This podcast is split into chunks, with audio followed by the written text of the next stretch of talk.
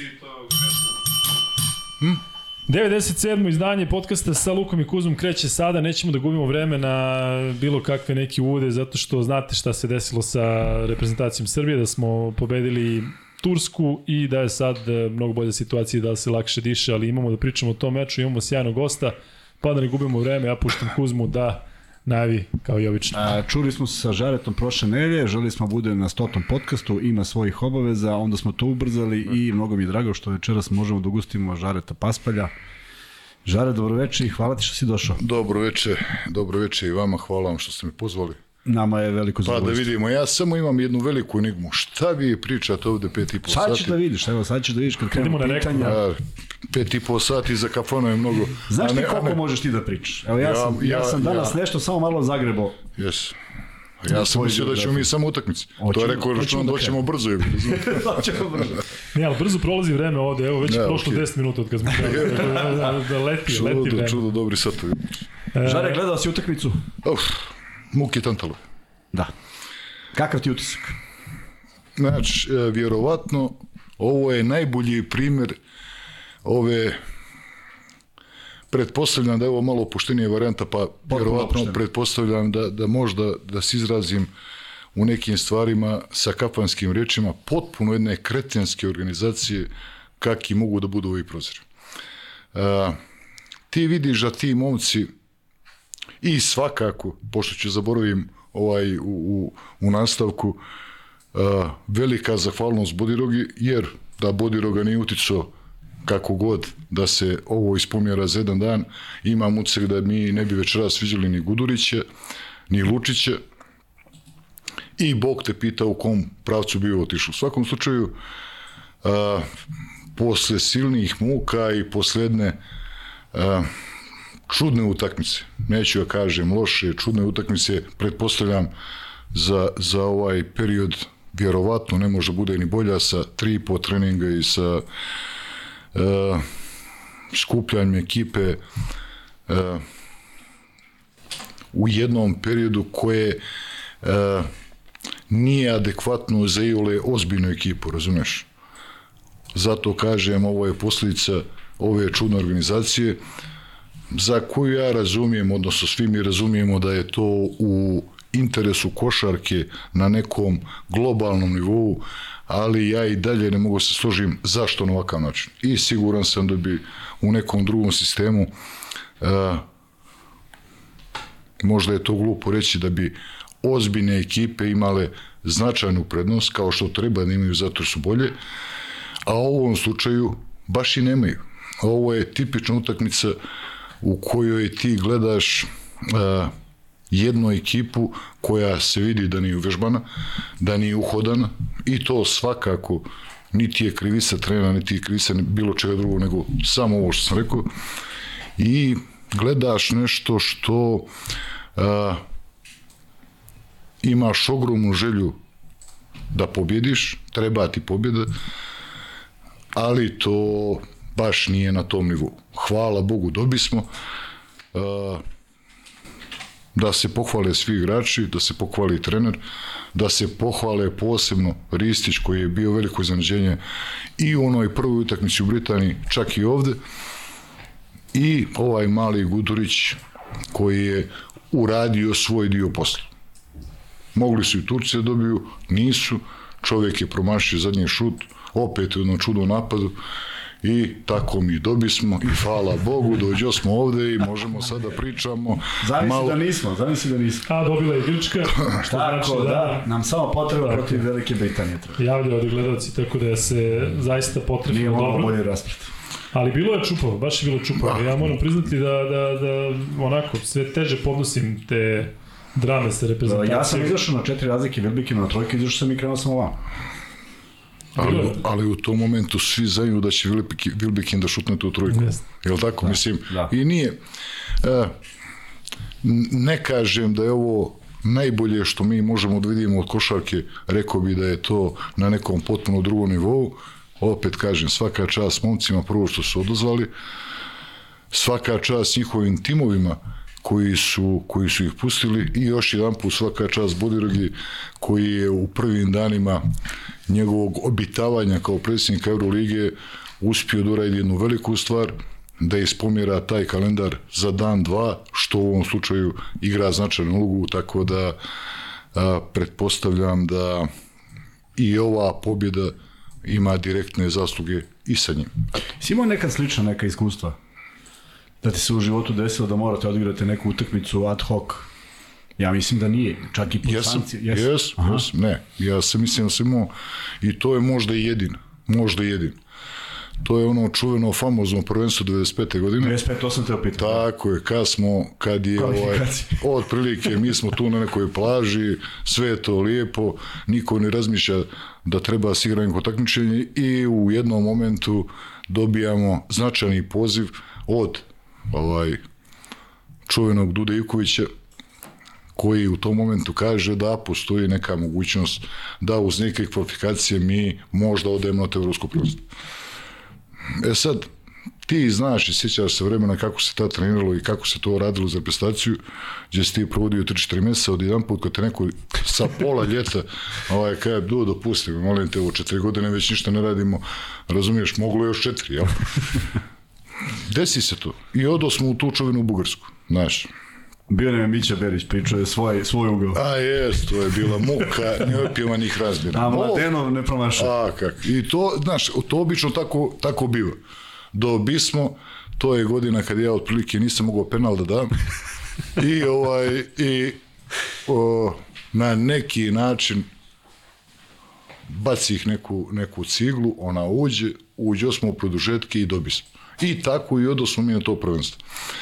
E sad, vjerovatno niko nije imao u tom momentu osjećaj da ta naša reprezentacija treba da igra neke kvalifikacije. Jesmo ih mi igrali tu i tamo povremeno, znaš, ali niko nije vodio računa da je to kao nešto posebno bitno, jer mi smo se uvijek spremali za neke, za neke druge velike stvari, razumeš? Kvalifikacije nikad nismo igrali. E, otprilike, posle četiri godine, osjećaj je vrlo isti, uh, uigranost nula, trening nula, snaga minimalna i to dobiješ i odeš na to prvenstvo i posle se izdešava šta se izdešava. Eto, otprilike, Da, ako me pitaš da li je, to je bilo to je, tako, da. to je to. Zato sam te pitao, to je taj jedan moment kad nije od kuda se pojavlje... Jeste, a ovo je ipak malo drugačije, jest, znaš, jest. ovo ko je, ovo ko je osmislio, uh, vjerovatno bi dobio zabranu ovaj, za, za cijeli život ovaj, bavljenja bilo kakvom vrstom košarke.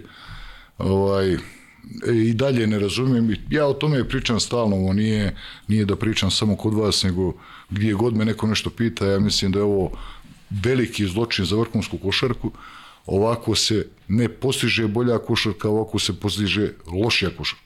Znaš, znaš ja sam davno neku čuo neku izjavu od ovoga pokojnoga da, dragog predsjednika uh, FIBE Baumana koji je rekao da s ovim sistemom takmičenja postoji mogućnost da i Rumunija jednog dana bude prvak Evrope.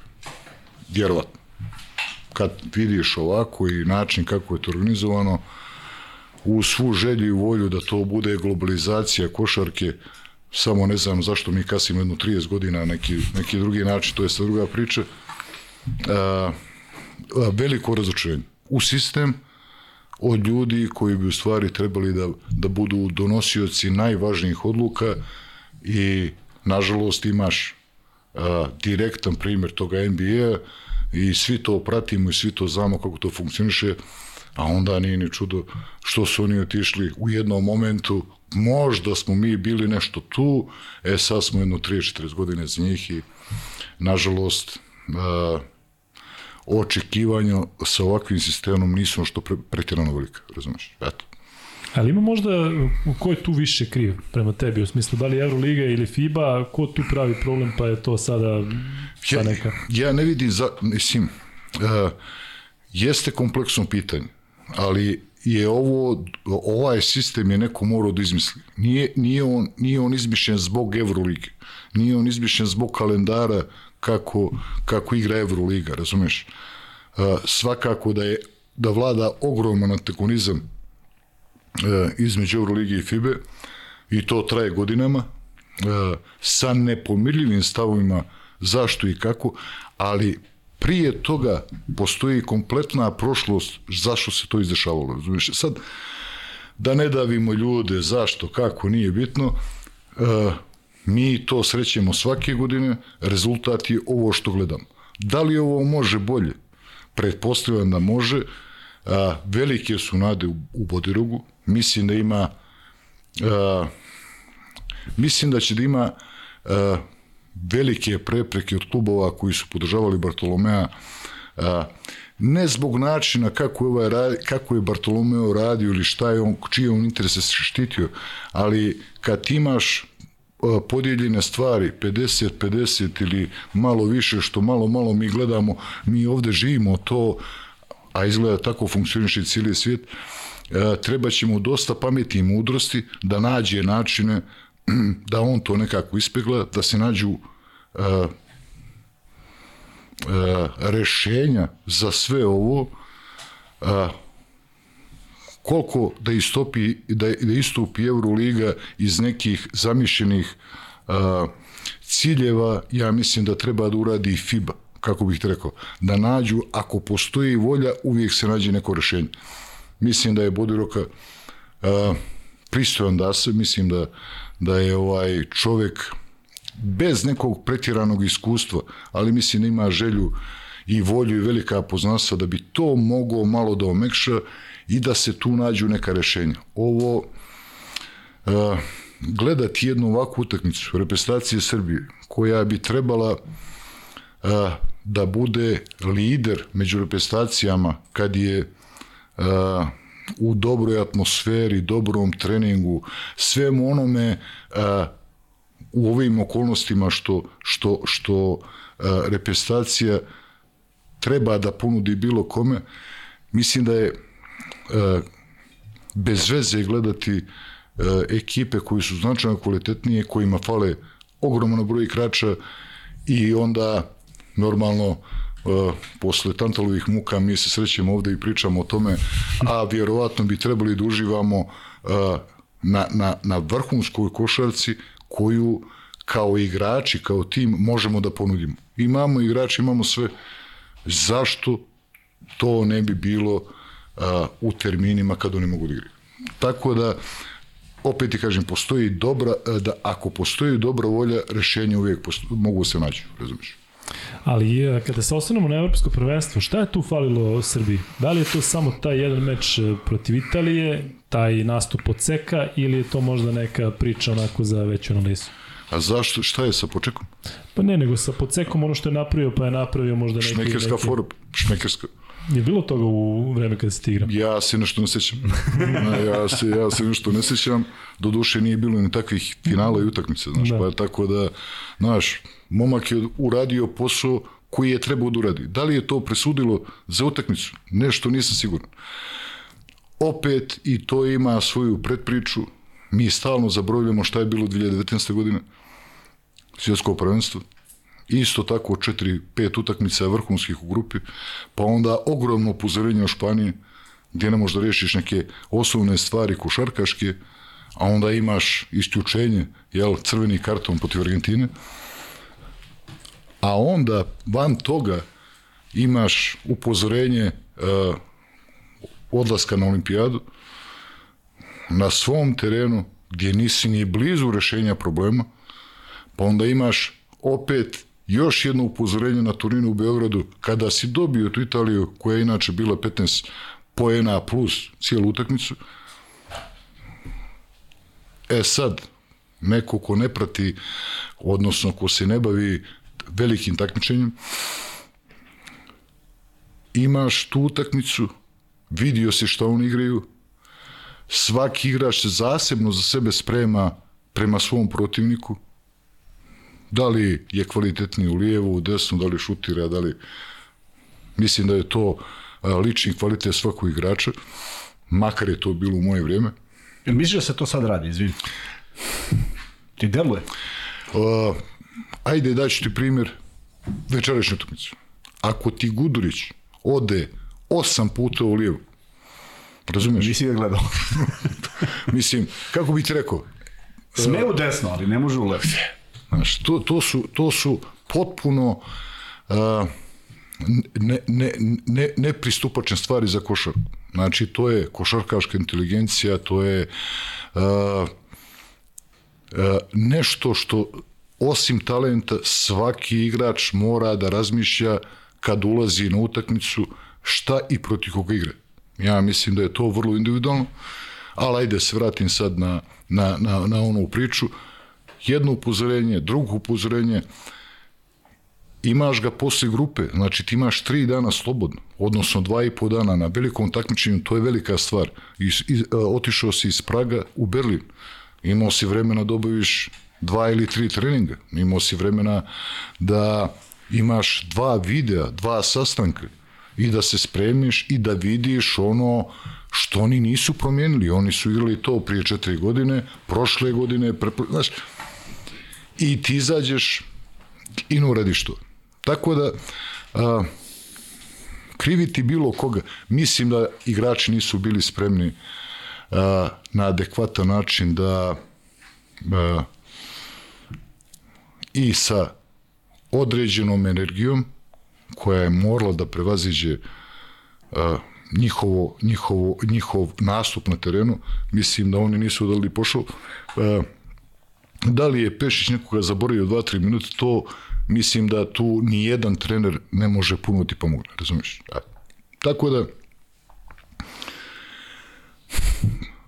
od velikih očekivanja mi moramo da shvatimo da igranje najboljeg igrača NBA i igranje najboljeg igrača Evrolige ne znači da je to siguran dobitak. Moraš ipak malo da ovaj da zapneš, da zaližeš kopačke i da ovaj, izađeš na teren i da se da se pobiješ, znaš, to Kuzan zna, zna kako je, kad se pobiješ, kad uključiš energiju, ta energija je a, a, vidna, ta, tu energiju osjeća protivnički tim, to osjećaju svi.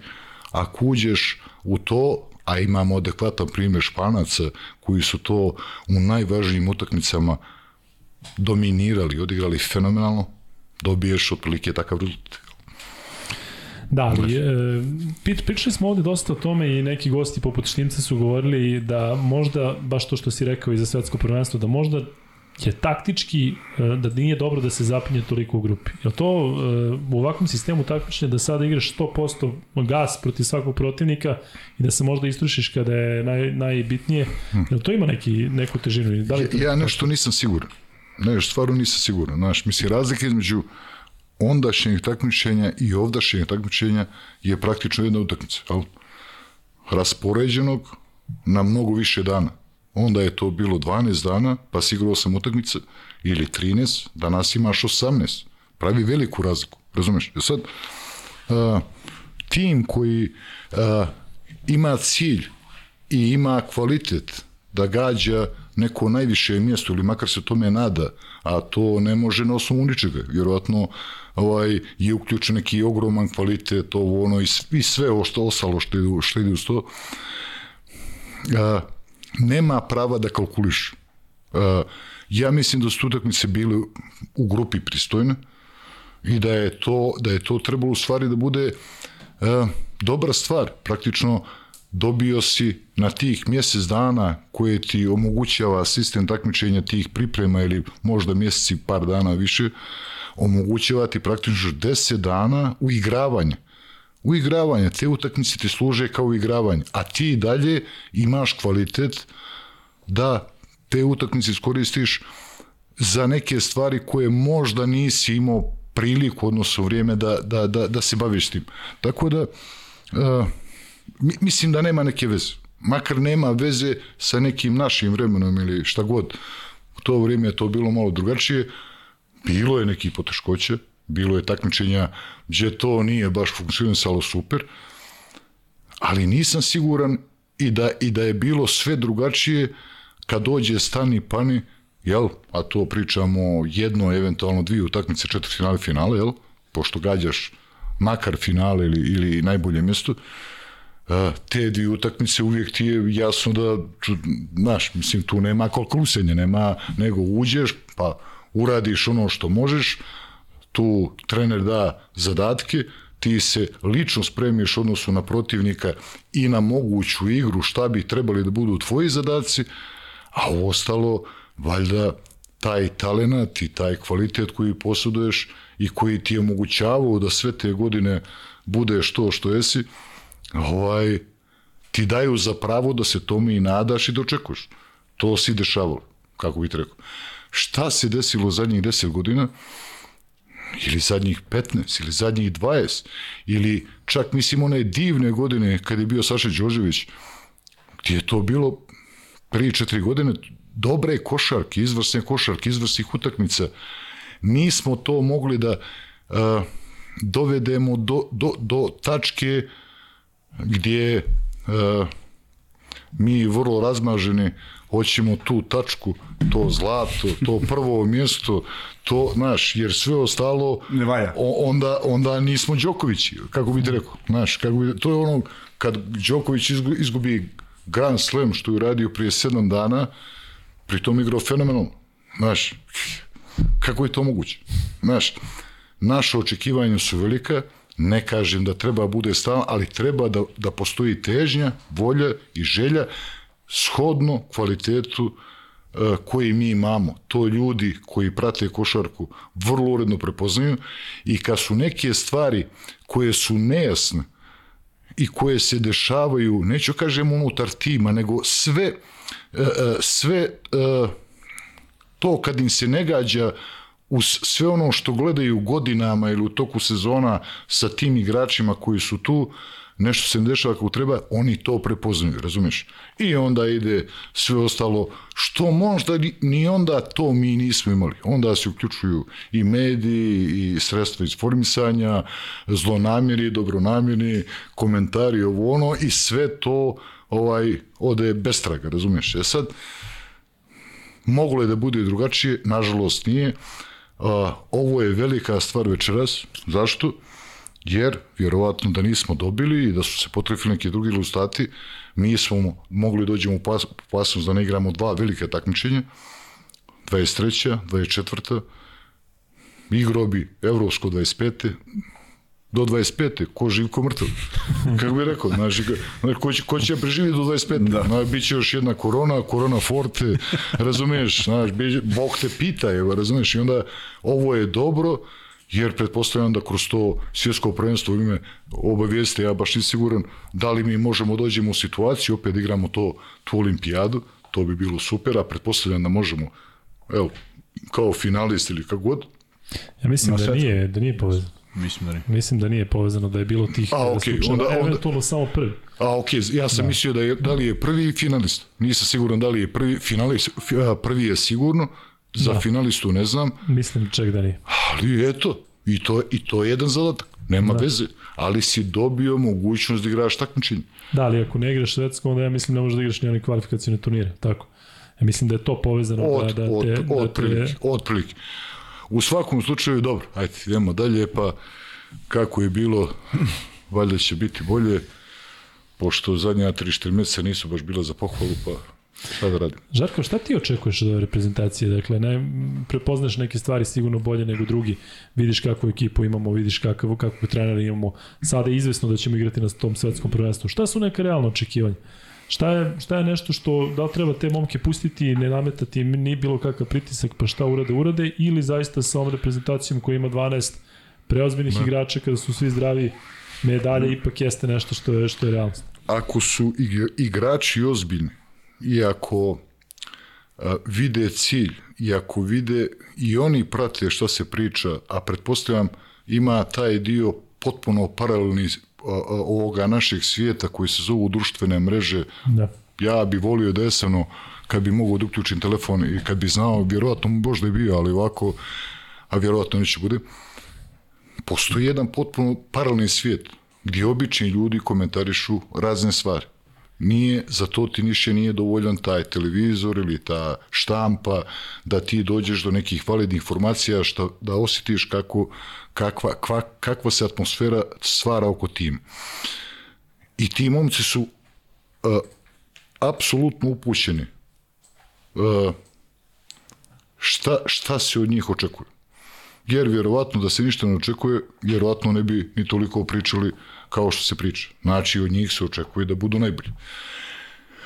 To najbolji, to dolazi iz one Jugoslavije. E, I to je nešto s čime ova zemlja e, e, se teško bori na bilo kom planu, na bilo kom planu, ovom, ovom momentu pričamo o sportu. Bori se, očekivanja su ogromna, e, ljudi koji ovo ne razumiju, a, koji moraju da daju a, da daju a, iz uloga gdje se nalaze, kogo daje političari i ovi oni, a, iz svoga neznanja, a, iz onoga što ih je neko naučio da, da smo mi najbolji, oni to i očekuju, pa onda su samim tim iz razočarenja i njih i ljudi koji to prate značajno veća.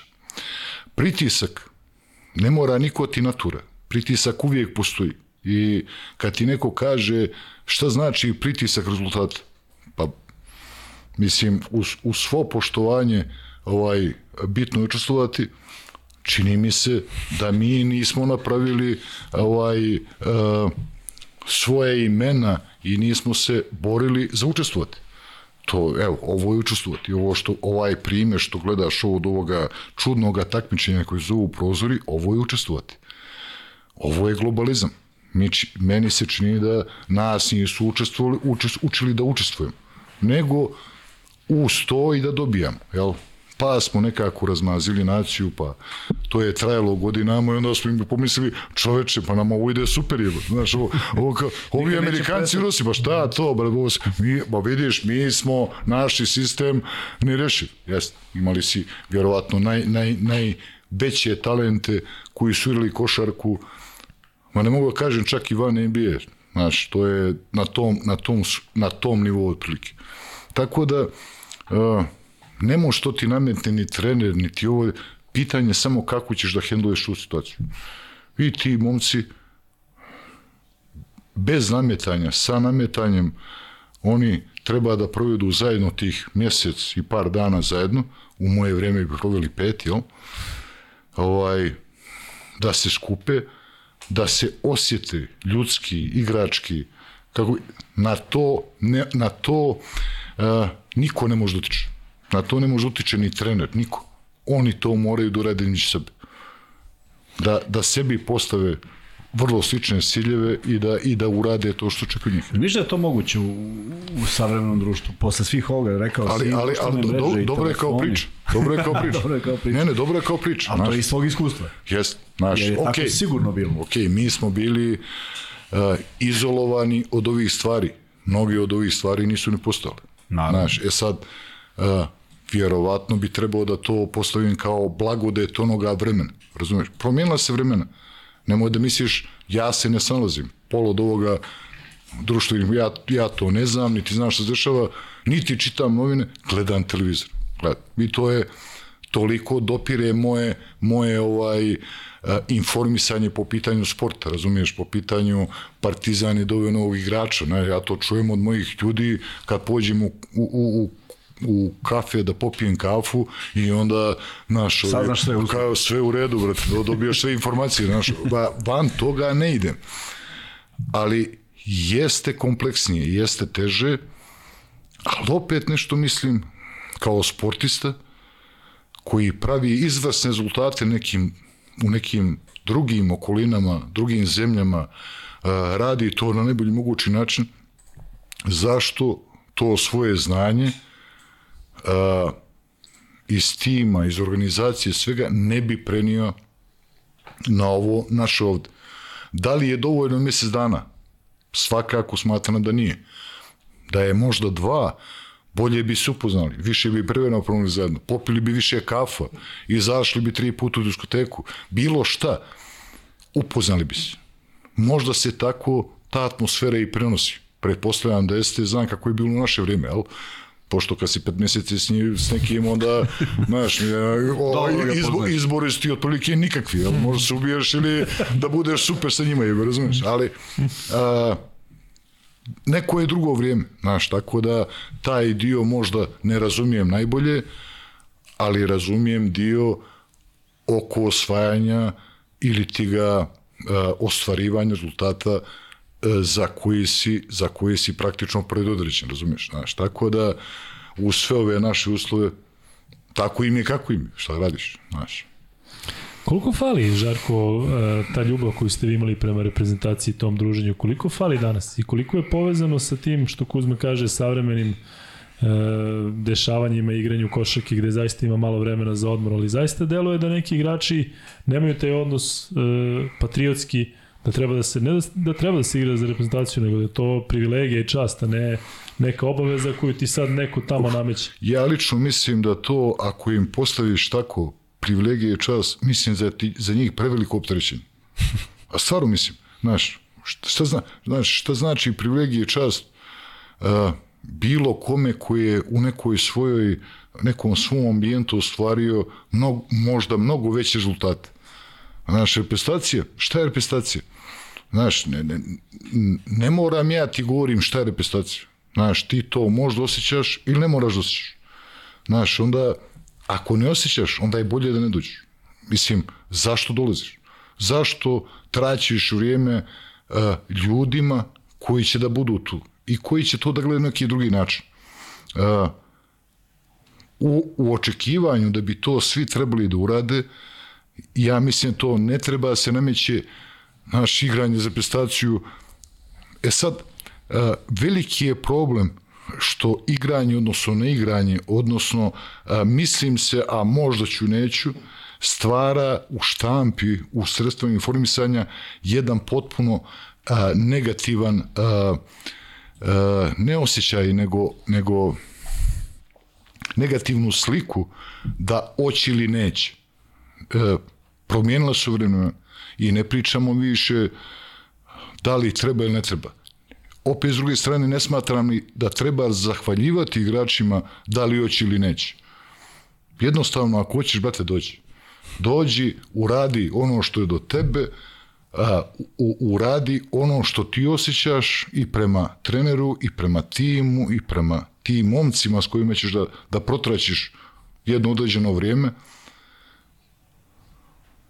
Pokušajte da uradite najbolje na terenu. Kad to svi uradite, svi će to da prepoznaju. I više neće niko da kaže slušaj, ovi su mogli bolje.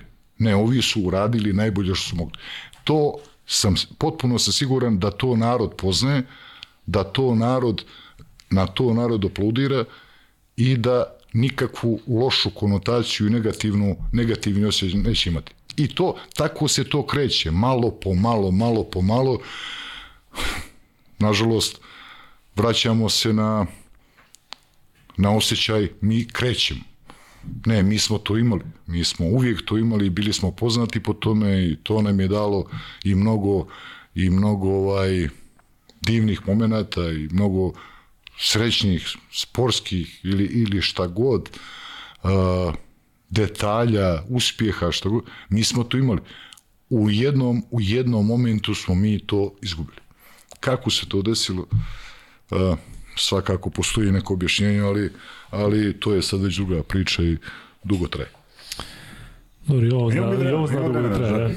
Pa ne, okej, okay, okej, okay, znaš. Sa, znaš, pa, o, i dalje mi ostaje enigma pet i po sati. Čoveč, šta ste pričali pet koliko i po sati? ovde samo ima pitanje za tebe i koliko ima komentara, ali reću ti jedan, koliko se dopada ljudima, zaista je ogromna gledanost. Ljudi kažu, odnosno Mister kaže, ovo nije podcast, ovo je obrazovni program, Milina slušati ovakvog čoveka. Tako da hvala ti još jednom što si tu i što deliš sa nama sve što ti na umu. Čini mi se da si ti jedan od onih koji se ne suzdržava i uvijek kažeš ono što misliš i da je to možda uh, najlakše primetiti zato što ljudi nekako upadaju u neke floskule, upadaju u neke stereotipne stvari i manje više vrte istu priču ako tebe ta neka iskrenost ispoljava i to se obrati. Zahvaljujem se prvo vama, zahvaljujem se tim ljudima koji to prate.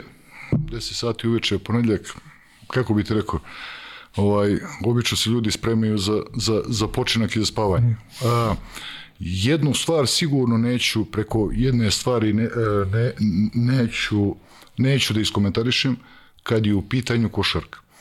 Definicija košarke za sve nas je, bi trebalo bude ista. Ta košarka je od nas napravile i ljude, i košarkaše, i e, dala nam smisao, dala nam jedan smisao u životu. Nije nama dala škola. Uz svo poštovanje škole jednostavno tako nije bilo vrijeme. Nije ni danas, pretpostavljam. A, između komentarisanja lošeg a, događaja, ličnosti ili bilo čega druga, ja to neću da radim jer bi a, otprilike poništio ono što mislim o košarci. Znači, u, na, u našem miljeu ovaj, to i Kuzma vjerovatno razumije i zna, ima raznih ljudi. Nismo svi isti. Nismo svi na istoj vibraciji. Nismo na neko bude na AM, neko bude na FM, razumiješ? I onda ne nađeš svima zajednički jezik, ali ono što ima zajedničko, to je da dolaziš iz tog, iz tog.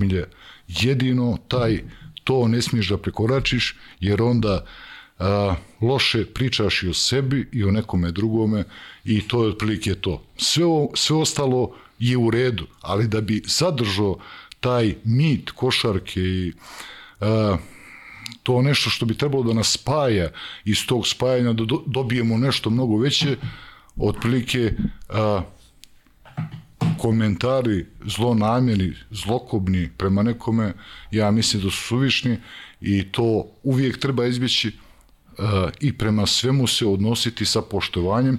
Opet, s druge strane, treba reći kad, kad su neke stvari očigledne, evidentne, kad se nešto ne slažemo, kad, jer to je dobro, mislim, sad, znaš, mi smo u, u jeku ovaj definisanje demokratije, razumiješ, znaš, tako da ovaj da, da vidimo već 30 godina. O, otprilike, jeste, jeste. Ali ali sad nešto nam nešto nam je sad baš baš krenulo. Jes, baš krenulo, jeste. Izvinjavam se, molim te, ovo usput onako. Ne, ima ovde toliko i lepi komentari i pitanja, ali evo, jedan moram da je izdvojim.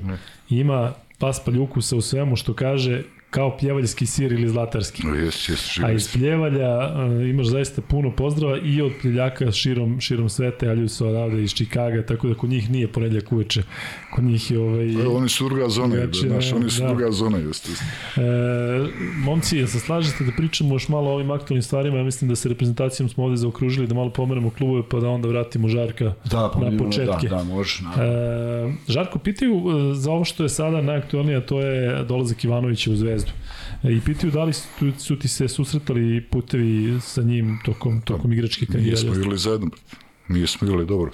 U budućnosti. Tako je, mi smo igrali u budućnosti, ja sam bio dijete, kad kažem dijete, je bio, naš, to je bilo vrijeme kad ne bi, nije bilo ništa strašno da te neko ovaj, uvede u prvi tim sa nepunih 16 godina. Samim tim ja sam gledao te ljude, odnosu i, i, i Duška Ivanovića, njegovog pokojnog brata koji je bio dobar dasa, Dragan Ivanović, Nikola Antić, Rakočević, pokojni ovaj, ovaj Poli Bojanić, ja sam u njih gledao kao u televizor. Oni su za mene bili, znaš, hilju puta kad mi neko pita uh, ko, je, ko, ko ti idol? Pa rekao, ne, ja nemam jednog idola. Imam deset idola s kojima se družim svaki dan. Znaš, ja, oni su za mene bili, kako bi ti rekao, gromade gromade, na način kako su radili, kako su uh, prihvatali tu košarku, kako su se odnosili prema tome, znaš, ja sam uživao svakoga momenta provodio s njima, tako da s Duškom jesam proveo taj period. On je jedno 3-4 godine stariji od tebe, tako? Uh, ja mislim malo veće. Ja, ja, ja bih rekao i 7-8. 64-5 ima Duško. Tako ja mislim da je Duško 58. Tako da ja mislim da, da je to uh, u ovim godinama, 5-6 godina, malo li, koliko je tebe? malo li je, to ti kažem. Ide, ne. Ovaj, u svakom slučaju uh, i normalno ide onaj antagonizam. Posle toga o, mog odlaska u Partizan, njegovog odlaska u, u Jugoplastiku, da, da, da. jeli, tako da je to, pretpostavljam, vrlo pristojno vrijeme da nekoga znaš, upoznaš, ovaj dio trenerski, ja, ja, ja ovaj, ne znam puno osim iz priča, osim iz priča, da je napravio sjajnu karijeru, da je uh, uveo neki novi trend u svjetsku košarku, a to se zove Argentina, jel? Uveo je, uveo je neke momke koji su bili uh, na našem nivou dovoljno srčani, dovoljno talentovani, dovoljno uh, kvalitetni da sve to ostvare, on je to prepoznao. A, težak je za saradnju, nije lak, to je ispriča. Ovaj, govorimo o trenerskom dijelu posla koji ja, koji ja nisam upoznao i siguran sam da je dobro rešenje za zvijezdu. Ja, a, a, meni je samo žao što su izgorili ovoga momka. Ja mislim da on pristojan trener i kad uzmeš nekoga, ne izgoriš ga u 6-7 utakmice, bez ako ti to nije cilj, to sad ja ne znam da li jeste ili nije. Uh, mislim da se a, ok, mislim da se mislim da se i ta zvijezda nije strašla iz početka uh, sa tim Adamsom, koji je izgledao jako pristojno, uh, ali mislim da u jednom momentu da jednostavno nije shvatio da je ovo ipak malo veći nivo kvaliteta nego onoga ovaj što je u Australiji i taj tim suštinski dobija definitivnu formu igračku onoga momenta kad se kad oni kupuju kupuju Vildozu koji je jako respektabilan trener, ovaj izvijan se igrač u Evropi već zadnjih ne znam koliko 5-6 godina i Nedović, Porvat Nedovića i to bi bio tim uh, koji bi uh, trebao da posti, postiže neke rezultate, makar je to konfiguracija tima od, od, od ljetos, jel? Jedan loš ovaj meč ili ti ga, ili ti ga ovaj, drama sa Zadrom, to nisu stvari koje mi viđamo ovde često. Ovo sve ostalo što su poguli po Evropi, ti to možeš da izvučeš i dobre i loše strane. Na kraju porazi, koji su otprilike ovaj, uh, bili povoda, oni se odluče da taj trener s početka ljeta nije taj trener, nego moramo da tražimo drugo rešenje. Zašto se nisu od, oni odlučili za to drugo rešenje sa ljeta, mislim da je to njihova stvar i, i viđenje košarke ili šta god na neki drugi način. Razumiješ? U svakom slučaju, Duško je došao, ja mislim da će on donese dobre stvari, znači tvrd trener, uh, insistira na dobrom radu, koliko to možda sprovede sprovešće, mi smo područje inače gdje niko, niko se ne libi od, od teškog rada, makar su tako učeni, tako da pretpostavljam da će Zvijezda da igra značajno bolje. Izvini, Žarko, samo da vidiš kako imamo gledalce, e, pa ćemo se vratiti na to. Pitanje za Palju, da li se sjeća finala Mosi Igara 1985. godine u Pljevljima kada je dobio isključenje u meču protiv Bijelog polja kada su sudije iz Goražda pobegli uz pomoć policije. Živo istina, ču, ču, sjećam se. Sjećam se. Znaš, imaš u životu neke, neke stvari uh, i neke momente gdje se sjećaš svakog detalja. Jedan, jedno od ovaj tih dešavanja su te bile igre, igre ovaj sanđačke igre čuvene u Pljevljima i vjerovatno jedan od mojih naj, najljepših doživljaja koje sam imao u košarkaškoj karijeri. I sad da te neko pita, čekaj čovječe, igrao si svjetsko prvenstvo olimpijade i sam je pričao što mo, sadačke kumintavo. Ne, to je jedno, jedno posebno vrijeme jedno i normalno u, u mom ili i, i našem rodnom mjestu, ali živa istina da su sudije malo ovaj kraduckale ovo ono i znaš, i onda samim tim da bi odnosno vrlo interesantno finale finale e, tih srpskih igara u stvari bilo protiv Bijelog polja. Za Bijelo polje su igrali i Duško i Dragan Ivanović, i igrao je čuveni Vesko Milošević, Kuzma će da ga zna, on inače uh, jedan predstavnik Bilopoljaca igrao za Moran Rizbar. Dobri igrači, dobra druga liga, ovo ono. Tako da su mi bili suštinski outsideri. Normalno u momentu kad se to dešava, oni gube jedno 15 razlike, mogućnost da će dobiju jako teška, to je puno ljudi i ovo ono, i onda se nalazi par rešenja kako bi to mogli riješimo, isključuje ovoga ovaj, ajde ti, aj sam malo, aj sam malo odmori, jebi, razumiješ, ima žurke večeras i živa istina da ti ljudi za malo izađuše živi, hvala Bogu izađuše, Bog te pita, pričalo bi se o tome, kako je bilo? Po atentanu i po atentatu, jebi, razumiješ, šalim sad, jes, sjećam se. Um, dobro, što se tiče Zvezde, tu bih zaokružio, rekao si svoje mišljenje o Vladi Jovanoviću. Nemaš ti Kuzma nešto ne, to samo da se nadovežem pa malo, zato što, zato što, kaže, zato što kaže Žare da uh, jak rad. I on, to je ono što često pričamo u podcastima, Žare. Koliko je, ne, ne, ne da mi kažeš koliko je drugačije, svi smo svesni koliko je drugačije, ali da li ima prostora sada da tako nešto? Uh, ti si imao jednu, dve utakmice nedeljno u onim kup šampiona koji je bio mnogo manje utakmica sam po sebi. I koliko ste radili? Ja sad ovde stalno delujem vjerojatno i dosadan kad pričam, a često pričam o tome da smo u tom periodu radili iste stvari iznova, iznova, imali mnogo teže treninge nego što nam dođe utakmica tako je, tako. i da smo zato bivali bolji. Sad dolazi Duško, koji je stara škola, i ja mislim da je on trenirao u tom ritmu dogod je igrao. Ja mislim da je on bio... Nema, nema greške. Da, ozbiljno, ozbiljno dobar radnik. Yes, yes. I sad on dolazi i pokušao, i sad pazi, znači nisi selektirao ekipu, nasleđuješ ekipu što je uvek drugačije i sad treba primeniš nešto. Kad? Mislim, to je moje pitanje. Kad? Kad sad će krenuti one duple nedelje posle ovih... Očekivanja odmah. Da. Koliko li da. prije utakmice. Znači, očekivanja, znamo šta se očekuje. On je potpisao, koliko sam shvatio, na dvije godine. Jeste. I ja mislim da uh, čak i da uradi da čak i da uradi nešto u sledećih mesec dana ili dva, mislim da će to na to ljudi da gledaju blagonaklon, blagonaklon, blagonaklonu ako vide da se nešto dešava. Napredak da. ili ti ga progres ili šta god. Ako to ne vide, bit će skeptični prema njegovog imenu, prema njegovom a, a, identitetu košarkaškom, trenerskom, ovo ono i sačekat će trenutak sa nadom da će to da bude bolje. Znači ima više scenarija, znaš. Ja svakako mislim da će to da bude bolje.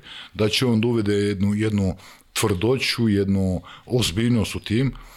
Ja mislim da Zvezda ima dobar tim generalno ima, ima pristojan, dobar tim i ne vidim ja nikakvu tu pretjeranu razliku sad Zvijezda, Partizan, ovo ono, ja, ja, ja to ne vidim. Možda Partizan igra bolje za nijansu ovoga momenta, ali sve to može se promijeni sad ćemo da imamo u decembru dva derbi, jel? imaćemo jedan derbi u oba ligi, jedan derbi, da. derbi u, Euro, u Euroligi, tako da vrlo, sve to vrlo kod nas može se promijeni u jednoj utakmici, znači. E, tako da jeste stara škola, siguran sam da si on promijenio dosta, jer je vidio da baš old school po pitanju a, trenažnog dijela i, i obaveza sa timom više neće baš da piju vodu, ali to je za veliku diskusiju. Potpuno slažem s tobom, tačno, u naše vrijeme je bilo manje utakmice. Takav je bio sistem takmičenja u Evropi. E,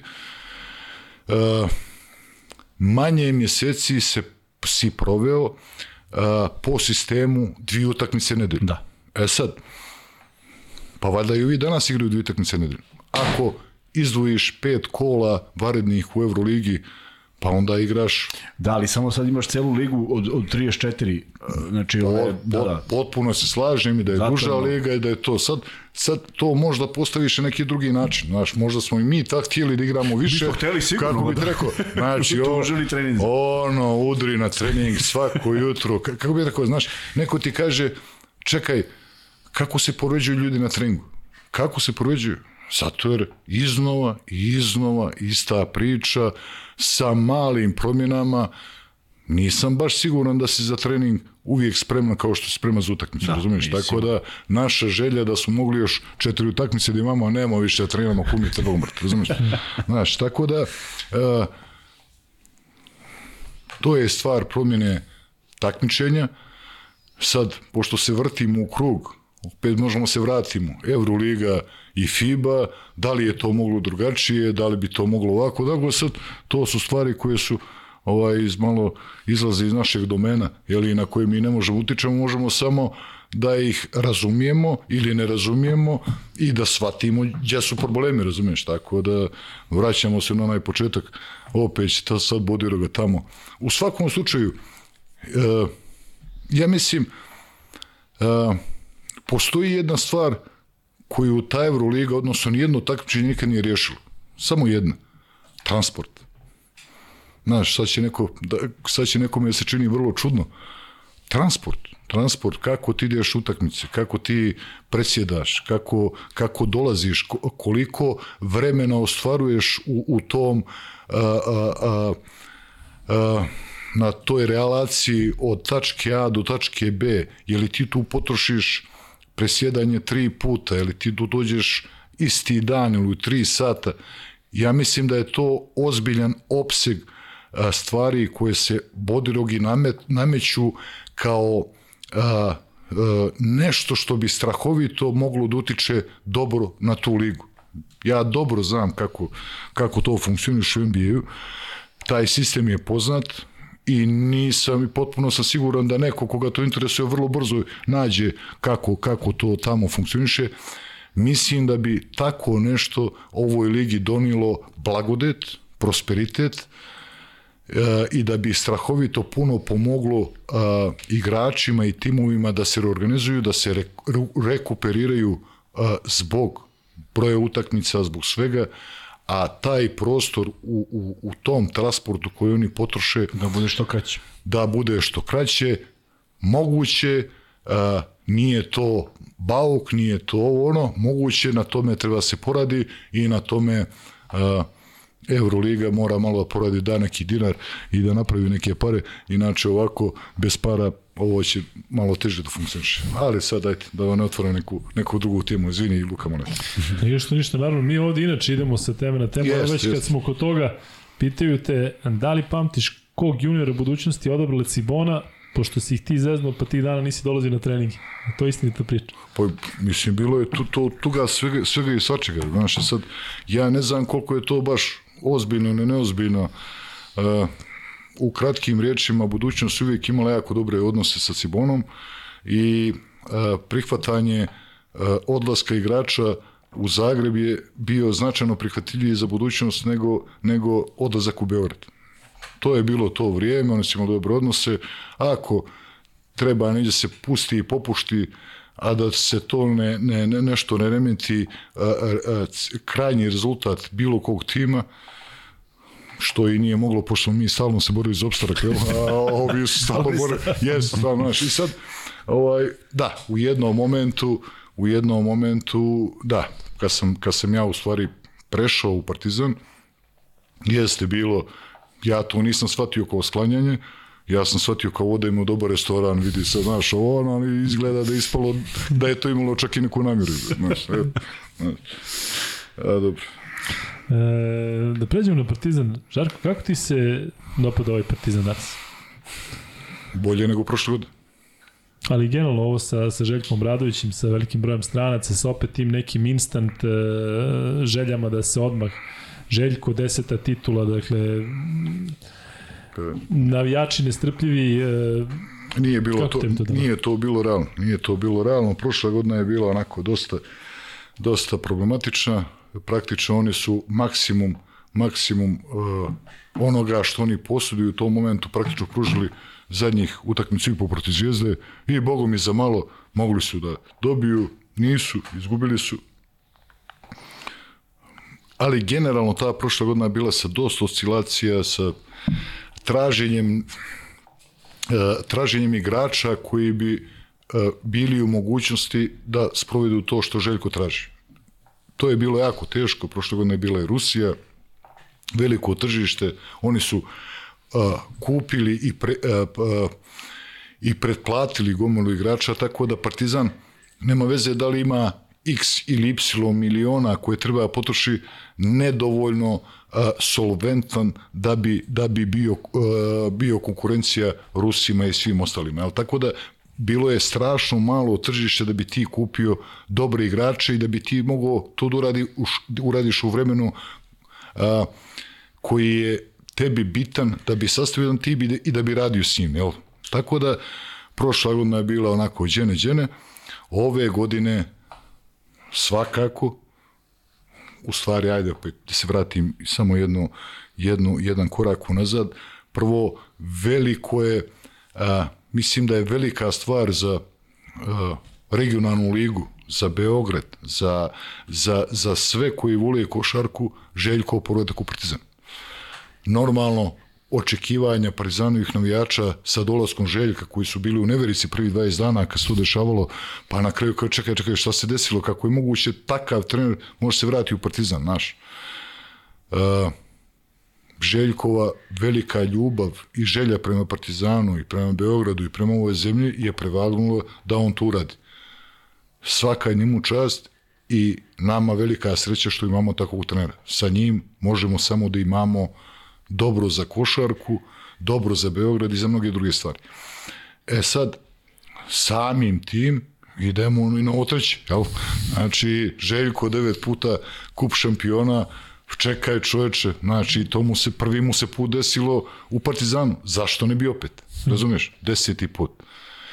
Pa neće to da bude baš tako lako i neće biti uh, u situaciji uh, uh, košarkaškog marketa gdje ti ne možeš se pojaviš ni kao najbolji kupac, a i pitanje što možeš da kupiš. Mnogo sam puta čuo ovaj, ovo sa mnogo stranaca, sa mnogo stranaca, sa mnogo stranaca. Ja rekao, ljudi, ja imam rešenje.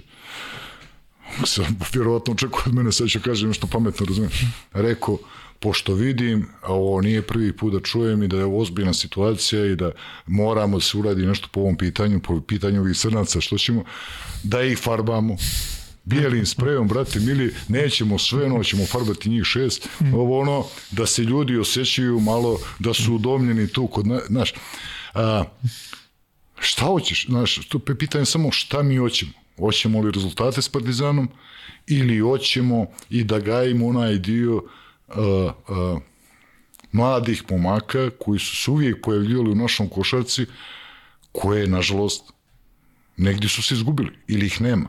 A moguće napraviti balans? Između jednog i drugog. U ovom momentu teško. Ovi momci, treba im vrijeme, treba im ozbiljno vrijeme i to neće se desi niti prve, niti druge, niti treće, niti četvrte godine u njihovim uzrastima od 18, 19, 20 godina oni fizički to ne mogu da iznesu. E sad, kad ubaciš njih tri na utakmicama Jadranske lige, dobiješ poražavajući rezultat. Znaš, ja znam da to možda neće nekome se svidi, ali dobiješ rezultate gdje ti praktično, daješ ti primjer, Partizan, izvijan Cibona, Partizan prvo kolo, sad Cibonom koji objektivno je dva je skupila neki tim, pa dva mjeseca prije početka. Da li će uopšte postati? Od prilike, da. da li će uopšte da bude, neće bude, to je sad enigma velika i za kasnije. Od jedan put u želji da ti momke uvedeš, jer je ta Jadranska liga bogom data za taj a, nivo kvalitete i takmičenja koji oni ovoga momenta mogu da ponude. Ti staviš tri igrača i krećeš peti minut 12 razlike za Cibon. Znaš, što ti kažem,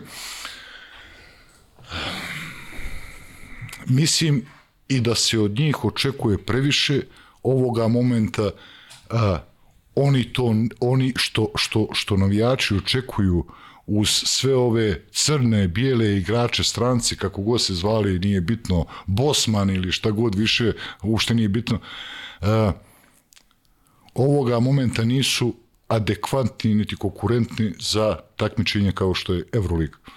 Odnosno, najmanje štete ili ti ga a, najviše koristi možeš od njih da imaš kada ih ubacuješ jednoga po jednoga u ekipu koja je već sazdana od grupacije ljudi koji treba ti prve rezultate, tako da e, možda će ovo ružno da zvuči, e, ne, ne mogu da ti prave veliku štetu.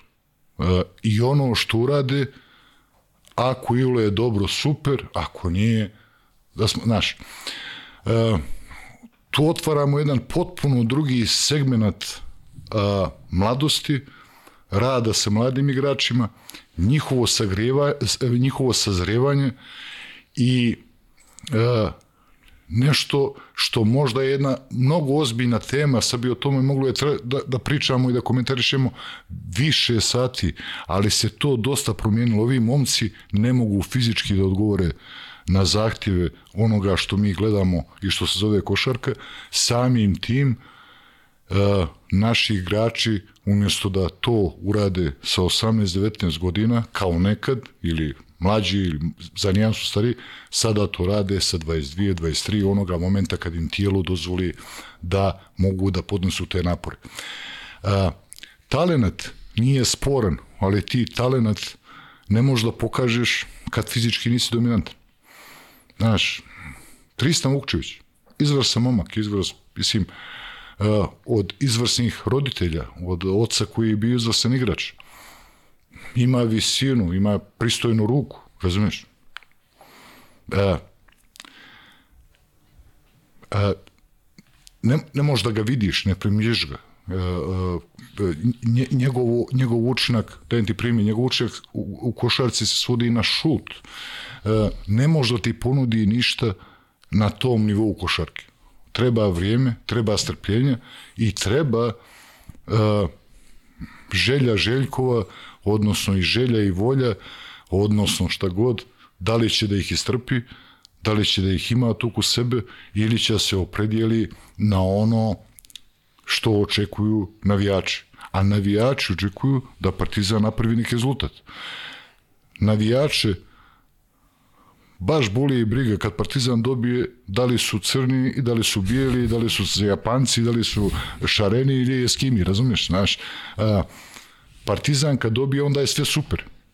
Znaš, samo zla namjera ti provlači ovo sad su kod nas stranci, a kod vas nisu stranci, ovo ono, na kraju krajeva svi, svi se igramo s tim svo vrijeme, razumeš? A priča o mladim igračima, to to je sad jedna potpuno druga tema, e, njihova edukacija, način rada s njima, e, e, od kakvi igrači sa ovim radom izlaze iz naših škola i šta mi, šta mi dobijamo tome, odnosno gdje mi griješimo, te ne, te ne pravimo više vrhunske igrače, ali to je sad potpuno neka druga priča, opet satima. Ali ima nešto interesantno i sad kad si rekao ovo, ima dve stvari, jedna ću se setiti malo pre prošla, ova druga mi je mnogo bitnija. Uh, kad si ušao u taj tim, tih, tih momaka koje znaš, Ivanović i da. sve koje si naveo, kada si došao u Partizan, sigurno nisi došao sa crvenim tepihom i rekli žare, igraj se košarke. Je, ti si imao upravo onu dozu energije, jednog, jednog samopouzdanja jednog govora tela koji je pokazivao to. Da li, meni to strašno nedostaje kod mlađih igrača. Da li primećuješ da nemaju, ili ti se čini da imaju, Uh, uzet ću za primjer Boriša Simanića sa beskonačno yes, fantastičnim telom. Da li ti on deluje kao čovjek kad, kad uđe na teren da će da pojede sve? Ne vidim, upravo su. E, to je sad opet nešto što niti ja, niti, niti, niti, niti ti, niti Luka ne možemo da mu damo. Da, to, mu, to, to, mu je, to mu je Bogom dat. Uh, valjda su zbog tih karaktera ta naša košarka bila toliko prepoznatljiva i po tome smo se hvalili, jel? Ne, ne samo košarka, nego svi ovi sportisti silni koji su napravili tolike rezultate, negdje, negdje su bili prepoznatljivi po tome. Na kraju krajeva, uh, ne postoji igrač koji nema to. Postoje mnogo dobri igrači, mnogo veliki talenti koji to nemaju i samo budu dobri igrači. I ni, ništa sporo nije i onda ih je bilo, ali su bili ovi koji su imali taj karakter. Šta se dešava sa tim selekcijom? Znaš, to, to se sad provlači kao pitanje, e, rekao bih, prvo mi je i to prošlo. Čekaj, ko selektuje te ljudi? Kako se ti ljudi biraju, čekaj, na, na osnovu čega, na osnovu fizičkog kvaliteta, na osnovu trčanja na 100 metara, na osnovu kako te gleda, ka, znaš, mislim, ko bira te ljude, kako ih selektuješ, kako ti odabereš neki 12, 15 pa ih staviš u neke kadete, juniore ili šta god i kako, kako izabereš da, da, da je jedan od tih 12 taj pravi, da je taj Đokić, da je taj Dončić, doduše koji su došli potpuno iz neke druge priče, razumiješ, nije bitno. Da. Dončić čak i nije, ovaj, ovaj je došao iz druge priče, ali znači, pa valjda to treba da rade ljudi sa najviše iskustva, sa najviše iskustva u košarci. Ljudi koji imaju autoritet, imaju ono što će drugi da poštuju, a po najviše što će da poštuju njihovo ovaj košarkarko znanje. Uh, Ja stalno pričam ovu priču i, i uvijek ću joj pričati. Najbolje što Jugoslavija ikad dala u, izvijan se, Praji, izvijan se, e, Moki, Slavniću i pokojnom Ćosiću i Kićanoviću, oni su bili strahovita generacija, pojavila se naša generacija, isto toliko uspješna, ali čovjek recimo koji je bio zadužen ispred Saveza da, da se bavi tim godištima, u nekim potpuno drugačijim takmičenjima sa, sa mladim, mladim ljudima, to je bio čovek koga niko živi ne zna. Zove se Rusmir Halilović. Tebi je to poznato, Kuzma, on je čovjek seletirao sve od 63. do 70. godišta.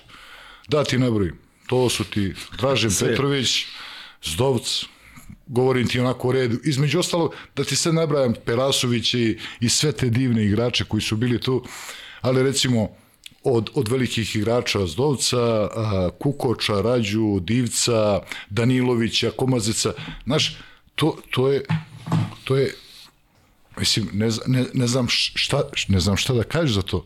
Tog čoveka niko živi ne zna. Tom čoveku kad je trebala a, a, da se da a, mogućnost da, da taj rad sa mladim igračima pretoči u trenersko mjesto arepestacije izašavale su neke druge stvari pa, pa, pa, mu se, pa mu se to nije, nije desilo. Ali je neko vodio računa kako selektira te ljude i savez. Znači, savez je bio takav kakav je bio, pa onda dobiješ ovo što dobiješ, pa onda kroz to dobiješ, znaš, Ma imao bio je sistem koji je, koji je bio i da... Tako je, bio je sistem koji je bio prepoznatljiv i imao si, kako bi te rekao, perpetuum mobile. Znaš, mi smo do, doveli sistem na perpetuum mobile, znači jednostavno ti se dešavaju igrači, Jasne. košarka je najinteresantnija, strašno, inter, stra, strašno zanimljiva da se gleda, svi hoće da budu dio košarke i, i iz toga dobiješ ovo o čemu pričam. Uh, ovo sad, uh, ne znam gdje je Falink, negdje, negdje jeste. Negdje postoji, ne negdje, da negdje jeste. Uh, čak, čak postoje razna mišljenja. To što sam ja čuo, da mi više ne, ne proizvodimo, proizvodimo vrhu, vrhunske igrače. Koji čekaj, kako, kako? Pa kaže, proizvodimo prosječni igrače. Znaš, to ne znači da oni manje rade ili, ili se manje trude ili, ili, ili šta god. Jednostavno nemaju taj talent. Nemaju. Zašto? Zbog sistema takmičenja u mladim kategorijama, zbog U16, U17, pomeri, tako je. U18, U19 i sad, sad postoji ta teorija što ima neke logike, razumiješ? Znači, to nije ni blizu Rusmila Halilovića, koji je praktično bio trener kadeta, juniora i praktično svih generacija koje su uh, ulazile u taj, u taj domen godišnje. U reprezentaciji. U reprezentaciji. Znaš, tako da, I on ti jednostavno isporuči, on isporuči ja reprezentaciji najveći talent. Proizvod, Tako, onda dođe neki, makar za moje vrijeme, pokojni i divni, dragi čovjek Ćosić, Krešimir, pa onda poslije njega dođe Duda, opet priča, priča na, na, na, na, na, na neku drugu stranu, ali sistem se ne prekada, jer ti dobiješ uh, ono što mi u Americi vidimo da svake godine iz toga koleđa dođe ti jedna hrpa igrača gdje je verovatno najteže uh, uh, ne, ne, ne, ne izabrati, nego izabrati. Znaš, kako bih rekao, znaš, ti dobiješ gomilu nekih divnih ljudi, talenata, ono, pa čekaj, mislim, i ti sad kao mi se takmiču šta se, šta, kak, znaš, vrlo interesantno, ali do, dosta smilju.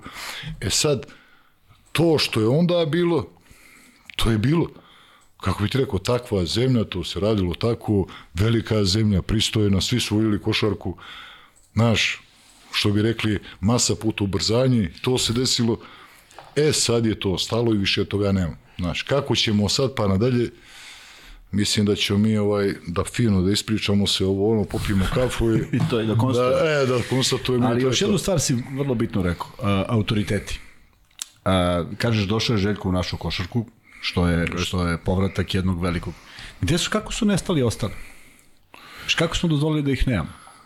Koji, kao na primjer, ajde. Na primjer, Čikaranko Žerevica kaže Pera ide u Opovo i u Opovu svi, opšte narodno veselje, došao da. novi igrač da igra za Opovo. Profesor Nikolić dođe i kaže ti, Žare, ideš tamo i ti odeš tamo i tamo niko bez pogovora te primaju i ti tamo igraš. Ka, kako se došlo do toga da ti sad možeš da da ti sad možeš, ti, Žarko Paspin, može pošalje Luku u jedan klub kod svog prijatelja koji može sutra da ga ne stavi u tim zato što mu se nešto ne dopati ili zato što si mu ti rekao. Kako smo izgubili to poštovanje prema, prema, prema tim ljudima? Nemoguće da ih nemamo, nemoguće da, da su nestali s lica zemlje. Uf.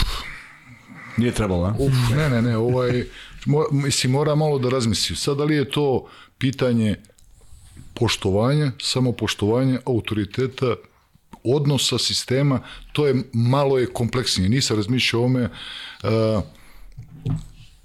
jer nisam u košarci toliko, niti se bavim košarkom uh, da bi, osim kao, kao i vi, kao gledalac ili, ili, ili kao neko ko voli da zna po ono što pokupiš malo informacije, to je, to je sve super, tražiš u, u tome, u, u, sa, sa, Evo ti slika.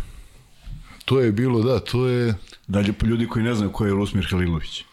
Jeste, Rusmir, dragi čovjek, naš, eto, mislim da se vidio s njim prije uh, četiri godine. Interesantno lice, interesantno lice. Ja sam ga se- tad upoznao, da, ja Jeste. nisam znao. E, tako. Inače, ovo ovaj- je 2000 2018. sezona budućnosti kada igra Euroligu. A to tako bilo, jel? Jeste, jeste. Tad smo bili zajedno. Ma, siguran. Siguran, ti i ja u Jonu, 100%. Viš da sam ja pored tebe. Pa ti ja sam zgodnije sadnuo tad. A, pa i Znaš, zato sam stavio ovu sliku. Evo, Rusi, do, znaš, e sad, e, čekaj da, da, da pokušam da, da, da dam neki odgovor, pa ću da nastavim posle sa, sa, sa o, o, o Ru- Rusiji, inače, Rusmir je jedan interesantan lik, vjerojatno, koji zaslužuje mnogo više pažnje nego samo pominjenje. A, a, ne znam, ne znam šta, ne, stvarno ne znam šta se. Znaš, ne, ne znam kako su se ljudi koji a, bi trebali da radi oko, da li je, da li je svako od nas posao malo više sebičan, da li a, malo manje je predan a, opštem interesu koje je danas kao, kao a, definicija više i ne postoji. Da li a, smo postali stariji, da li uh, je sistem jednostavno uh,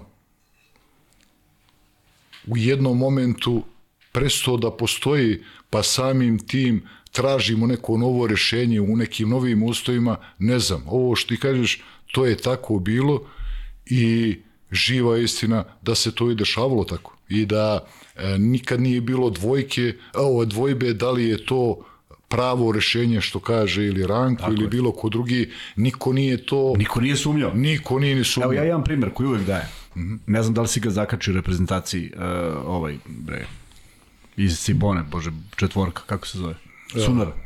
Nije Sunara, kako zove? Miho Milijak Nakić. Ne, Nakić. Četvorka. Čutura, Čutura. čutura, Čutura. čutke čuvene.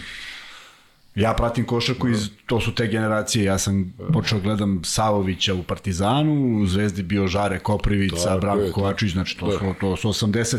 Tako. I ja sad upoznajem Zvezdu Partizan, to najviše gledaš na televiziji, gledaš Cibonu, I odjednom tamo neki Zufer Avdija, neki Trta Javković, neki Bogosavljev, e, neki, ne znam, Kerkez je bio ovamo, Kako je, kako ne. kako se zove, e, Marić, kapitan Partizana. I upoznaješ sve te igrače.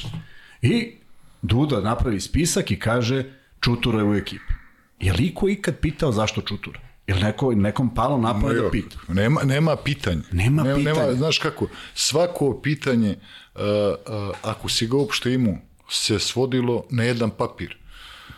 Od kadeta, juniora, prve, prvo, prve A reprezentacije, ti se svodi na jedan papir, na koji dobiješ uredno. Doduše, kad smo ušli već u reprezentaciju, to je, mi smo tad već velike face, ali recimo, e, ja, to i Luka, pa već i često pominjemo, čekaj, kako to tako funkcionisalo? Kako je funkcionisalo ovako? Dobiješ papir, KDSK reprezentacije, dobiješ spisak, a, putujete za Karlovac, troškovi, recimo, voz drugog razreda.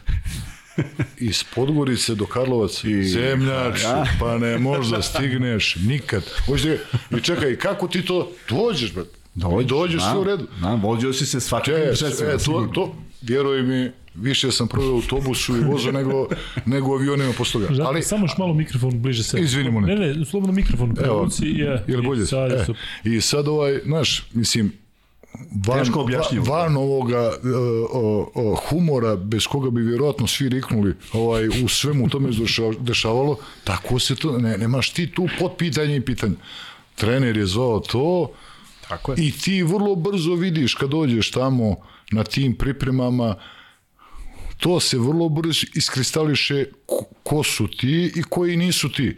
Ili koji su za prvih pet, koji su za drugih pet i dva sa strane i ovi ostali koji, znaš, ali ne, ne, nije, nije, nije postojalo pitanje, nije postojalo, Upravo kažem, tak. svi smo, svi smo to poštovali, to do, donese se tako na jednoj nenormalno velikoj zemlji. Tako je, tako gde je. stvarno, mi sad kad posmatramo iz ovog ugla šta bismo mogli da sastavimo od ex Jugoslovenske republike, to je sačuvaj Bože. Otprilike, otprilike, Ali da. tada nije bilo malo. Jest, jest, jest. Samo što si, na primjer, ti, ti to dobro znaš, treba ljudima objasniti. Razlika između prve savezne lige i prve B je bila nebo i zemlja, ali su u prvoj B bili strahoviti igrači. Potpuno si u pravu. Nenormalno Jest, jaki. jest. Ja imao sam priliku ti pokažem par njih koji, koji nisi upoznao Da, OKH smo- Beograd, Aleksa Milošević, Jokanović. Kako da ne, kako da ne. Kako To mogu da te, uh, pričao sam Luki, uh, bila je, ti si, ti si već igrao za Partizan, pa bila je neka 80, 90. 91. već si možda, da, igrao si još u Partizanu. Tako, ostao sam tu jednu godinu e. veselu i onda se posle toga otišao u Grčku, tako.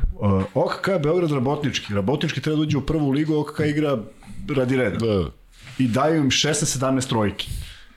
Ovi viču, ljudi, ama, ko Boga vas molim. Znači, prosto ozbiljan, ozbiljan kvalitet prve B lige. Kako da ne, I je se da sećaš onog momenta kad je prvi partizan ušao pa nije mogao da zabeleži pobedu.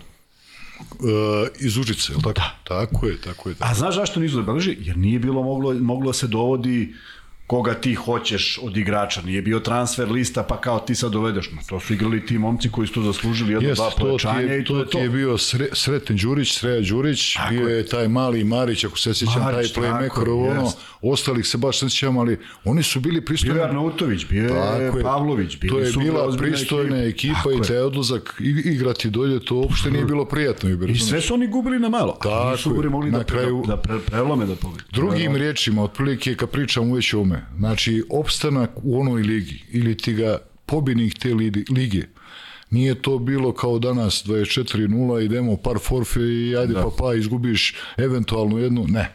Znači prvak izlazio sa pet poraza, a recimo onaj ko ispada iz lige sa devet.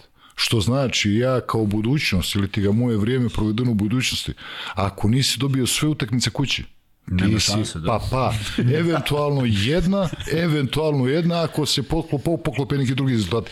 Hoćete kažem, Lika je bila toliko jaka da, ja se dalje sjećam, bio je ovaj, ljudi ga znaju, ti ga Luka možda ne znaš, Kuzma ga zna, pokojni Poli, koji je bio tigar kući, maca na strani, znaš, znači u kući kuku, za klat ubi to ono i sad idemo, ako sad ne dobijemo nećemo nikad i sad pod tim osjećajem atmosfere, pune hale, Podgorice, ovo ono, stvarno tu se pojavi neki ozbiljni tigrovi i protiv možda boljih timova, razumiješ, naprave neke dobre rezultate, razumiješ, znaš, da ne kažem pobjed. E, sad treba da se ide za Beograd, poslovni, ovaj u dva popodne, dođeš u devet, Palas hotel, fino je to jelo, fino se jelo, znaš, ono vrlo pristojno, hotel, zima, ovo se grije, ma sve kako treba. Izađeš u utakmicu, ovi to pulje, 25 razlike, lunch paket u ruke, ajmo, nazad ajmo nazad, buraziru, dizel varijanta, znaš, kad dođeš ujutru, ne, ne, mogu, ne može to pere jedno šest voda, razumiješ, i onda, i to ti je to, opet sledeće nedelje, ajmo. Kod ti- kuće, kod Kako bi ti kuće, rekao, da. e sad, to je jedan dio ove priče, drugi dio priče je kad igraš za Partizan i za ove ozbiljnije timove koji sad to malo drugačije gledaju, razumiješ, šta ti je, šta ti je percepcija a, malih i velikih timova, jebe, razumiješ, ali a, lijepo i to je jedno divno iskustvo da, da možeš da ukapiraš razliku između jednoga i druga, razumiješ, na kraju krajeva a, svi ti ljudi koji su igrali tu drugu ligu, koji su bili izvrsni igrači, vjerovatno su mogli da igraju prvu ligu. Da baba nije spremala dobro i malo se puno zemlje i neka, kako bi ti rekao, znaš, da, neko ko je a, a, a, gladan i žedan košarki i želje da ode dalje, on ode dalje. Znaš, pričamo se, vraćamo možda i na dio karaktera koji si ti pomenuo tamo, sve se to gradilo kroz nešto. Pa za svakoga ono Tako što je zaslužio, razumiješ, znaš. E sad, uh, to svakako uh, nije aboliralo velike timove u kupu, recimo, te Jugoslavije, sad dobiješ neku drugu ligu, nije bitno Bijeljina, Banja Luka ili Sarajevo ili, znaš, pa te ufati neki lokalni mangup, razumiješ, koji živi godinu da bi pričao kako je Partizanu uvali jednu 40 pojena, razumije? I to se ne čuva, tu nema čuvanja, ne možeš ti to da sačuvaš. Hvala Bogu, takvih pet nema. Razumiješ, znači bilo je bio, razumiješ. Znaš, no, taj 1.40 i on posle toga lipše, znaš, on godinu dana nema ga niđe, ali ga, sve to vjerovatno utiče na, na, na a, krajnji a, produkt Kukoča, Rađe, Dražana Petrovića, Kiće, Praje, a, Ćosića, oni se tako ostvaraju. Oni se jednostavno tako ostvaraju kroz velika takmičenja, kroz prepoznativ sistem razvijanje, sazrevanja kao, kao mladih ljudi i ljudi koji su vodili računa o njima, za mene nisu bili obični ljudi. Oni su bili bolji treneri od ovih što su vodili A selekcije, jer su se oni bavili mnogo kompleksijih stvarima nego što se bavi jedan trener reprezentacije nego, nego, nego ti ljudi. Vodili su računa o, o, ponašanju,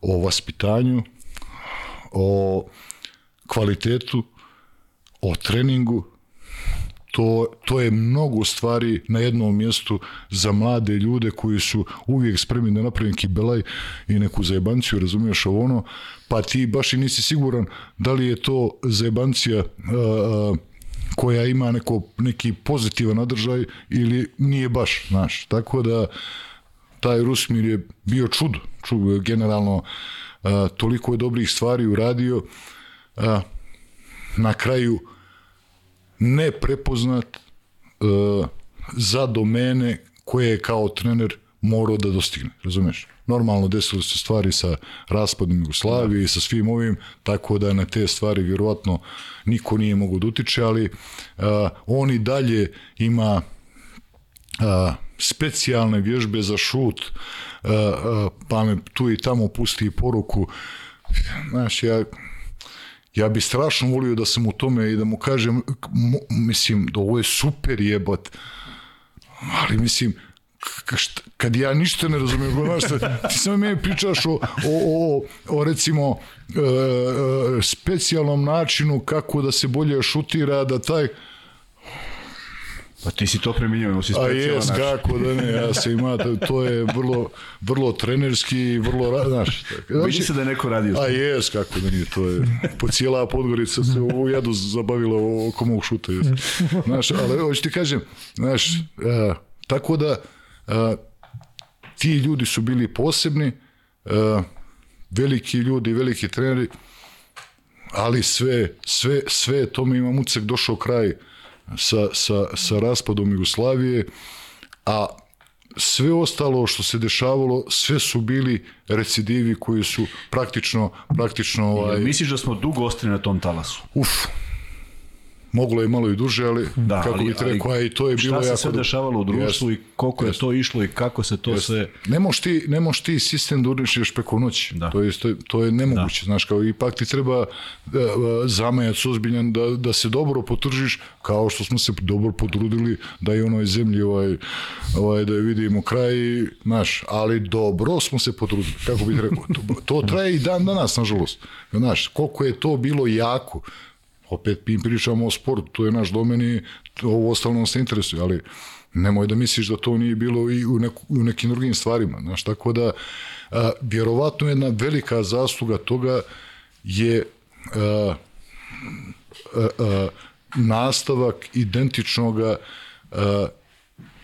znanja, intenziteta je kroz sve godine u zemlji koja više nije postojala, ali kad je pitanju košarka, to se nastavilo i trajalo još, otko znam, 15-16 godina, što je wow, što da. je super. Isto kao što je ta, e, ta organizacija regionalne lige, ABA lige, to je, to je po meni fascinantan fenomen. U zemlji 2001. godine, u zemljama, jel, bi, jel, republikama bivše Jugoslavije, da ti organizuješ bilo kakvo takmičenje. Znaš, nadrealno. to je nadrealno, znaš, i sad, ka, kad bi pričao analogiju svega toga što se dešavalo, samo je tako i moglo da funkcioniš. Ta liga dan danas postoji i vjerovatno je najbolja stvar za košarku na ovim prostorima što se dešava, razumiješ, tako da interesantne stvari, interesante, znaš. Žarko, kada pričaš o velikim ljudima velikim trenerima, svako danas komentariše Željka Obradovića i njega. Vi ste igrali zajedno, pa ti bio toliko dugo trener kroz reprezentaciju, pa ste onda sarađivali u reprezentaciji. Jel možeš malo više o njemu? I kao treneru i kao čoveku, piti ovde baš dosta pitanja ima kako igrati yeah. za njega. Da li se možda nešto promenilo u njegovom stavu prema igračima tada i sada, što možda i ne znaš kako sada vodi Partizan u smislu nekih, nekih detalja, ali, ali uh, generalno Željko Bradović kao trener, kao čovek, uh, osim onoga što bi trebalo sve da bude pozitivno, uh, meni je recimo interesantan moment kako je on postao trener. Znaš, on je praktično to se desilo na, na gejtu, odnosu na šalteru odlaska, da odlaska da. za Rim. Ja se sjećam kao juče da je bila ta situacija. Znaš, je, je, mi, smo, mi idemo za Rim, on je član te ekipe. I pojaviše se Kića i ne znam ko s Kićom, Ovolović ili Bući riba i ovaj priđe Dudi nešto, Duda u šoku, znaš. Kaže, to je to. Kako bi, znaš, to je meni fascinantan moment. Kako neko odluči u momentu, pri tom, On je bio pristojni godina, ako je Rim bio 91. Željko, znači 31 godina, što nije baš neka, ne, neke godine, ok, da ne za, može za, više, za da. ono vrijeme, to da. jesu bile neke, neke pristojne godine, ali nije to baš da on nije mogao da odigra još godinu dana ili da ne kažem van partizana ili šta god. Kako se odlučiš da postaneš trener? I kako se odlučiš da postaneš ono što si postao kasnije, kako bih rekao? Znaš, i da se oprediliš za, ok, opredeljenje za, za Acu Nikolića baš i, uh, nije baš nešto strano, je, razumiješ, mislim da, da je to željka, željka uh, uh, svrstalo među velike trenere radeći sa Acom Nikolićem i pokazivanjem detalja na, koje, na kojem Željku insistira dan danas kad igra 5 na 5 i, i, i, i cijela njegova magija oko, oko, oko košarke i u stvari strategija koju je radio Aca Nikolić jer neki drugi način. Mislim da je to za Željka bila velika škola i veliki oskok da postane to što jeste. Ovo sve ostalo Znaš, ti kad si devet puta ovaj, prvak kupa šampiona, šta reći? Kup šampiona, fenomenalno ga zoveš. Pa je, kup šampiona, pa je, znaš. Kup šampiona. Kup šampiona. Odavno nije kup šampiona. Pa, nije Dobro bitno, zvuči. Znaš, ali šta, šta da kažeš čovjeku koji devet puta spremi tim za, za najveće takmičenje i osvoji. A neće bi se zajebao, pa bilo, znaš, kako, kako bi ti rekao, znaš. Mislim, uh, dragi čovjek, ti vidiš i po njemu vo, kako vodi, što mi se baš nešto ne sviđa, ono, ovaj, kad uđe u crveno, brate, ko, ko u Iberlauf je, što bi rekli, znaš, ali, ali to je neki njegov način, to je fizički, fizičko pokazivanje njegove želje, nerviranja, E, njegovog obitavanja kao da je na terenu, a malo je sa strane, kako bih rekao, njegova želja da to, da to, da da e, ono, da da igračima ono što on vidi kad bi mogli igrači da vide i da urade ono što on vidi, razumeš? Znaš, e sad, e, kad igraš s nekim i kad ti bude tren u jednom momentu ili ili na kraju krajeva i dan danas pa imaš neke jako pristojne i kontakte i odnose ono, znaš, uh, sve u superlativ.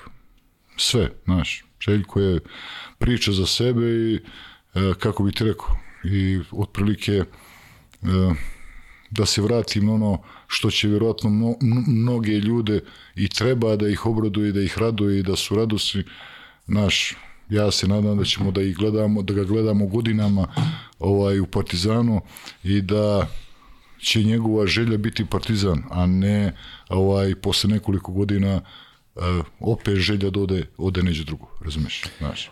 Da. E, Piti ovde, Žarko, ako možeš kratko o tom strancu reprezentacije, ali samo kratko molim te zato što su ovde navali sa tim pitanjem, e, verovatno si negde tu temu otvorio, pa, pa ja sam, ja sam, to je tema koja kod mene otvorena već 8 godina, znaš. E sad, Znaš, vrlo interesantno, naš u momentu kad, kad se dešava ono sa Teodosićem i kad Pešić odlučuje ovaj, da, da, da, da, da, da se zahvali e, Teu i da mu kaže da, da on više nije, nije dio reprezentacije, u tom momentu taj dan izađe recimo uh, zlo namjeru, dobro namjeru, više nije bitno. A, otprilike, a, moj segment iz intervjua koji sam dao dva mjeseca prije toga, razumiješ? Sve u redu. Pravi moment, Nema, jo, ništa, ništa sporno. Vrlo vjerojatno povezano e, sa ovim lošim događajem i pošto je otprilike, pošto smo ja i Teo u koliziji, jel, pošto sam ja za, on je protiv, razumeš, šta sa strancem? Znaš, e sad, uh, ovo ću da kažem i stalno ću da pričam, uh, ovde poenta nije stranac. Ovde je poenta zašto mi ne pričamo o strancu. Zašto kad, recimo, svi imaju stranca. Ako mi neko kaže da uh, Španci, Njemci, Slovenci ili ti ga bilo ko, ili ti ga Madagaskar više voluju svoju zemlju ili manje od nas, to baš i nije da. i neka priča. Iako krene ti priča, znaš, ipak smo mi ovaj, zemlja košarke. Jesmo, uvijek bili. Što ne znači da jedan Zek Renlovs, dajem primjer, ima tu raznih primjera, u momentu na jednoj bitnoj utakmici ti ne donesi umjesto srebra zlato. Sad to je ono, to je top of the line, kao što da. se desilo, kao što se desilo sa ovim momkom što igra za Španiju. Ovaj, sam rano. Tako. I to je, to je dobra priča. E sad, mene strah, strahovito nervira kad ti to ne želiš da uzmeš u razmatranje. Znaš, e, a priori protiv. Zašto je protiv? Zašto ti u jednoj ekipi u kojoj ti je možda, mislim, već to nam je prioritet pet godina je ne možemo ne možemo napravimo da nabavimo pristojnu četvorku da igra dobro nego tu igramo sa raznim igračima al zašto taj stranac ne bi bio jedan od e, a, mogućnosti da ti pomogne? Pri tom niti se obavezan niti se vezan svaki godine možda ga promijeniš. Možeš sutra mu se zahvališ kažeš hvala više mi ne treba. A, opcija pričati o tome razmišljati o tome je kod nas a priori oba, odbačen. E, to me samo strašno nervira. Ne vidim zbog čega. Ne vidim da su mi ovaj manji ili viši, bolji ili talentovaniji od svih ostalih nacija, a ostali tu uredno koriste, pa ne znam što mi moramo budemo crna ovca, to mi baš i nije jasno, razumiješ? Da li ćemo, da li nećemo, to je sad pitanje za save, za ljude koji to odlučuju i to ništa nije sporno. A ako vi smatrate da vam ne treba, da imamo dovoljnu kvalitetnu ekipu, ali ako mi kažete da taj stranac je teret ili opterećenje ili te nešto obavezuje, nešto nisam siguran, a mislim dobro izabran, kvalitetni stranac u dobrom takmičenju sa dobrom ekipom, možda ti bude prevaga da ti donese neku zlatnu medalju, a zlatna medalja kao vrhunac uspjeha jedne reprezentacije košarke ili košarkaš reprezentacije, šta ti donosi? Donosi ti neke klince koji će šutra uzmu tu loptu da lupaju po svom dvorištu ili bilo kom dvorištu, kako bih rekao, to, to, i to, to a, a, samo pričajte o opciji koja vam je tu ispred vas, do vas na stolu zadnjih 12 ili godina, ja više ne znam koliko to traje, kad su to nili to pravilo. Ne ima dugo. Eto, otprilike, znaš, je sad, samo to, uh, o tome pričamo, ne, ne stranac a priori, nego da stran... se razgovara. Tako je da se razgovara. Imam jednu tezu, ne znam da li će složiti s njom. Uh, ja sam relativno malo mlad, ma, malo mlađi od tebe, da. pet godina. Ali ti cela ta ekipa 95. cela, cela, cela ona 90. Jer ja sam to doživeo kao nešto, pa čak i 87. kako smo krenuli sa onim, be, beše ova 87. univerzijada, al tako? On da, univerzijada i Evropska Ugrčka. Evropska da. pa je bio, pa je bio Rim 91. al tako? 91, koji je bio tako. šetnja kao da su došli juniori protiv pionira seniori protiv pionira, tako ste izgledali. Pa dobro, tako je bilo. Tako. Da li ima malo krivice u svemu tome što smo mi vas doživjeli tako kako smo doživjeli i onda smo jednostavno shvatili da nama ovo o čemu pričaš nije potrebno. Jer mi dalje živimo u tom. Mi, mi smatramo da je Balkon bio pre koliko? Pre 10 godina, je tako? Tako je. A ne pre 27. Ne, pre 27. Razumeš? Dakle, mi i dalje imamo, kad kažemo ta generacija, iako ste vi bili, svi misle generacija, nisu bili generacija, bilo je tu različiti godišta, ali ti ljudi su nama donali taj oreol nepobedivosti u košarci.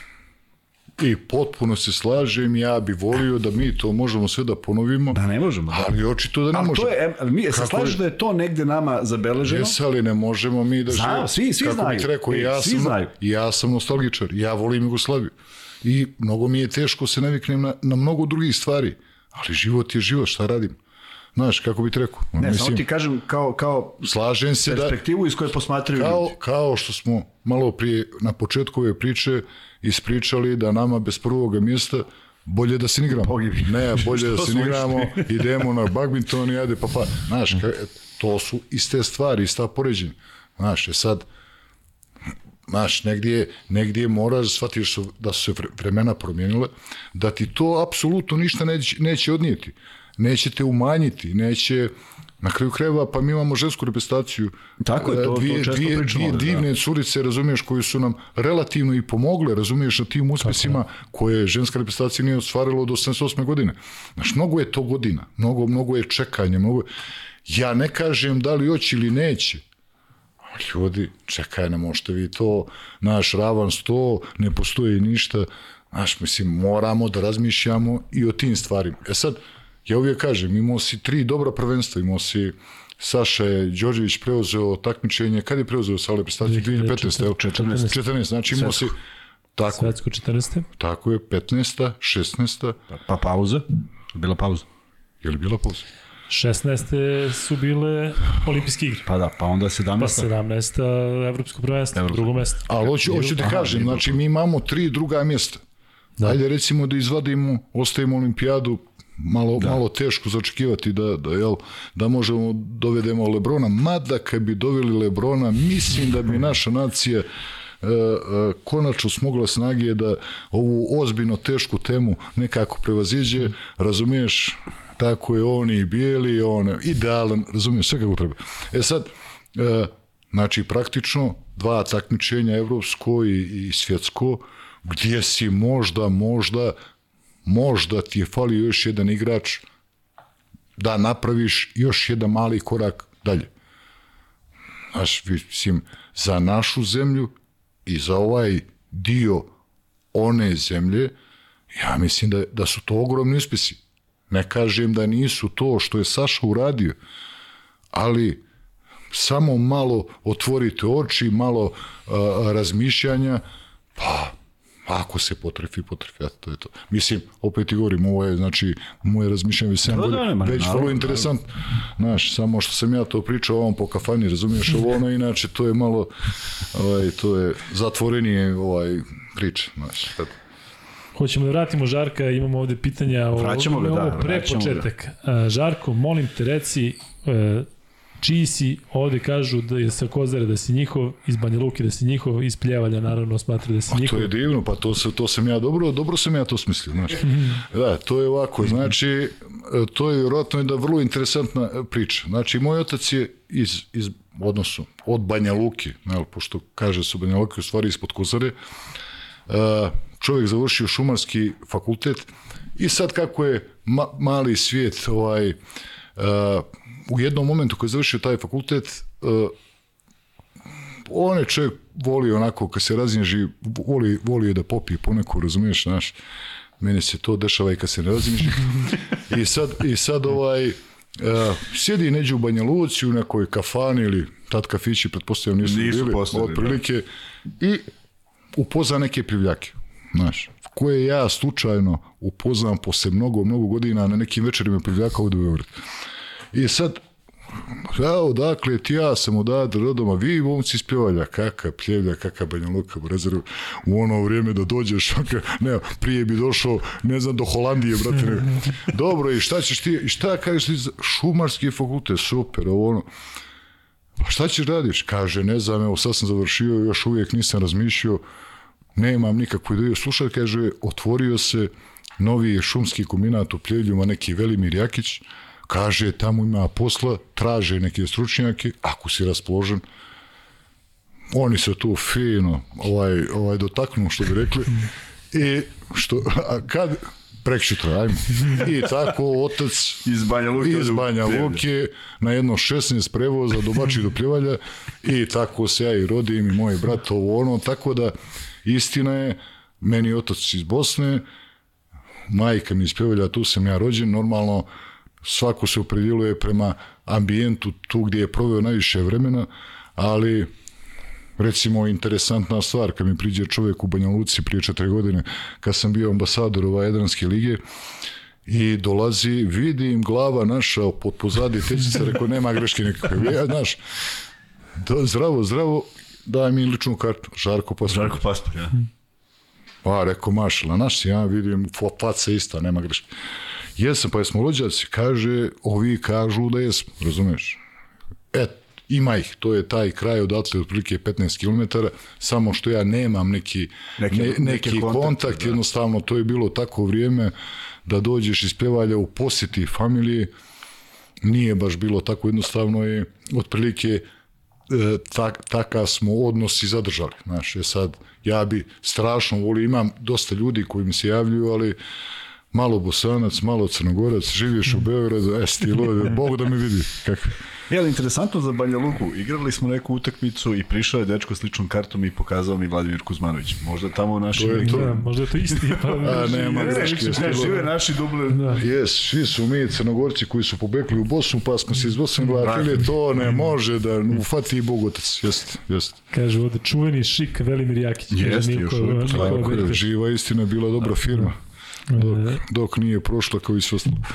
Kako si e, u, u tom periodu u dečačkom odlučio se za košarku? Ima ona priča, je vjerojatno je tačna, da tata tvoj nije znao dugo Tako. da li košarka, ping pong, stoji te... Jes, jes. Pa to je, to je bila, ja mislim da je to bila standardizacija s- a, s- e, socijalizacije društva ili ti klinaca u tom periodu. Tamo nije više bilo bitno što igraš. Bitno je samo da si napolje da igraš nešto. Da se družiš, da provodiš vrijeme. Ono što mora u školu mora, ovo, ovo je malo drugačije. Znači, a, a, a, podizanje, uzrastanje je jednostavno nije moglo da prođe bez lopte. Lopta, lopta, na bilo koji način. Si E igrao fudbal? Sve sam igrao. Koji A svi... morao si da kreneš na fudbal. Tako je, pa ja inače ja i Dejo smo ti, Dejo Savićević u istu školu išli, sve to u redu, znaš, to je ta generacija, znaš. znaš. Tako da, ovaj, vrlo interesantno, znači igraš malo futbola, pa malo stonog tenisa, pa sad na košarku, sad nije to bi, ali si stalno na polju iz loptu, gdje tu trči majka, dovlači te šest puta, vraća se kući još pet minuta i to tako kako ide, ali sve, znaš, je sad, u svemu tome neko se zalomi, Dejo se zalomi da igra futbol i da postane svjetska mega zvijezda, razumiješ, u meni ta košarka, ali jednostavno iz, iz, iz to, te energije i svega toga teško, je, teško možda is- ispadneš neko drugi. Znači od 30 đaka 24 su igrali lopte, ona od onih od onih šest ovaj troje su slušali rock and roll ovi troje su autistični izlaze i tako razumiješ kako e sad, e sad znaš, znači ozbiljan procenat ozbiljan procenat ljudi koji koji bi a, a, koji ti dođu kao, kao masa, kao jedan, jedna, jedna, jedno skladište, odakle dolaze neki ljudi, razumiješ? A sve to u jednoj vrlo smiješnoj selekciji nekih divnih profesora koji su vodili fizičko po, po tim školama, znaš, i sad, sad podijelete malo, znaš, radimo ove vježbe, pa radimo malo futbal, pa košarku, nije to bilo samo, hoćemo svi kožu, ne, malo ovo, malo ono, i neverovatno ti ljudi su imali a, strahoviti smisao da nekoga prepoznaju da može da bude sportist. I onda zove, ima prijatelja u budućnost, u neki manji klub, slušaj, ima jednog malog, ajde da ti ga pošaljem. I to možda zvuči malo bez veze, ali, ali to je stvarno tako bilo, razumiješ? Znači, tako da način i, i uzrastanje uh, su bili za sve isti. Ja se sjećam kroz tu podvoricu Kuzme je isto malo vremena proveo dolje. Tri godine. Tako, ima neki park Jer to je, to je kultno mjesto poduriške košarke, park. U jednom parku ima neki teren. E sad, a, kad dobačiš do park, da, da, da a, a, možeš da odigraš neki basket, ti si već uspio. Znači, kad te prime ovi stari, koji su malo i onako, ovaj, što bi rekao ja, uh, malo su i sebični, znaš, oni dođu u velika vrućina, dođu u pet popodne, već je malo lodovina, oni se malo spreme, zavelu, i sad ja sam tu ovaj, u kramponkama i tu sam već u tripo, znaš, a već sam bio jutros, znaš, i sad od tripo već izgoreh, ne mogu niko će Međutim, ti samo čekaš, ne bili te ti ljudi primili, jer ti si već došao na taj nivo da tu možda budeš neki treći ili uh, za trojku, neku za basket, a da ne praviš neke, ne, neke štete, razumeš? E sad, u tom dolasku do toga parka, to je što bi ja rekao 3,5 popodne, imaš ono staro pravilo od 2 do 5 spava se i niko, niko ne progovara stilu. Pri tom 35 stepeni u Podgorici izgore se. Ja e, jedva sam ručao, znaš, jedva sam ručao kući, e, držali su me vjerovatno sa, sa, sa lancima, u 3,5 trčio u park i sad kako idem pored nekih malih kućica kroz Srču Lučku. Ja sam bio uh, Ćošak Mošep, ja, ja sam živio tačno ispod poligona mali sportova, razumeš? Aha. To je uh, Mošep, Jade, Marka Miljan. Sad treba ti jedno 7-8 minuta pješke. E sad, ići pješke, a ja vrlo rado sam imam neku loptu i onda, znaš, ne nosim loptu, nego lupam. Dim, dim, dim. Uh, e, sve što sam dosta puta čuo po Podgorici, gdje kažu, uh, a bogo mi sam ja znala da će onaj mali ušati i biti super. Znaš, sad, ko je znao, što je...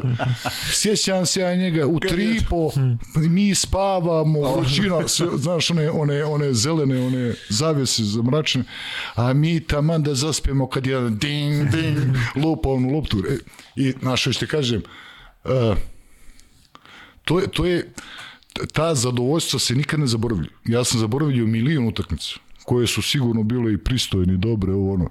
Ali ovo nikad nisam zaboravio.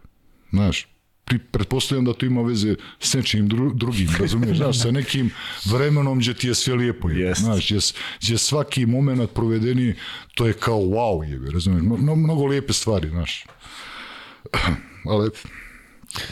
Kad si e, prešao iz budućnosti u Beograd, kakav je to bio trenutak za tebe u smislu šoka? Ima ona priča da si imao svoj krug na Novom Beogradu i da nisi se mnogo micao od hala Dobro, nisam ja samo, bilo je takih više.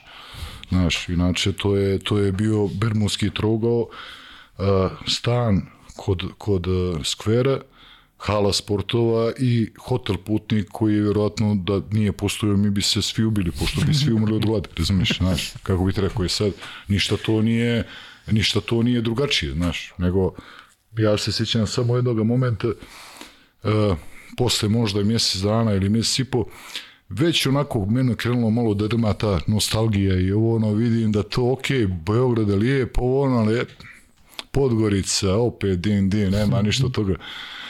I sad ovaj, ja zovem kuć, znaš, inače roditelje zovem jednom u godinu dana, znaš, jel, kako je to bilo, kao, kao sva muška djeca, jel. I ovaj nešto pričam, pričam sa majkom, daj mi tatu nešto, znaš, ja samo da, da osjetim šta, šta se dešava, znaš. Malo mi teško, malo nostalgija, malo bi se vratio, ono, šta dijete može da pomisli, znači, spakovo bi se na kecabrt. I čale, kako si, si dobro, ovo ono, znaš, ok, jesi dobro, dobro, ta je malo, malo, malo drugačije ovde, znaš. Nešto se razmišljam, pa meni se nešto i ne sviđa ovde, znaš. A on kaže, nema žje da se vratiš. I to smo završili. Tako da, do, dobar je pokušaj, ali ajde, jer on osjetio te, nema žje se vratiš, no to i ajde pa pa. Tako da, ima i toga, djeca ko djeca, znaš. Kako bi bila vila košarka istorijski da je tata rekao, ajde sine. Ajde sine, vrati se. Dođi vamo u Podgoricu, taman. Završit ćemo. E, mogu ja sam skok? Kratak. Može, može, Zašto samo izvini, kažu Šik Velimir Jakić pozemljivo pare rudnik uglje za plate. Mnogo jaka firma bili. Jeste, kako bi bili čudo. Samo jedan preskok jer si spomenuo rock and roll. I ima jedan detalj iz tvoje skorije prošlosti, kada si spasio hiljadu i nešto ploča. Sad. Ne, ne mogu da mi spenjuješ komentar. Hm? 2800. 2800? 2800. Tako je Ne, pisalo. račun, ne računam singlice. Jesi ih sačuvao? Ne, to sam sve dao u, narod, u Narodnu biblioteku. Oni imaju depoje u kojem čuvaju 18.000 ploča, van ovih mojih. I oni su mene kontaktirali u jednom momentu, čuli su priču koja je izašla, koja je izašla, što bi rekli u etar, pa su ljudi dobro, dobro se iznervirali kako neko može da baci. Pa dobro, to je da. bilo posle, posle privatizacije studije B i potpuno jedne slučajne fenomenalne priče i ljudi su me kontaktirali šta ćeš raditi s tim pločama? Ja i čovek, odnosno moj prijatelj koji smo išli da te, te ploče pokupimo gdje je bilo, nis, nije to bilo samo ploča, bilo je gomila nekih VHS beta kaseta, vjerovatno dosta materijala iz studija B, da li su oni to koristili, nisu, to je sad već druga priča, da li su bili duplikati, triplikati ili šta god, ni to ne znam. Uh, ja i on smo ti uzeli po jedno 20 ploča, on je uh, ciljao pravac ovaj, njemu poznata, ja sam pokupio sve festivale, Pula, Split, Beograd, znaš, malo krznute, malo ovakve, malo onakve, ostalo su došli, pokupili i to je, i to je, to je priča završena. Ja imam, inače, ja Uh, ti znaš Kuzma, možda i ne znaš, ja sam ti veliki pokrovitelj zvuk, to je meni hobi već jedno 30 godina. Znaš, volim dobre uređaje, volim dobru muziku, to je moj hobi iz neke 80, počet, možda 87. 8. Tako sam počeo i to traje i dan danas i generalno uh, ono, jedna od mojih pasija koje, koje, koje baš volim. Znaš, eto. Zato si ih ispasu tamo. Potpu, neverovatna priča, ne, neverovatna, znaš, to je, sad kad bi, kad bi nekome pričao kako sam ja za to saznao, to, to je, to je, to je festival, znaš, znači, a, ajde uzet ćemo dva minuta, pa idem da pušim, brate. Ajde, može. E, tako, ali, ovo, je- ovo je, ne, ne, da. dobro, da. pošteno, Da, pošteno. pošteno. I ovaj sad, uh, dođe mi čovek, inače, moj dobar prijatelj, koji je inače otišao na Novi Zeland. Ovo će on nađe, bude čuo, on će se obraduje, dobro. Ode Novi Zeland, gdje mu mi dajemo sto, bit će tamo jedno dva mjeseca, on čovjek ostaje 20 godina, znaš, i promijeni svoj život, inače, veliki radiomater sve je to lijepo, stalno neki uređaje drnda, neke antene razlači, čuje se s ovima sa Marsa, s Jupitera, to je čudo, oni po cijeli dan kuku. E sad, u jednom momentu on došao s ovog Zelanda uh, i da se vidimo, da se vidimo, Duki, kako se... Sjedimo nešto, kaže, hoćeš neke ploče, bat? Koje je Duki ploče? Kaže, dobio sam, dobio sam, kaže, pun paket ploča, odakle ti ploče, brate mili?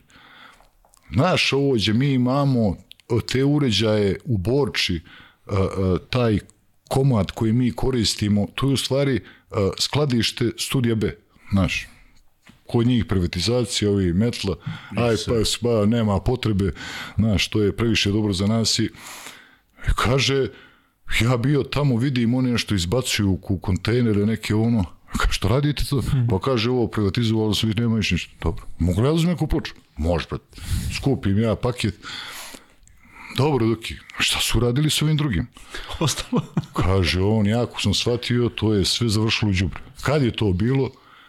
Prije, recimo, četiri dana. Ili znaš, da su bacili, ne znam ništa. Čiribu, čiriba, mi ovde u toj nekom pristojnom mjestu gdje sjedimo, ja pričam o mom, mom prijatelju kaže, čekaj, sad ću ja da zovem ženu, ona radi u gradu, sad ćemo mi da vidimo gdje je to. Opa, ne lezi vraže, posle četiri dana nađemo da je to na reciklažnom centru u Višnici, tačno pored Dunava. E sad, nije padala kiša četiri dana, međutim, vlaga je već, pošto je blizu vode, pa onako uveče a, a, oni omoti su bili malo da, onako da. mokri, vlažni, ali to nije uticalo puno na prošlo.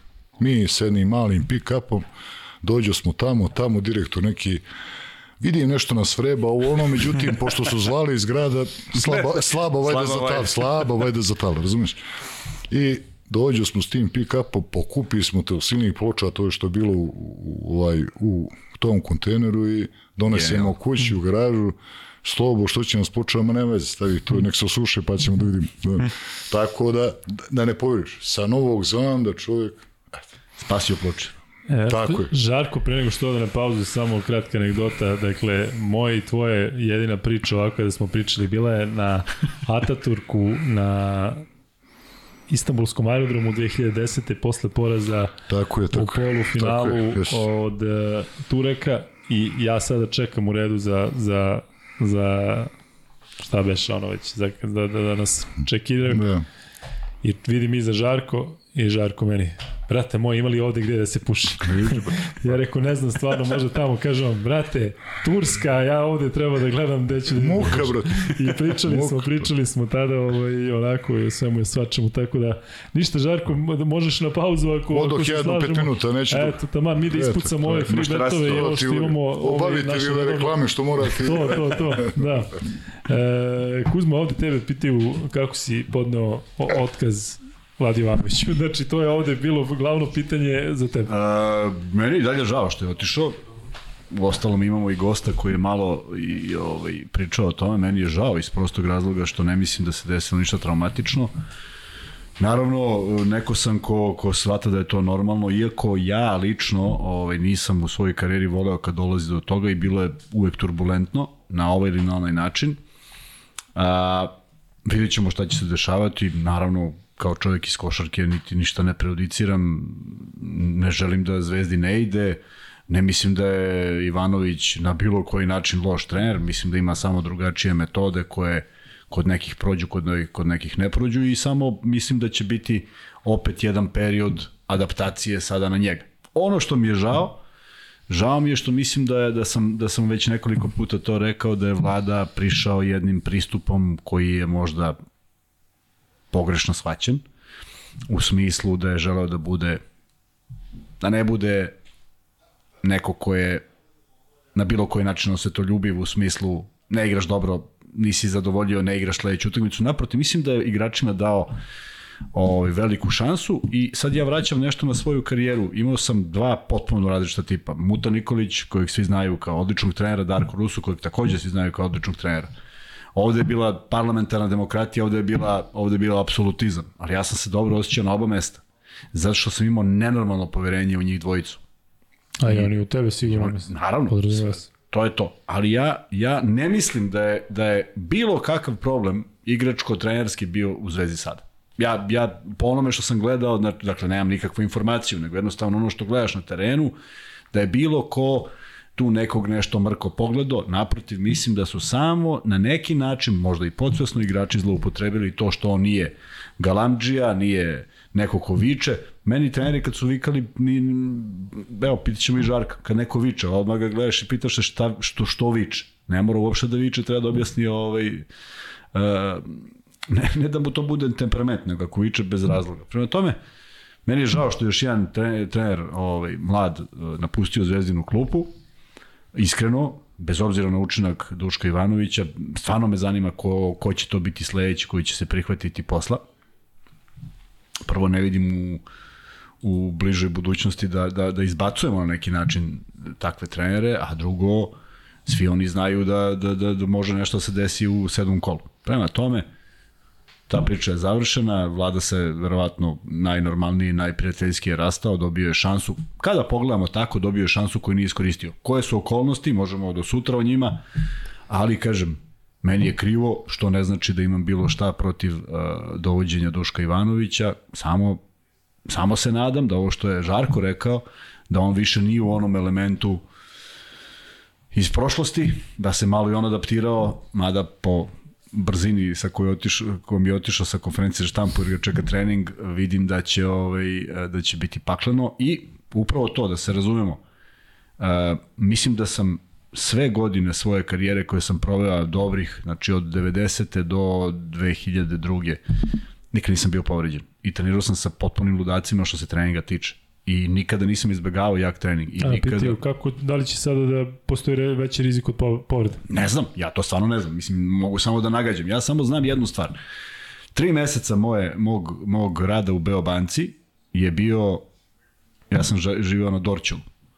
Znači, 10, hala sportova, vraćam se, špic već počinio tada mnogo ranije, živjeli smo u nekom drugom vremenu, spavanje, popodnevni trening. Tri meseca, uopšte nisam znao šta, šta mi se dešava, ja koji nikad nisam spavao popodne. E, od tog momenta onda osjetiš se tako da ne može niko da te pobedi.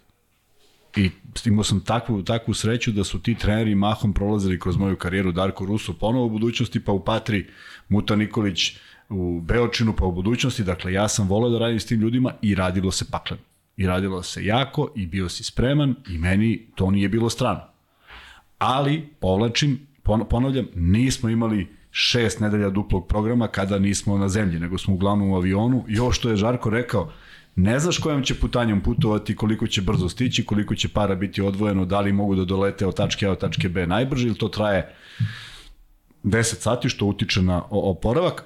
A opet za sve one koji nisu gledali podcast sa Lukmanom, mogu da pogledaju kako izgleda to iz ugla čoveka koji treba da oporavi ekipu. E, tu treba se nađe jedna sredina. Da li, da li Duško Ivanović može da nađe sredinu?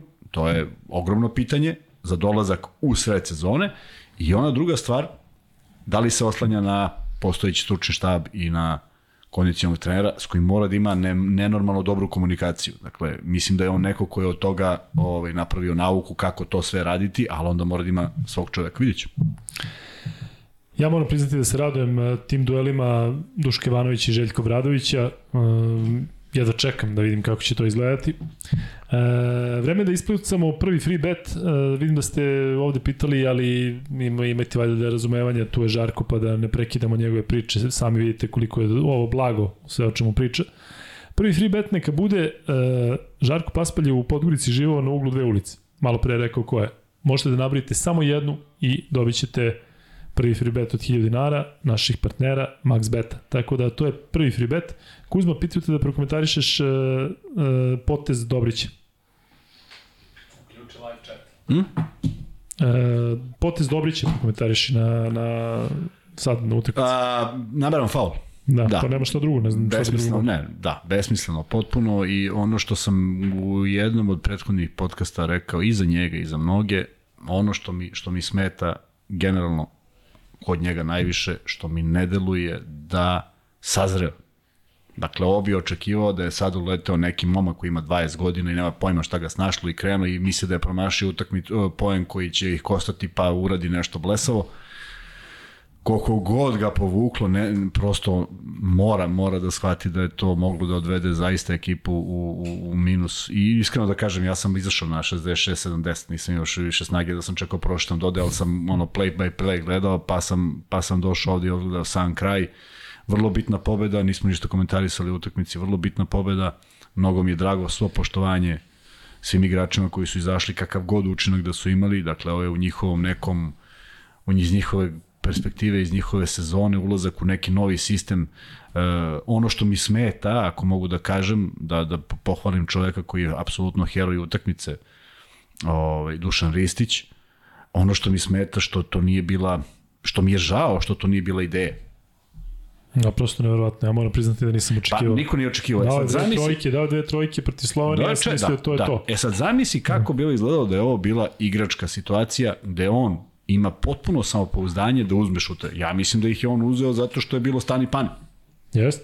A imao je samopouzdanje, ali to niko od njegovih igrača, sa igrača nije znao. Nema šanse da je neko znao. Dakle, ja volim kad vidim uh, Plajsa kad izađe na trojku i opali je bez razmišljanja, a ovo sam bio u bojazni i apsolutno svaka mu čast, pa da, i svaka mu čast što je odigrao tako. Uh, uh, ako može da se to uvrsti onda u neki model igre, to bi bilo idealno, ako ne, uh, neka nas je pogledala sreća, mislim da je sreća sve ovo što se izdešavalo večeras, mislim da je fantastična stvar što je Grčka pobedila, a morala je da pobedi, nije pobedila zbog nas, nego da ne bi bili ugroženi oni.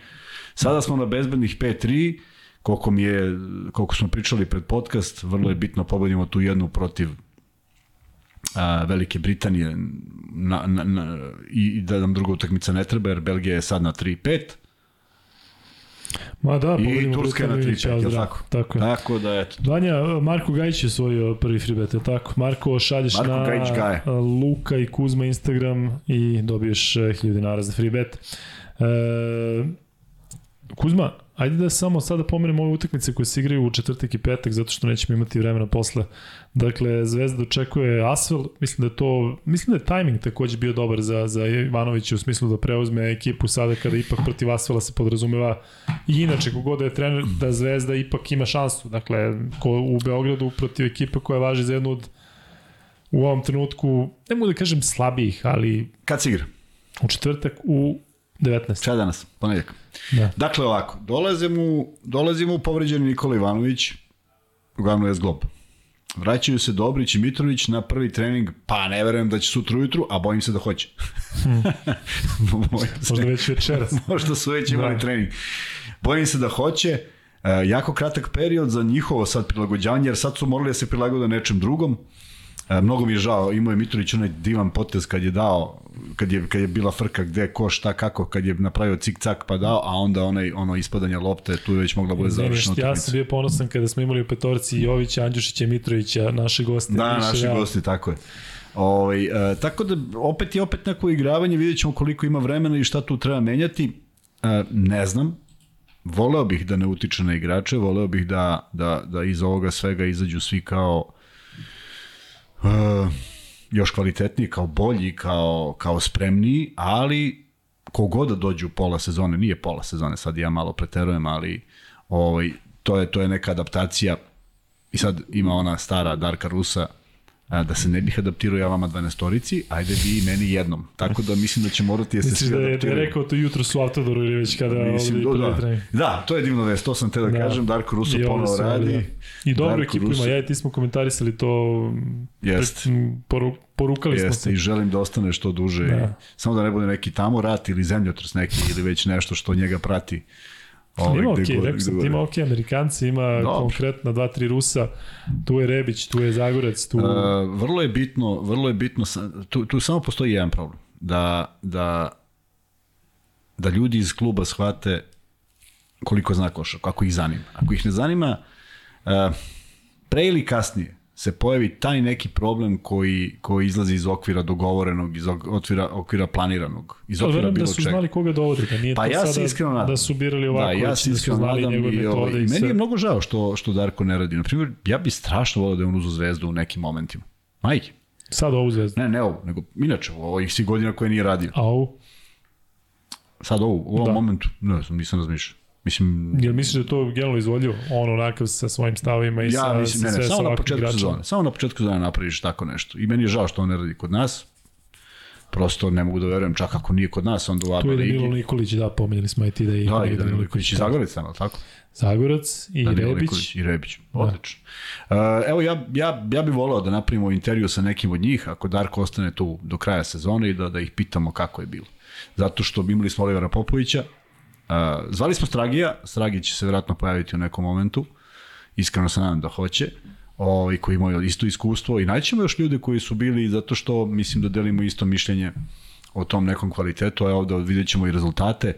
U ostalom, sećaš se da smo počeli prošlu sezonu, počeli smo podcaste kad je on pobedio sa stanom Jest. Zenit, je li tako? U okviru VTB da. lige na gostovanju. Jest. I onda je to trajalo normalno nešto dok, dok nije došlo do raspada u Kazahstanu i rata, pa je pola ekipe otišlo, nije htelo da igra i tako dalje, nije ni važno. Ali svakako dobra vest, baš me raduje. E, Partizan igra u petak protiv Makabija, prilika da pa, Partizan... to smo prošli asfalt.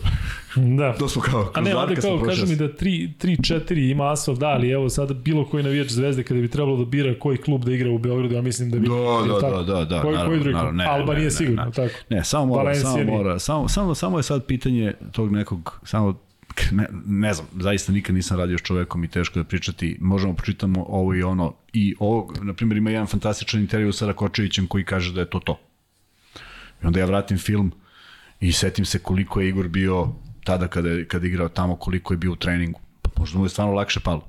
Onda imam s druge strane, Uh, A pritom recimo Igor koji je imao baš problem sa Atamanom, dakle da, da. ima, tako baš je, nije neko ko sad se prilagođava svima, nego jednostavno ko imaš problem tako sa nekim. Je, e, to je to. Ima, I neka smo imali sa naj, najbenignijim trenerima koji su najmanje volili. Kako misliš najmanje da se radi? Pa nismo došli da, da ne radimo ništa. Tako da, tu treba sad naći sredinu i upoznati igrače, uh, i izvući iz njih ono najbolje. Koliko je to moguće, stvarno ne znam, znam da pakleno radi, mislim, mislim da je ta posljedna titula Baskonije u COVID sistemu bila proizvod nenormalno kvalitetnog rada, jer mislim da nisu prestajali da rade, baš kao što je Bayern iz Minhena prošeto se Ligom šampiona, jer nisu prestajali da treniraju, prema tome, ovaj, to je dalo rezultat i apsolutno i u tim okolnostima treba skinuti kapu, ali a, ajde da vidimo kako će to izgledati u jednom sistemu a, koji će opet biti drugačiji, jer ako je tada prekinuta, a prekinuta Euroliga, pitanje je kako bi se to odrazilo i sad, znaš, u kom momentu se to odrazi na ekipu?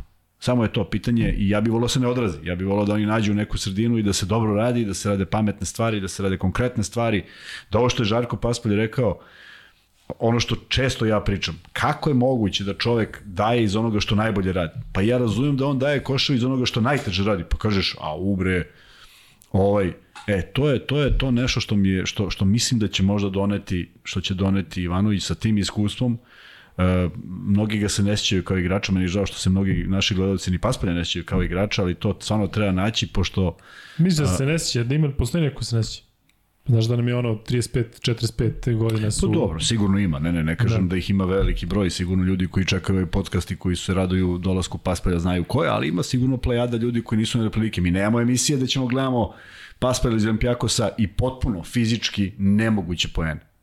Znači, ono kad uzme negde i kad se iskrivi, to može levoruk i to može vjerojatno samo on u tom trenutku, jer prosto ne ide u skladu sa fizikom. Ali ovaj, pričat ćemo o tome sad kad se bude vratio. Ako se, ako se bude vratio. Da. E, Partizan u petak protiv Makabija. Meni će biti zanimljivo da vidim kako će dočekati publiku u areni Lorenza Brauna i kako će onda odreaguje u punoj areni. Tu i Austin Hollins koji verovatno neće imati dočekao Brown, zato što znamo koliko Brown e, igra dobro za Makabi, a takođe će mi biti nešto što ću posebno pratiti kako će Lesor odigrati zato što on ima E, pa rekao bih možda jedini, jedinu mrlju u karijeri u smislu mesto gde se nije snašao, gde nije dobio šansu, to je baš protiv Makabija i mislim da protiv njihovih centara Sorkina, Džerla Martina i ostalih može, može i tekako da se nosi. Svako da je samo pitanje, mislim da je veće pitanje s kim Partizan izlazi to, to veče. Naravno, ne, kada govorimo ne, to... o povredama jedni i drugi, dakle to možemo da pričamo pola sata. To mi, je, to mi je veće pitanje. Ako Partizan izađe u dovoljno kompletnom sastavu, ja mislim da Makabi nema šta da traži bez obzira i kako su raspoloženi i šta, jer će se ovde igrati ta onda takva vrsta košarke, ali moraju da budu spremni zato što je ovo ovo su sad utakmice Partizan sada sa 3-4, sa tri faktički pobede kod kuće od tri utakmice, je tako? Da. Jedna je osvojena na strani, ali jedna je izgubljena u Beogradu, na 3-4 na svom je. Svaka sada ova sledeća je je finale. Dakle, ono, šta će se desiti negde u gostima protiv nekog favorita za titulu, to je manje bitno koliko je bitno da ova utakmica protiv Makabija bude nešto što ćeš poslati poruku da i kad dođeš u Tel Aviv da ćeš i tamo da ih da ih istamburaš, to bi bilo jako zgodno zato što ovaj to je tome služe te utakmice. Javljaju se sad ovde ima nas koji nismo gledali 2000. godište, 71. Pa naravno da ima, pa da. ja pišem, ja dopisujem se ja sam mladinom. Ja volim da. sve što vole mladi, skupim salvete i značke. Brodzijanski, dakle, čekamo da imamo kako će igrati protiv, uh, sad u predkvalifikacijama za Slovačku igrao dobro. Nisam siguran koliko je centar, svi svuda piše centar, centar, centar, centar, centar, ja ga pamtim po tome da zaista ima meku ruku, da može da odigri leđima, ali prilično je tanak, tako da baš da je petica, ne bih rekao, ali vidjet će po visini, po visini ovaj, jeste, nije igrao ranije Euroligu, to je nešto što uvek meni onako e, poziva na neki oprez, ali dobro. E, možemo da ispalimo i drugi free bet, e, naravno u vezi Žarka. Prvo, prvi ko odgovori na koje... Prvi neko odgovori, gde je sad Žarko? da, i da je tačno, pošto ne znam. Pošto ne znam, da. E, ali, e, neka bude pitanje e, koji fakultet je, fakultet je završio Žarko otac. Tako da, Može. ko prvi odgovori, Može. E, dobit će free bet. E, Vuk Grbić je malo prekasnio, sad pretpostavljam da će ovaj, da odreaguje dobro. E, bilo je mnogo interesantnih pitanja za Žarka, moramo sad kroz ovo da, da, da vratit ćemo se, vratit ćemo se, ali moramo sad da odemo malo ja. na, na Olimpijakos. Luka direktan si krivac za to što se provlačila informacije za onog kralja asistencije. Ja sam rekao, ja sam dao pre, predlog Stoji dalje. Vuk Grbić kaže šumarski, dakle to je tačno odgovor. A vidjeti, kažem jednu stvar. Da, će biti Vuk. Ja mislim da i, i ovaj... Uh... Šta je, kažu da nas je Čović nešto prozivao na konferenciji za novinar? Znaš o čemu se radi? Ne. Nisam da nešto indirektno govorio i kaže da li se osjećamo prozir. E, što bi se mi osjećali protiv? Pa zato što je vjerojatno zakačio nešto opšte, pa smo mi o tome pričali, tako da ako imate konkretne informacije, vidim Nikola da si se ti time bavio najviše, ali da znamo ovaj, da znamo o čemu se radi konkretno. Mislim da je išao previše onako široko, pa verovatno zakačio nešto što smo mi ne, ovde radili. Ali ovaj, siguran sam da nas nije pominjao zato što znam da bismo onda ovaj, dobili, dobili ne, informacije. Da. Šta sam te da kažem? E, ne se više. Šumarski fakultet, to možda nešto asocira, ne? Kuper u Partizanu, da si kralj asistencija, da sam ja rekao pa da se provlačilo po ovim. Na to si htio da se nadovežeš. Ma jo, nemam pojma. Brine, da, da, da će Ristić, da će Ristić polako izlazi na spoljnu liniju. Znaš, više nije centar, sad ga uzimaju kao trojku.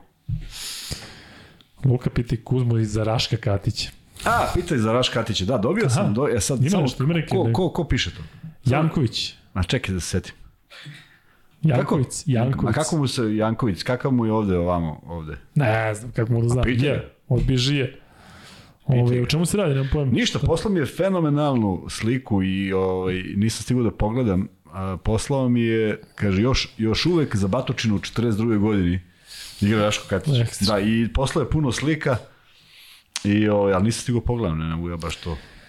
Ali sam zaborio ko je poslao. E, to je najveći problem. Ovde sada. E, Pitanje za Luku, ko je sa sport kluba dobio ekskluzivu za Ivanović? Da, vidio sam da je izašlo prilično onako u sred noći, pa imamo mi verovatno neke dojave, neko od ovih naših koji se bave zvezdom, ne znam sada konkretno ko, ali ja mislim da je sport klub prvi objavio, tako je.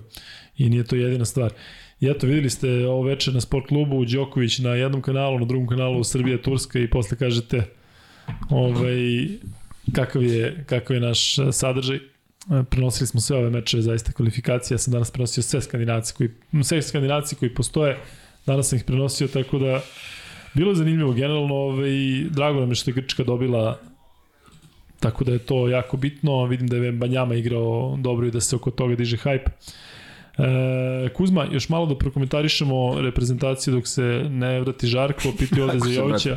Vrati se, sam čuo. Uh, Jović, odličan, odličan. Ono što je Pešić rekao za njega na, na, posle prve utakmice, da nije izgubio loptu. Da, bio je vrlo racionalan, Naravno, povučete lopta, pa je danas bilo drugačije. Da, on, posle njegove one lopte što je dao, pa je ispala neka frka u, u kontri, onaj faul. Ne, ne, ne, ne, ta, ne, u, prvo, u prvom problemu, znaš kada imamo pa ubrzo u kontri. Da, da. Sada, znaš kako, jako je teško da čovjek sad sebe kontroliše. On, on želi, ja ne sumnjam da on želi da pobedi možda više od ostalih da bi dokazao hiljadu nekih stvari koje, treba, koje želi da dokaže, ali poenta je da sam bio malo zabrinut kada je počeo da uzima šutere. I on ih je pogodio u prvom problemu i verujem da je to proizvod zato što je bio još uvek dovoljno svež. Ali kako utakmica odmiče, a ti nisi u takmičarskom ritmu, e, svako ta, svaki taj izlazak i sedenje na klupi te malo dodatno, dodatno te više oladi nego ove. Tako Ali da, navikli da pogađa onako Jović inače šute, da pogodi uh, jedan šut pa da onda pogodi drugi, ono nagazio za tri, liniju za tri da, pojena, da, ali ne, nije, sve, nije to nešto po čemu ga ja pamtim sad on pa kao vezuje nije, nije on, on, ima, on ima samo tu nesreću što je šutira sa zemlje nije, nije, nema brz izbačaj pa kažeš sad će on nešto da smisli ali vrlo korektan, vrlo konkretan i šteta za onu loptu na kraju. I onda sam u dolasku vama vidio da je uzao šut za tri, to mi je krivo, zato što prosto mora na terenu neko drugi da bude u tom trenutku će da reši, a onda mi je bilo drago što je Gudurić preuzeo loptu u svoje ruke kada su bili penali, pogodio i sve, što je vrlo bitno i onaj napad uz malo sreće, ali video si, svi su skočili na Wilbekina, 17 igrača i klupa i svi su skočili samo da ne uđe lopta i nije ušla i divno je što se to desilo, ipak taj...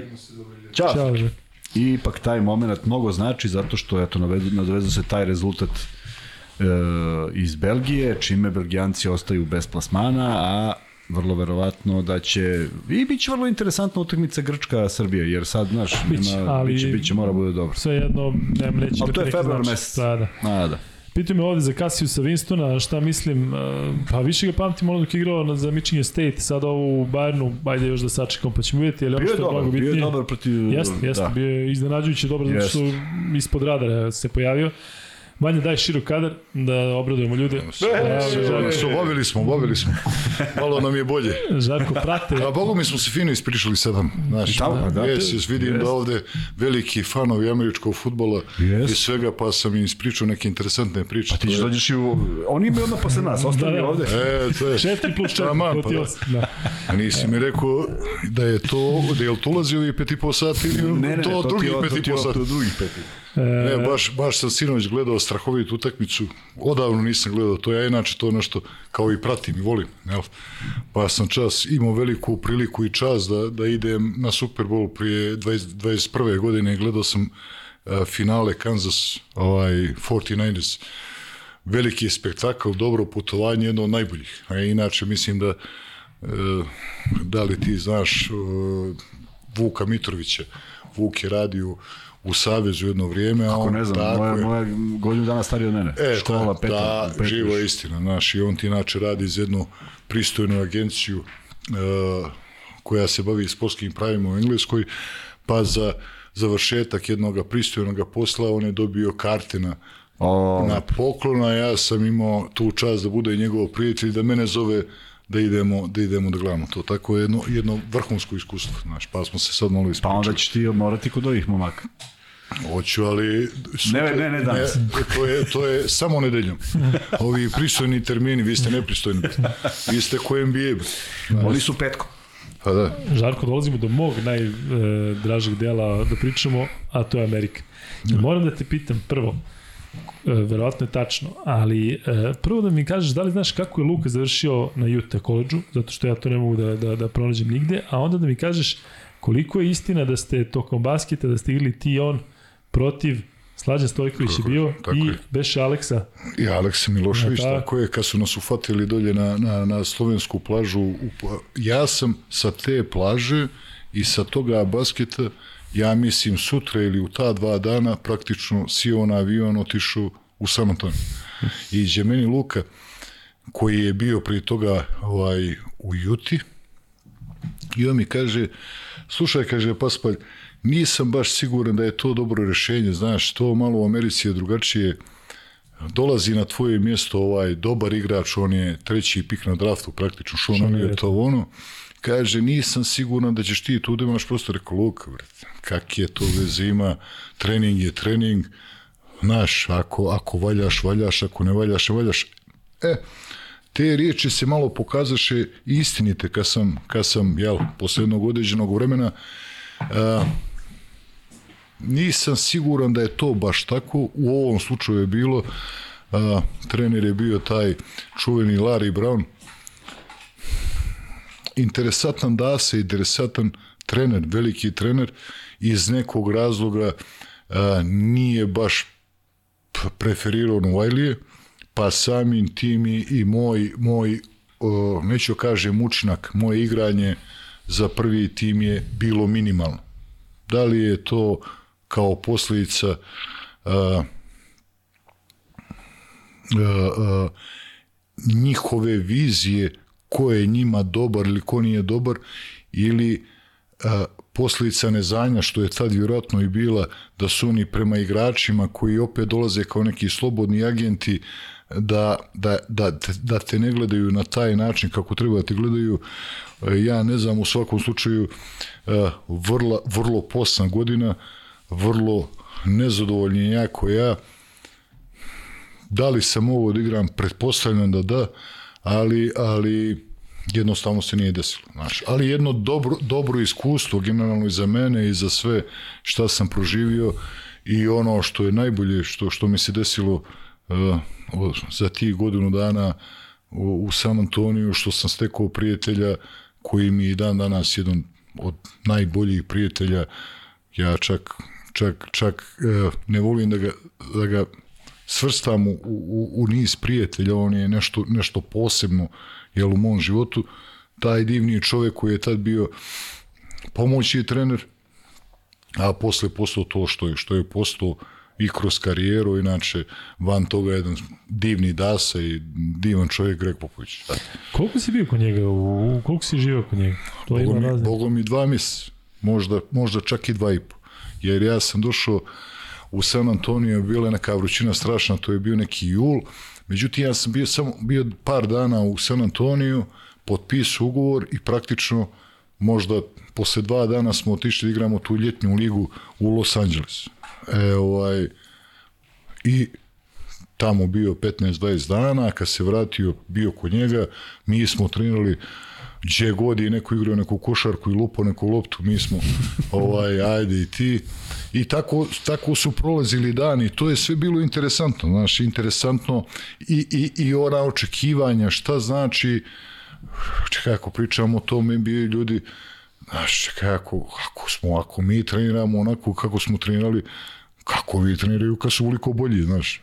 Potpuno nemajući ideju da mi sad pričamo o nekom drugom nivou a, rada, odnosa, znaš, između a, ruske i američke škole, mi smo, mi smo se opredili, e, opredelili za ruski rad, razumiješ? Pa su svi treneri toga iz tog vremena mislili da je taj rad doprinio tolikom velikom uspjehu i niko nije mogu da shvati da to nema možda baš veze s tim, nego su ti možda momci koje ste vi trenirali bili neki talent, izvrsni igrači, razumeš, znaš, to se posle pokazalo i ovaj, jedno, jedno veliko iskustvo, znaš, i na kraju krajeva uh, treba biti ponosan na sebe da budeš jedan među prvih koji je otišao tamo i koji je otvorio neka vrata, vratanca za mnogo ljudi koji su posle otišli, jer to je do tad bila jedna relativna enigma za, za, za, za ljude s ovih prostora. Sledeće godine su već birani i Divac i Rađa, tako se... Ne, oni su došli iste godine.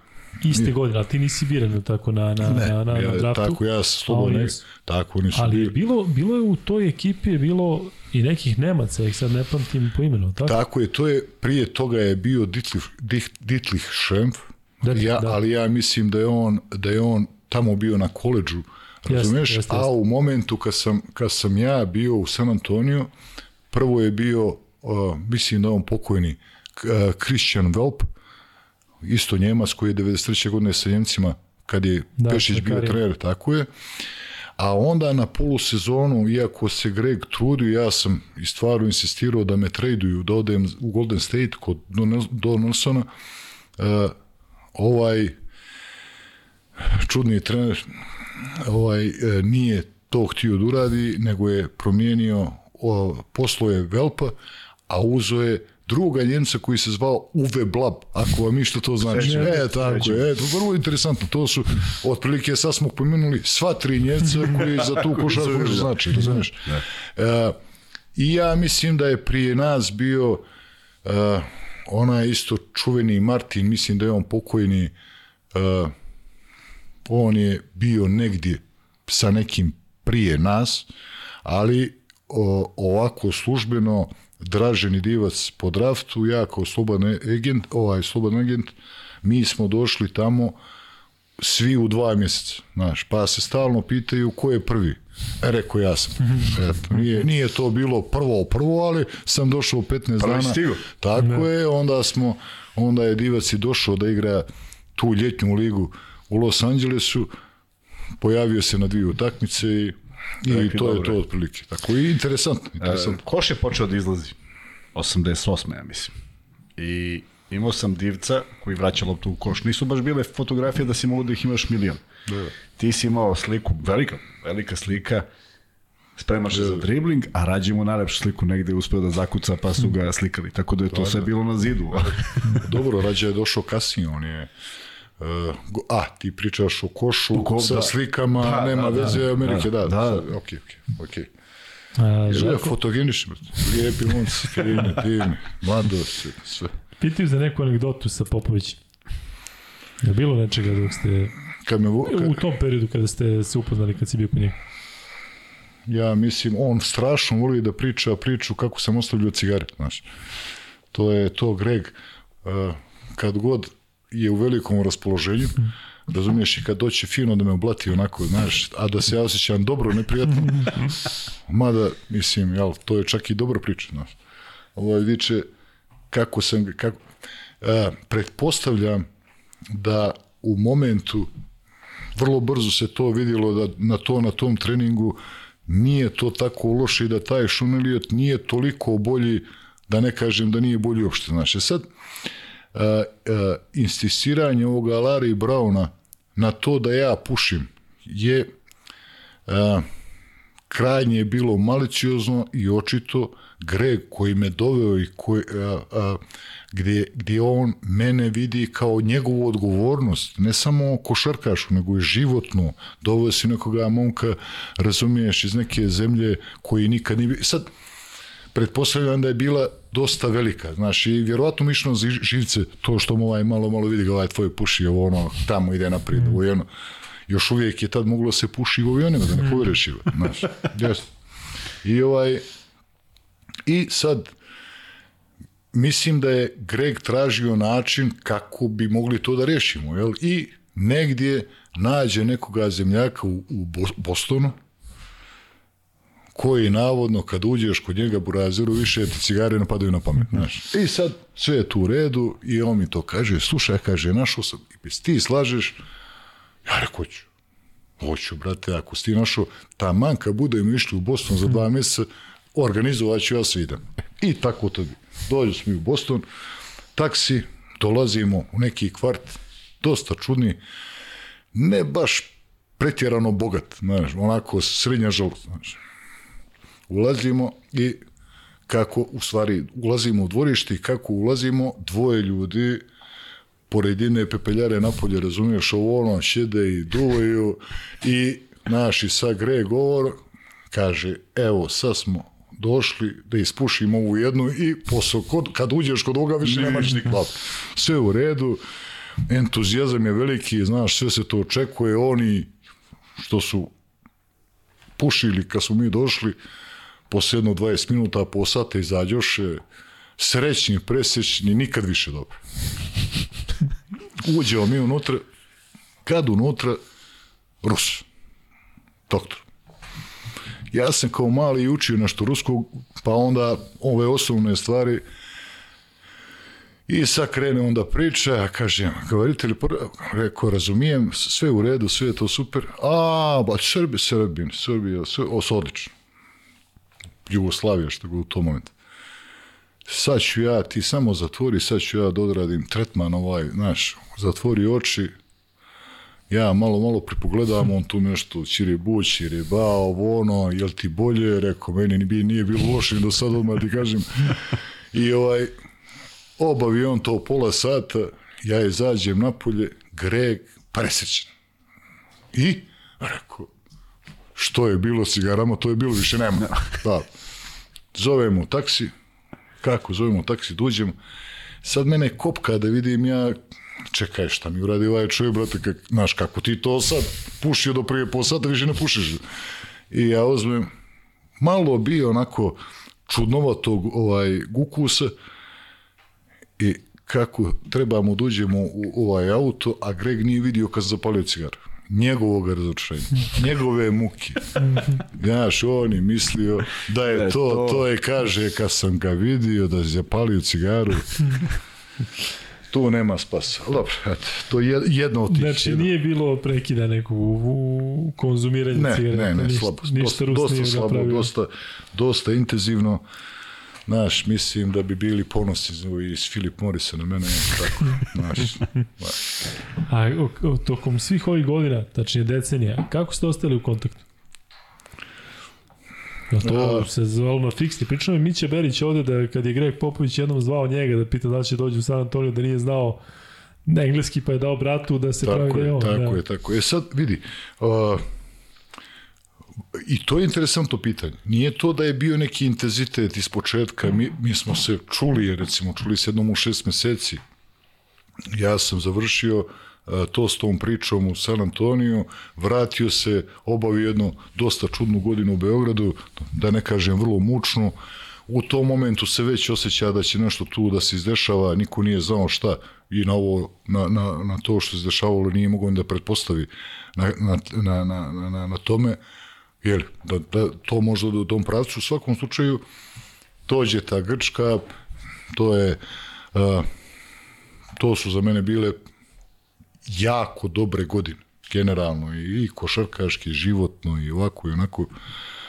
i uh, nije, nije to bilo nekako konstantno u smislu da se čujemo na mjesec dana ako se čujemo sad recimo, razumeš, nego jednom u toliko, a onda su počela putovanja, znaš, nekako krenulo se dešava da on dođe vamo, da drži kliniku, to organizuje Duda, ovo ono, ali to, ja bih rekao da to sve u periodu od 2000. pa posle, razumeš, znaš, tako da ostade, znaš, Pa dobro, napravili ste neku vezu koja je očigledno malo drugačije, da, ma, malo da. drugačije, znaš, da. malo I da drugačije. nije važno da li ga čuješ svaki dan, nego ne, da je to to. I sad tu je gomila ljudi dolazilo iz San Antonija, gledali igrače, dolazili prolazili kroz Beograd u ono, tako da sam ja sa svima nešto ostao, ostao u kontaktu, razumeš?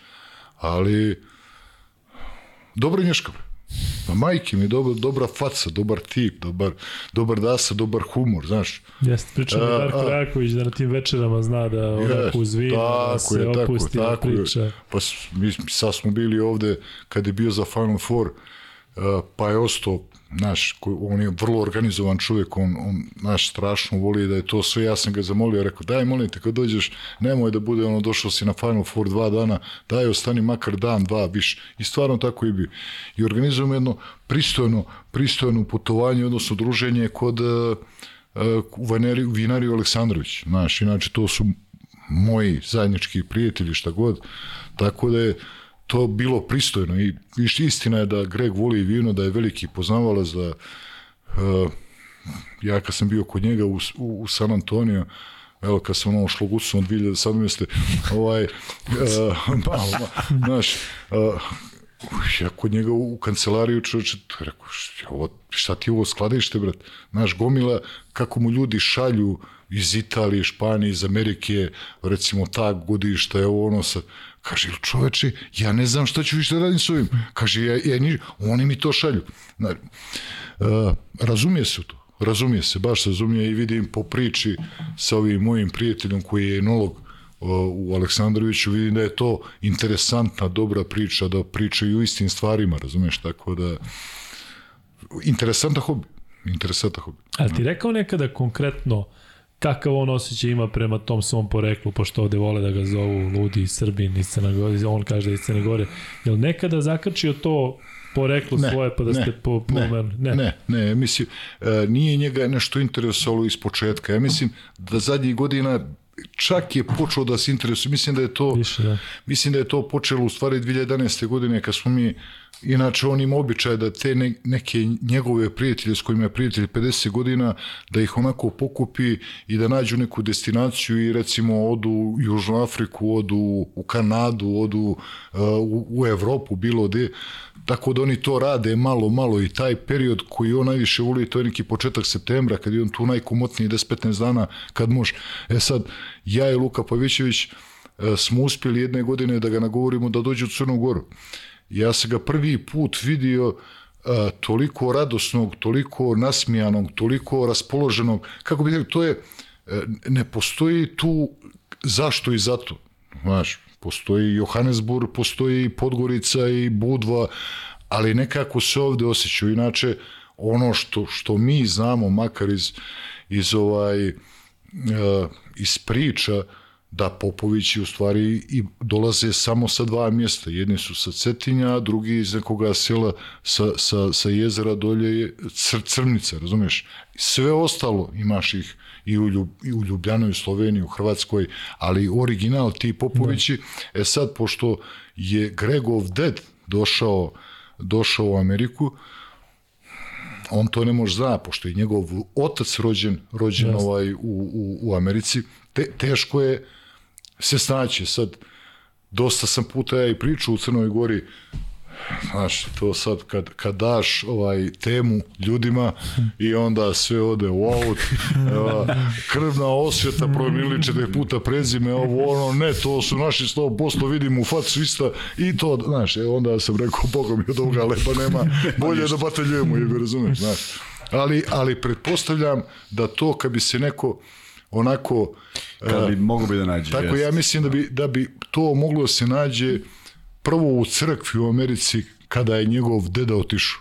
A inače, Greg je iz čuvenog mjesta jednog dobro ružnog, vjerojatno najružnije koje sam vidio, čuveni Gary Indijana, to je tačno na granici e, Indianapolisa kao drž, država Illinois, znaš, to je jedna muka, tu su se valjda, tu su se valjda naši ljudi skupljali, tu je bila velika metalurgija, bili su velike pa da, čeli, čeli, bili, da je bilo posla. Da. da.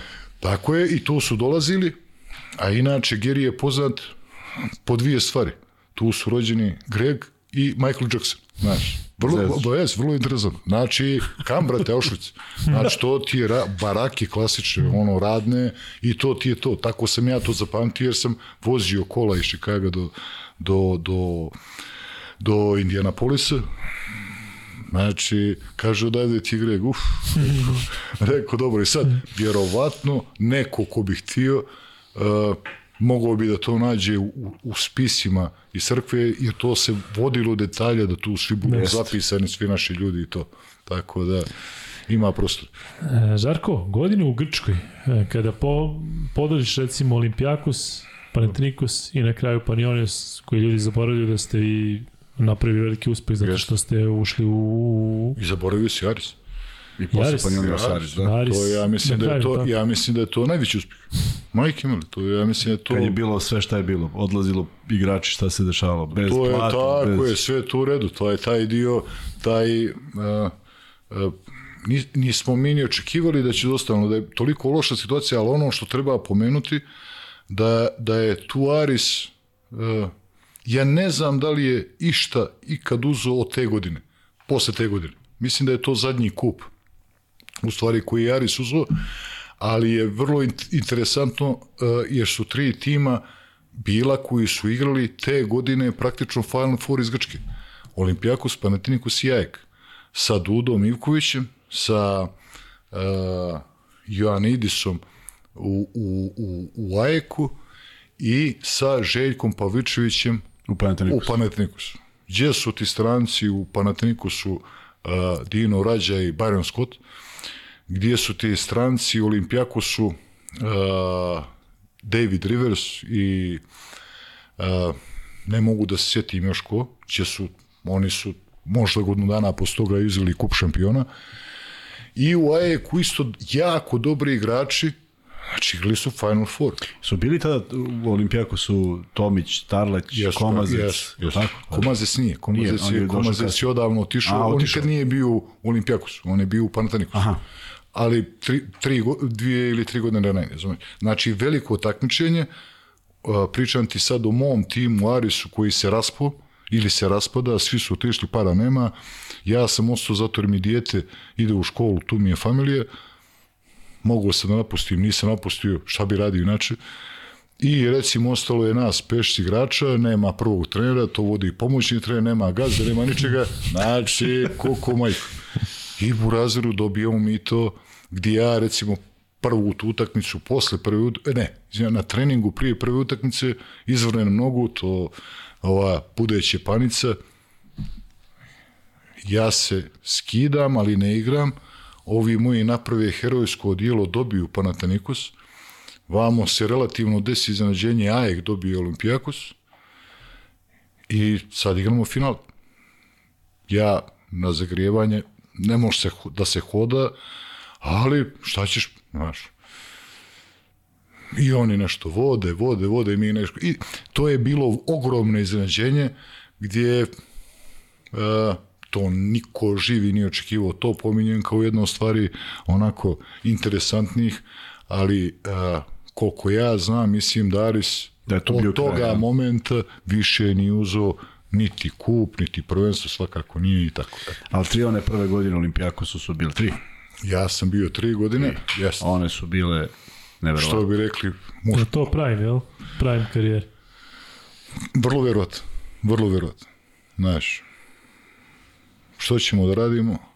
Taj loptu i, i ovaj, jeste, bilo interesantno. Znaš, ali sve, sve se to povezalo, znaš, sve se Olimpijakos ništa nije radio tih 15, 16, 17 godina prije, nisu ništa mogli da osvoje, Eh, Aris i Pauk su uzimali sve već godinama, bili sila u Grčkoj i praktično to je bio moment promjena, znaš. Tako da i ta prva godina Olimpijakosa gdje ti od uh, hiljadu ljudi ili 500 koje si imao jedan put dođeš do 20 i to recimo u dva mjeseca, razumiješ, znaš, tako da sve je to bilo wow, znaš, e sad, onda možda zamisliš kad, ovaj, kad ti to još dobro ide i kad ti dobro igraš, a imaš i neke uspjehe, znaš, u to Malo vrijeme... reći da si dobro igrao. Pa dobro, nije, nije, nije, To, nije to baš nije. Znaš, evo, okej, bilo, bilo je jako, jako pristojno. Ja danas kad gledam te utakmice, ponekad pogledam kad me ovaj ubije. Imaš? Ubije, na, imaš- ima, imam dosta toga. To, imam da nešto, imam na kasetama, nešto malo na CD-ovima,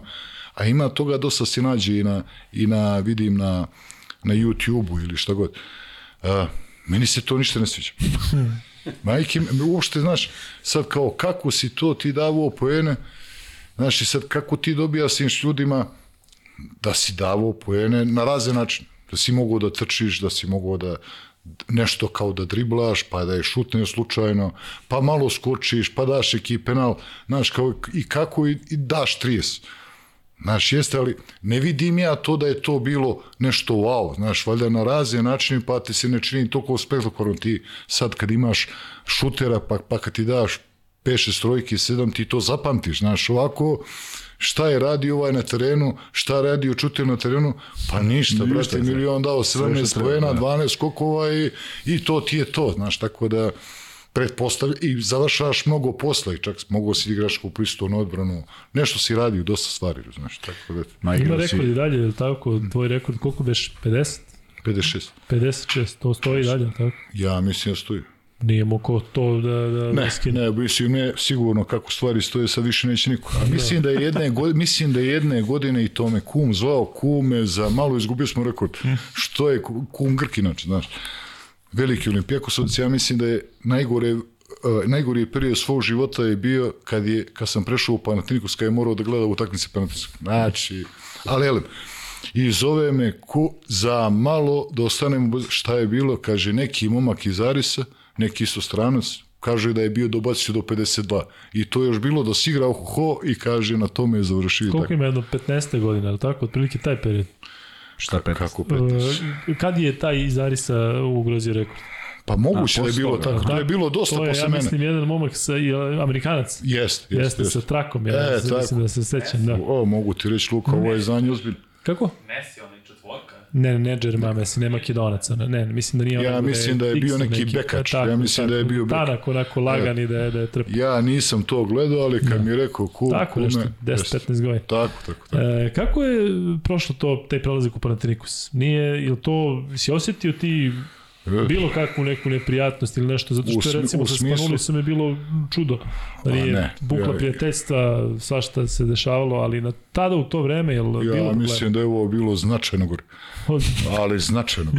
Meni su ostavljali poruke na vratima.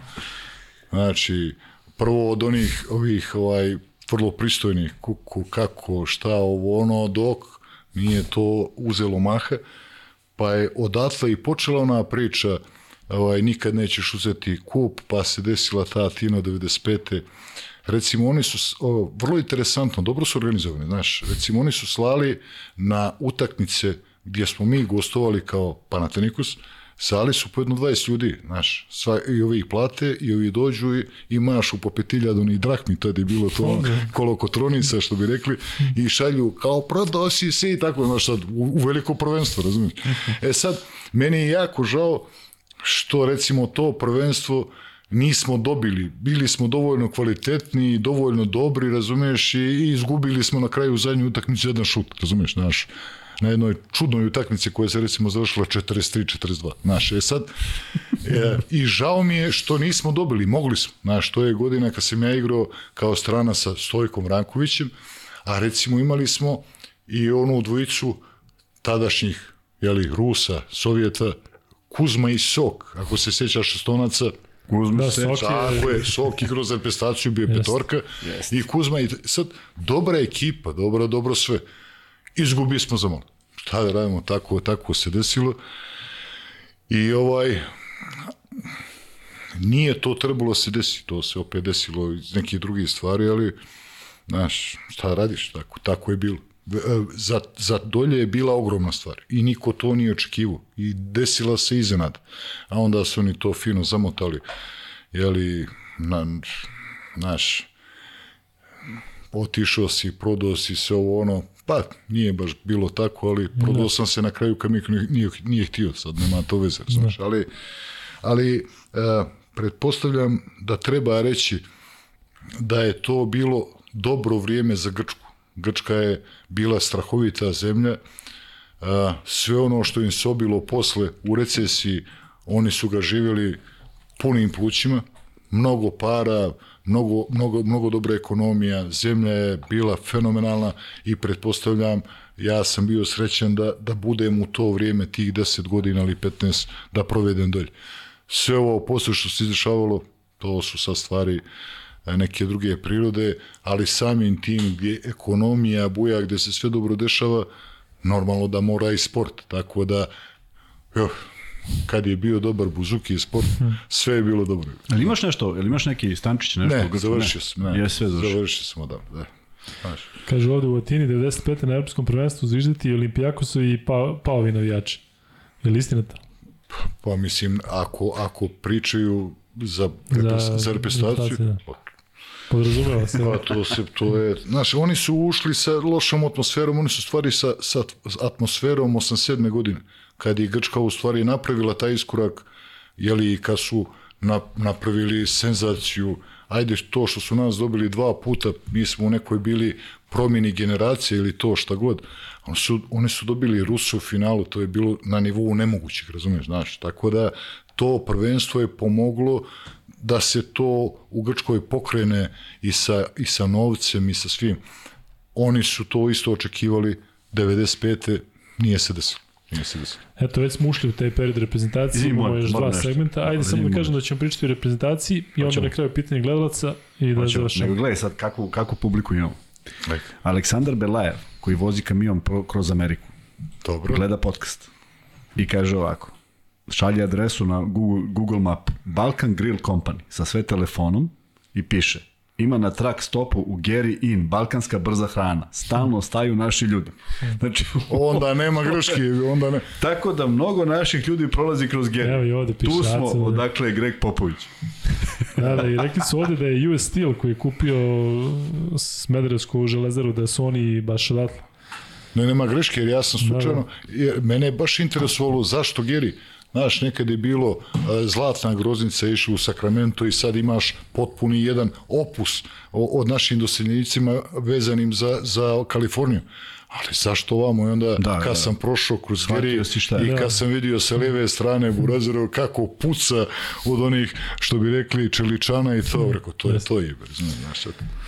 E, Žarko, pre raspada zemlje bilo je tih divnih uspeha i medalja i e, kako si podneo to i ovako ljudski i košarkaški da ta najbolja generacija ikada jednostavno se rasparča tako i da ne, da, da mi ne zameri Nikola zaista najbolja generacija što ti kažeš Ajde, to ćemo, to ćemo da damo drugima da prosude ali e, mislim da to iz početka niko nije shvatao uopšte.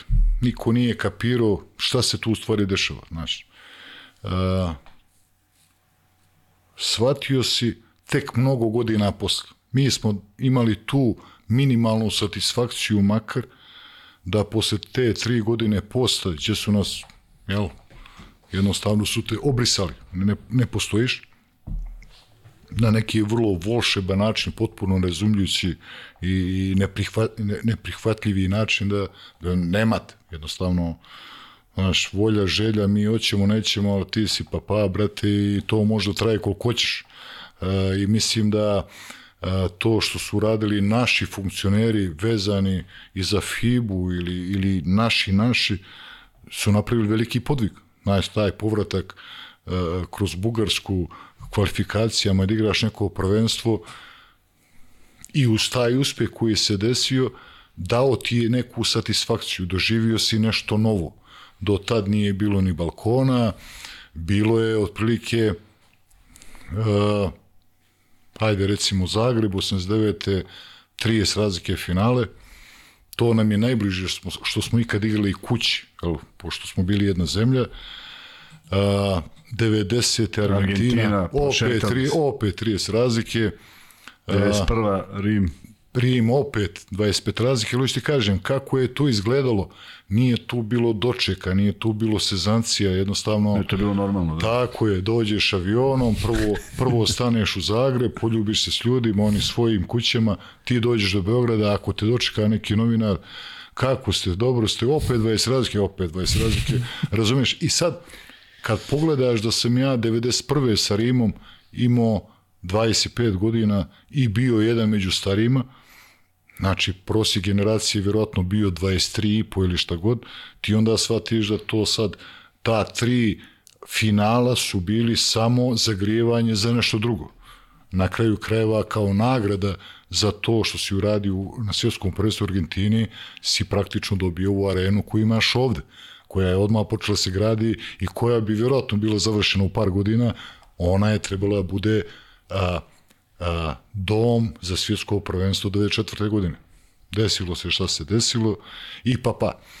Tako da, ako me, prič, ako me pitaš za štetu koja je načinjena prema mojoj generaciji, to nije ogromna šteta, to je ne, neopisiva šteta. To, to su stvari gdje su oni tebi uzeli još pet medalja, vjerovatno dosta, naj, dosta najsjenijih, možda neka Srbina sa neke olimpijade, gdje bi se vjerovatno u jednom momentu, ne možda 92. nego 96.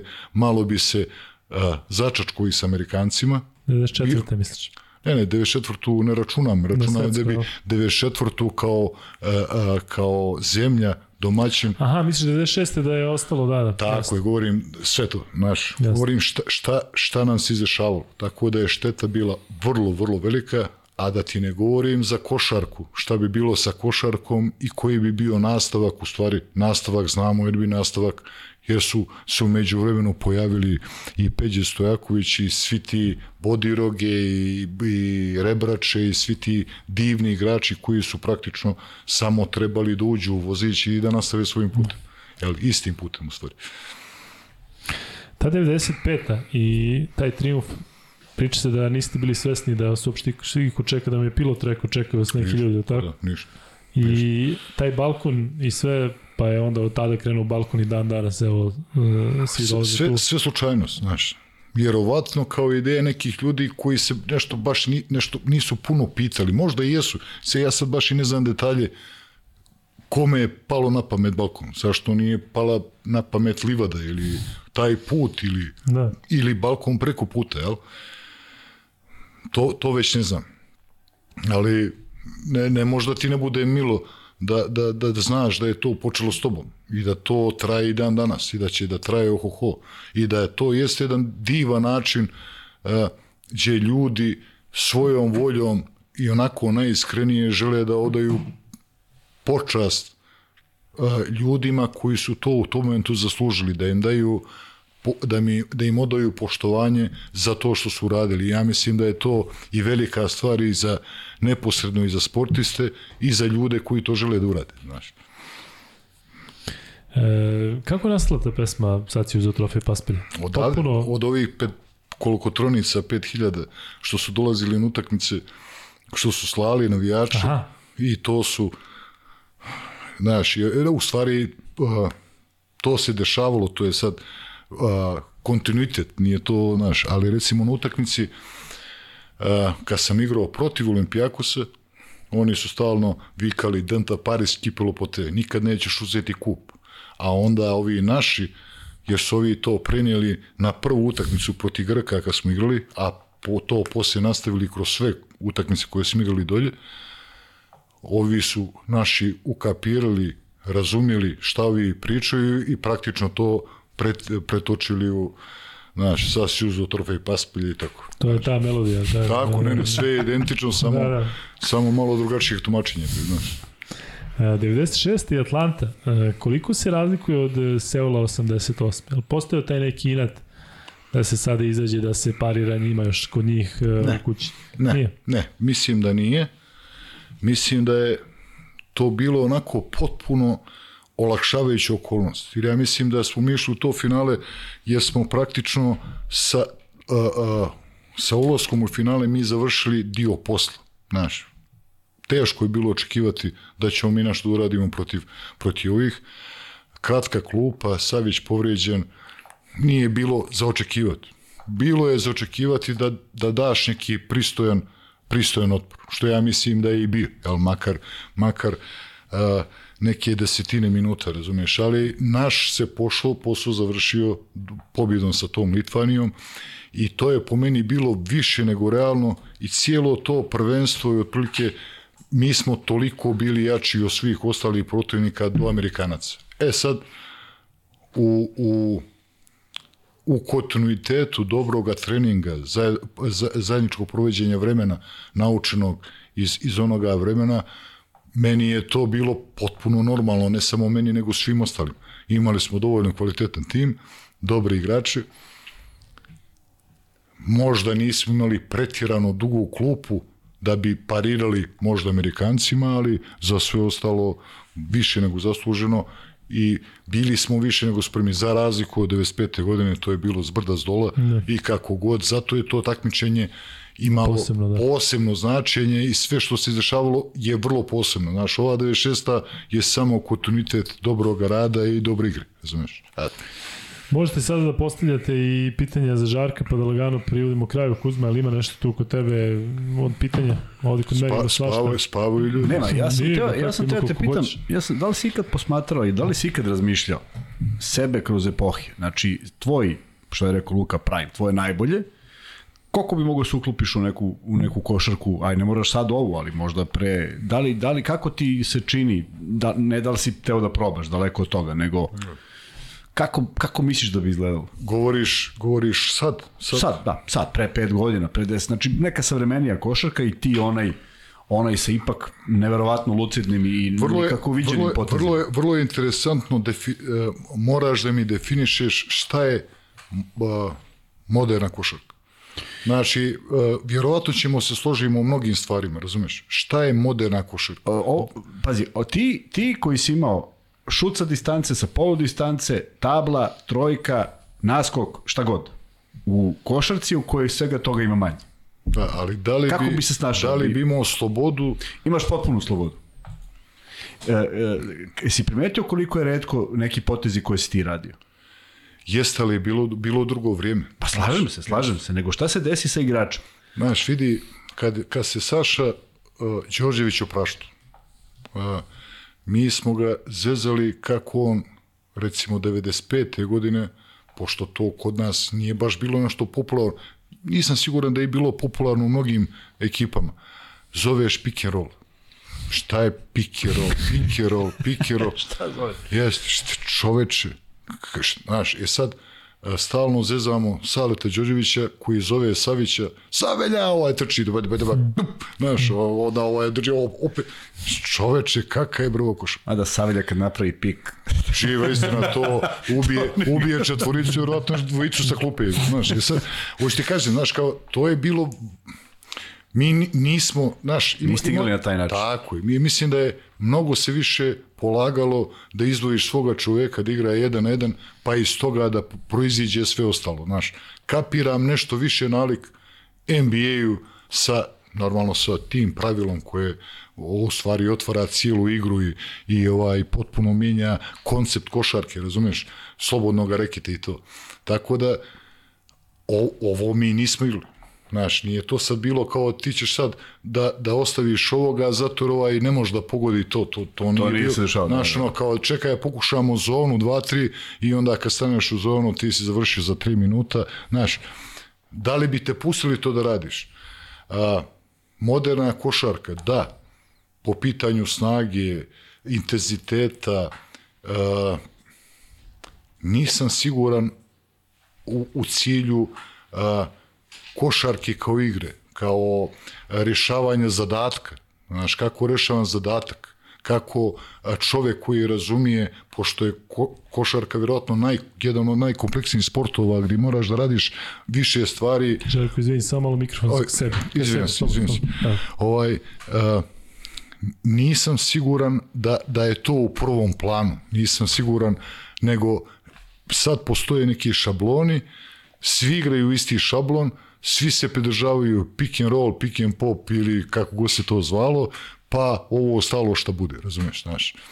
E, ne mogu da prepoznam taj neki uh, kvalitet individualni da li to treba se gaji, da li ga ne gaje, da li, ili da li onaj koji to posjeduje završi odmah u NBA, ovaj, a čini mi se da je to da, ponajviše, da. tako da je to ponajviše i onda a, gledajući košarku gledaš jedno tisto.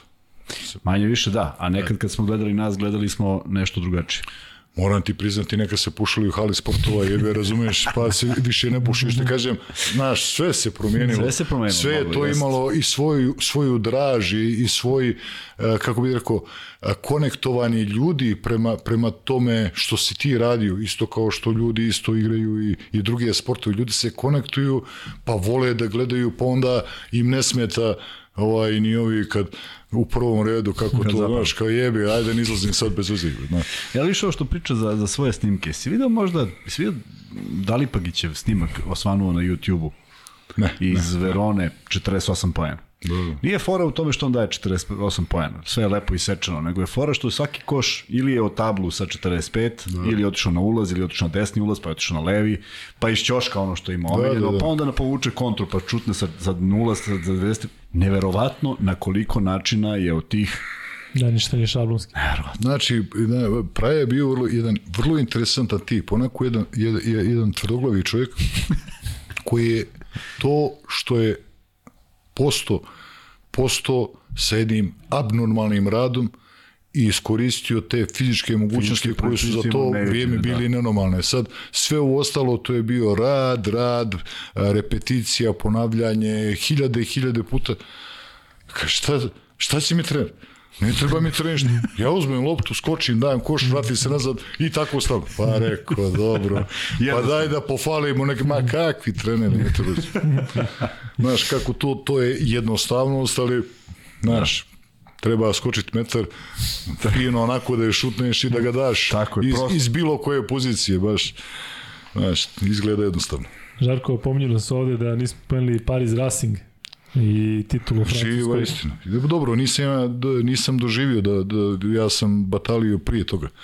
Ali ovaj, kažu da od tad ništa Ništa. Posle, pre toga pola veka nije bilo titula. je, kakav Pariz i kakav košarka stilu, to, znaš, to, to u Parizu ne može da funkcioniše, pa, znači, cijeli taj, uh, taj tim Paris Saint-Germain, koji recimo u svom uh, sportskom društvu ima mnogo sportova, ali najpoznatiji su odbojka, rukomet i, i košarka, gdje recimo u dnevnom programu igraju uh, u, u satnicama na, na po tri sata, znači kupiš jednu kartu, ponovo kreneš u 3, u 6, u 9, gledaš tri sporta, dođe ti recimo 2000 ljudi, znaš. Jednostavno Pariz to da. iz nekog razloga to se isto dešava sa Londonom.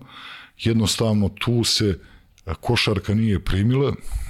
Primila se u, u Ortezu, u Limožu, u Lijonu, u malim gradovima, ali ovde iz nekog razloga postojala je želja, čak su postojali pristojne pare, ali i dolazili su pristojni stranci, znači dobri pristojni stranci dolaze u Francusku i to bi bilo to. Da, ali forsirali su baš čak i oni McDonald's turnir 98. beše, tako je bio u Parizu, tako u Bersiju. Uh, je tako je, to je da. u stvari kad je, kad je Bersije možda otvori nešto malo prije da, toga. Da, Jeste, da. Znaš, to su samo u Bersiju niko živi ni igru. Kako, da. kako ćeš da igraš u sali koji ima 20.000, pa ti 20.000 trebaš da ispadiš, ispražniš jedno pola arodnismana je da bi, da bi, da bi gledali utakmice, razumiješ, znaš. Jednostavno, ovi niti imaju publiku, a nisam stek utisak ni da imaju veliku želju da, da, bi, da bi to mogla potrebiti, znaš. E, pitaju da li ti žao što u NBA-u nije bilo drugačije, da si ostao možda još koju sezonu? Kako nije? To mi je uvijek žao znaš, ne, negdje ne možeš to da shvatiš kao, kao u stvari to mora da shvatiš kao neki liš i neuspih. Znaš, je sad, posle svega, znaš, ti kad osjetiš da možeš, a da, da se to baš ne, ne ovaj, uh, to da neko ne gleda na taj isti način i da postoji drugo neko razmišljanje, nikako neće lijepo ti padne. Znaš, sad, da li sam mogao da igram ili trebao da igram 20 minuta ili 10, ma makar onoliko da se osjećaš kao dio tima, a neće da na klupu i da, i da ovaj, kako zove, staviš peškir na vrat, da budeš, da imaš najbolju kartu u sali, a u stvari jedva čekaš da se završi utakmica i onako dobro popizdio da izađeš na polje i da kažeš čoveče, Da zapališ cigaru. jeđe ti, svakako to se podrazumijeva, znaš, ali znaš, znaš, jeđe ti Greg priđe i kaže nemoj da brineš, znaš, samo nastavi da radiš, nastavi da radiš. A da radim iz goreg fiše, da, znaš, sve više, e, nije bilo lako, šta radiš? Ali ironija u svemu tome što u, u, u narednih 15 ekipa možda igraš bez problema odmah. Tu se pogodilo da je, da je, da je takva... Zato, zato, i, zato i pominjem zato i pominjem taj, uh, taj trade koji se desio, ja mislim, krajem februara. Gde je otišao ovaj, da. Gdje je otišao ovaj, gdje, gdje ja znam gde je Greg išao kod ovoga, molio kumio da me pusti da idem gore da igram, ili šta god je bio, razumeš, i ovaj nije htio. Da znaš da je Larry Brown bio gost ovde u studiju, je tako, kod kolega? Pre jednu godinu, godinu. Jel tako? E, vidiš, ja sam, znaš šta je bilo vrlo interesantno? Da ja mislim da to bilo prije tri godine, ili možda prije, prije korone u svakom slučaju. Čovek postane trener nekoga Torino. Torina. I Torino dolazi da igra u bar. I rekao, ako neću da odem kunete sa životom, ništa, samo da mu se javim, najkulturnije, naj, mislim, nema veze, bilo, bilo šta je bilo, razumiješ. Međutim, posle čujem da se nešto ratulio, pa nije, nije ni došao. E, e, tako je, tako je, nije ni došao, a posle... Jeste, po, a posle... Igra onaj tvoj Harvey što šutira a. trojke levom rukom po 12 puta. Oni su tad napravili tim, onako platili strance. Sve u redu. Dobro njega kao trenera se znao ništa, nikad gore. Nisu, pogodili, nisu pobedili ništa. Mislim da mu je to Pa ne, on je brzo završio, mislim da on nije yes. svezao tamo tri mjeseca koliko je znam. Tako je, tako je, tako je. Sitno nešto. Pitaju yes. te, uh, pitali su ranije, to pitanje mi je promaklo, mm. da li je istina da si za, u intervju za Tempo rekao koji su ti hobi pušenje cigareta i spavanje? Pa dobro, Sećaju se, ništa se nije promenilo, ništa se nije promenilo, znaš. Ja mislim da su to moje ovaj, velike ljubave, ajde recimo da, da mnogo ne smaram ljude i zajebam se s ovim cigarama, volio bi da, su, da je situacija drugačija, vjerovatno bi me bio bi ler, ler, relaksiran mnogih problema koje sam doživio po pitanju zdravlja i to je moja velika mana, pa onda kad dok se ne riješim ove počasti, onda moram se šalim, znaš, moram se šalim na račun, ali ovo, ovo je onako teška, teška šala, znaš, kad su u pitanju cigale, vorio bi stvarno su bile, da su, da su a, bile drugačije okolnosti, ne pušim, i da mi nije ovako teško kod cigare u pitanju. A spavanje je dobro, spavanje, to je pristojno, to da, čovjek se nekako zadovolji, bude mu lijepo, kako bih rekao. Eto. E, a šta je sa onim dvorištem koje se sredio? Obavio, eno ga tamo. Jel tamo? Živo i zdravo još uvijek. Mada mislim da neće dugo. Ove godine se nisam, imao sam nekih problema sa zdravljem, pa se nisam puno bakćio. Aj prvo ti kažem, malo sam ostao na maloj snazi, znaš, znaš, ja sam ipak očekivao da će to da uzme veći mah u smislu, u smislu požrtvovanja komšija, da će to malo ipak da se, da to vide na neki drugačiji način. Međutim, ništa. Ali vidim slabo vajde i dobro, ne može to se uniše za godinu, za dvije, ali ne sumnjam ako se, ču, ako se ne vrati, mislim, ako a, se, se to ne vrati ono osnovno održavanje, makar da se čisti, da se sređuje, da se vodi račun, pa ja mislim da je to, neće odmah, ali za par godina nema greške.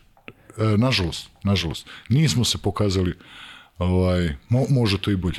Nije može to i bolje. Eto. Koji klub je najdrži od svih za koji si igrao, ne računajući Partizan, ovo pretpostavljam da je neki najveći Partizan? Ma nije Partizan, sigurno. Mm -hmm. No, ovaj, da možeš da izviš jedan. Onda Partizan, znači ne bih rekao pored, drugačije stilu. Pored. A pored Partizan. Da, da. Onda onaj prvi.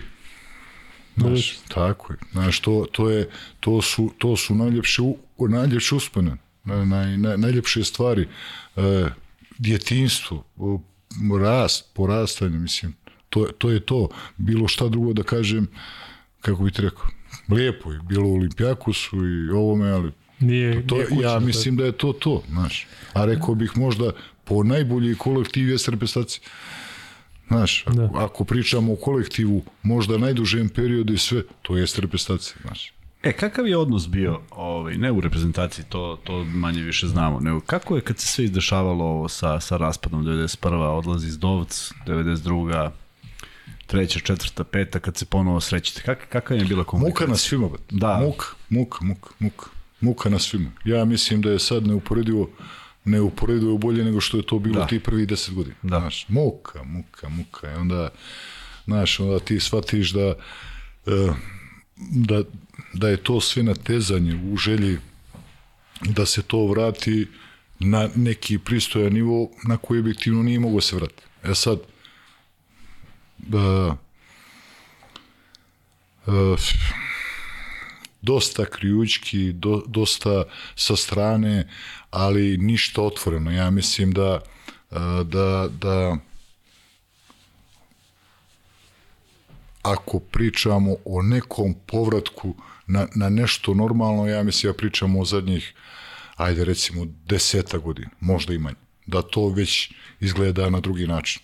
Sad, Do tada, da. Ono, sa, pričam ti konkretno uh, Srbi i Hrvati, Jure neka druga priča, on je nekako uh, povučen 91. godine na veliku njegovu žalost ili to što se dešavalo, ali Jure nekako uvijek bio drugačiji, oni su kao bili nešto sa strane, a ovo, ovo je ovde bio ozbiljan antagonizam i rekao bih po najviše sa, sa, sa, te, sa te druge strane. Znači, tako da, vjerovatno su mi ovde bili malo relaksirani po pitanju politike, pritisaka i svega ovoga, tako da, uh, mislim da se to i vidilo. Znaš, 95.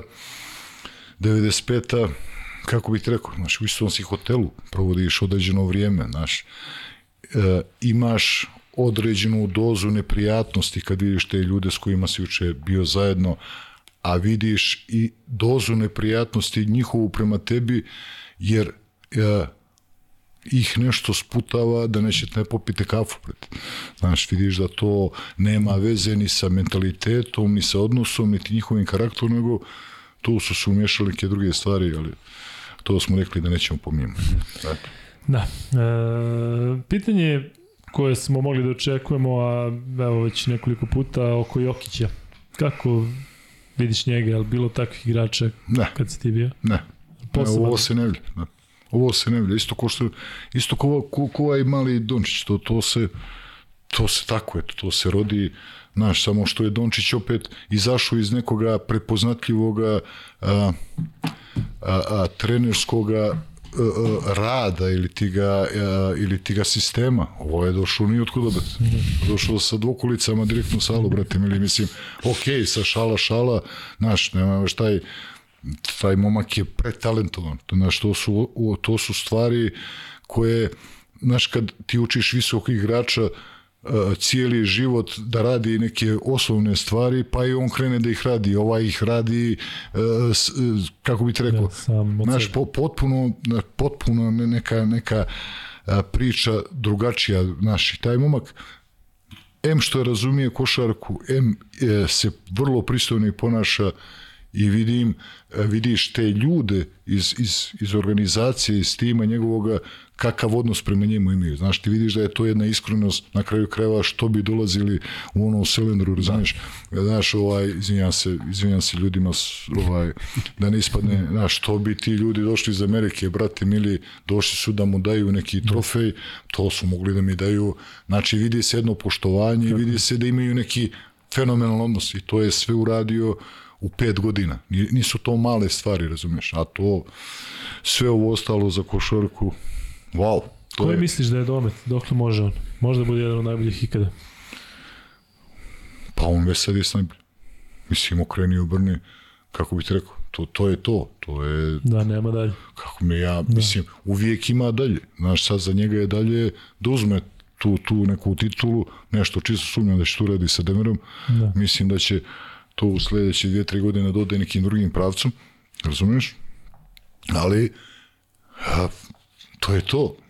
On, šta sad može? Može samo više ovaj, a, skokova, poena, jeli asistencija, pa još više, pa još više. Da kako bi ti rekao, mislim, i ti to sad radiš, pa se pomirio za još jedno mjesto, pa za još jedno mjesto, praktično završ, završio se sve, jel? A, e sad, uh, dometi su direktno do njega, znaš. Znaš, mislim, domet njegov je, čekaj, mogu li ja da uzmem, da uzmem titulu. Charles Barkley, veliki igrač, Nije uzeo, je, da. je završio karijeru i, i nikad ni- nije imao titulu. Malone, Ewing, Stockton, ima njih dosta. Da. Tako je, Drexler da nije otišao iz, iz Portlanda, nije on vjerojatno nikad ne bi. Strahoviti igrač, znaš, mislim da u jednom momentu će samo to se postavi kao pitanje. E, kažu da je Vazenko rastao, Vazenko rastao na tvojim VHS kasetama. Jesi to A čuo? taj mali je super, je. Jeste. Znaš, meni je to kumre, ja nešto, nisam nešto puno pratio, znaš, sad kao, kao mali Vezenko, kao iz Bugarske, jer ko je taj? I onda ga vidim onako, onako gabelja, ljevak jedan, ono, to je vrlo, vrlo čudno, znaš, ti pokreti ljevaka su malo drugačiji, pa još imaš neki čudan šu, on bre dobar igrač, on razumije tu košarku, Jest. radi dobre stvari, trči gore, dolje, tako da, da je to do- dobro je, to dobro, odlično. Pitali su ko je pored tebe najbolji levoruki igrač ikada? Da li možeš neko da izdvoješ? I onda su ovde nabrali.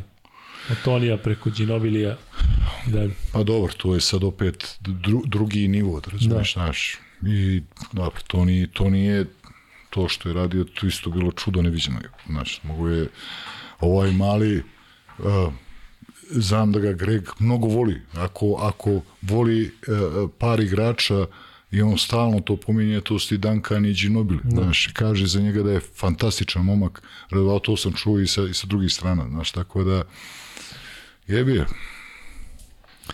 A Boban Petrović? da, je. Znači, recimo, Boban Petrović je bio strahoviti igrač. Čak su te pitali da li si igrao e, sa njim. Ne, Nisi. ne, nisam, e, nisam, bili smo veliki prijatelji, on je otišao za Južnu, Južnu, Južnu Afriku, čak kad je dolazio vamo, čak smo se viđali dva, tri puta, kad je vodio neke crnce, tu ih je valjda vodo, on ima ne, imao neki kamp košarkaški, pa je valjda htio da ih uključi, u stvari nema to uključivano, dajte pare, znaš, da vas vodimo u Slaviju gdje se to kao radi, jel? I ovaj, i mnogo mi je žao, ovo, znaš, to su, to su ovaj, stvari koje ne treba da se rešavaju, makar ne još, ali Boban je bio izvrsan igrač. Izvrs, izvrs, onako imao dobru ljevicu, razumije, on je bio onako preciznost, imao je taj a, a, što bi rekli feeling, osjećaj, on inače, da li je svirao neki instrument, da li je svirao saksofon, recimo, precizan, imao je, imao je to u prstima, razumiješ? Odlično, odlično. Ja znaš da sam zakačio jednu sezonu, moju prvu, 90. 91. Mi smo igrali B ligu OKK Beograd, a on igrao za Kruševac. Verovatno završetak Pa karijere. to ti kažem, to je, to je I izlazimo na teren, ej, Bo, Boban Petrović igra. Znači, ne igramo na istim pozicijama daleko od toga, ali ti nije, znaš, treseš se. Jeste, jeste. je on- E, ja mislim da je on odmah posle toga, da je posle te godine, da je on spakovao stvari otišao, i da je otišao dolje. Da li on dolje ima brate ili ne znam koga, ne znam šta, šta se tu izdešavalo, ali dolje ostao tako, tako Da. i proveo život. Znači, da. eto. Pitanje za Žarka Legendu, da li je neko pokušao da mu koriguje šut i kada su digli ruke treneri? Pa, vrlo, vrlo brzo pretpostavljam, jes, jes. Bio je neki, neki dragi, fini čovjek, možda ga ti sjećaš Kuzma, u stvari, on je, on je preminuo Mikica Petrović. Mikica je bio u jednom momentu uh, a, trener, trener u, u, u budućnosti. Mm -hmm. Mislim da je to bilo ona godina kad smo mi završili kao treći, recimo, u Jugoslaviji. To je bilo to je bio neverovatan uspjeh, znaš. I Mikica je, je interesantna ta sezona kada je počela, valjda stala garda, on, znaš, sad, da li je to njemu rekao da nešto treba da se radi da bi to bilo još bolje i on nešto počeo da mi vrti ne, ne, ne treba to tako, treba ovako jer rekao Mikica Znamo se. Čekaj ne ovo je dobro, međutim to je trajalo jedno 15 dana a inače Mi- Mikica je poznat po tome da je kao mlad trener e, došao i valjda da bi zaveo autoritet, znaš, e, sazvao sastanak i rekao, slušajte, znate, ovako, situacija je sledeća. Ja znam da ovde nekolicina igrača puši. Ovako. Ko prijavi da puši, odmah 10%. A koga ufatim, 30%. 10%.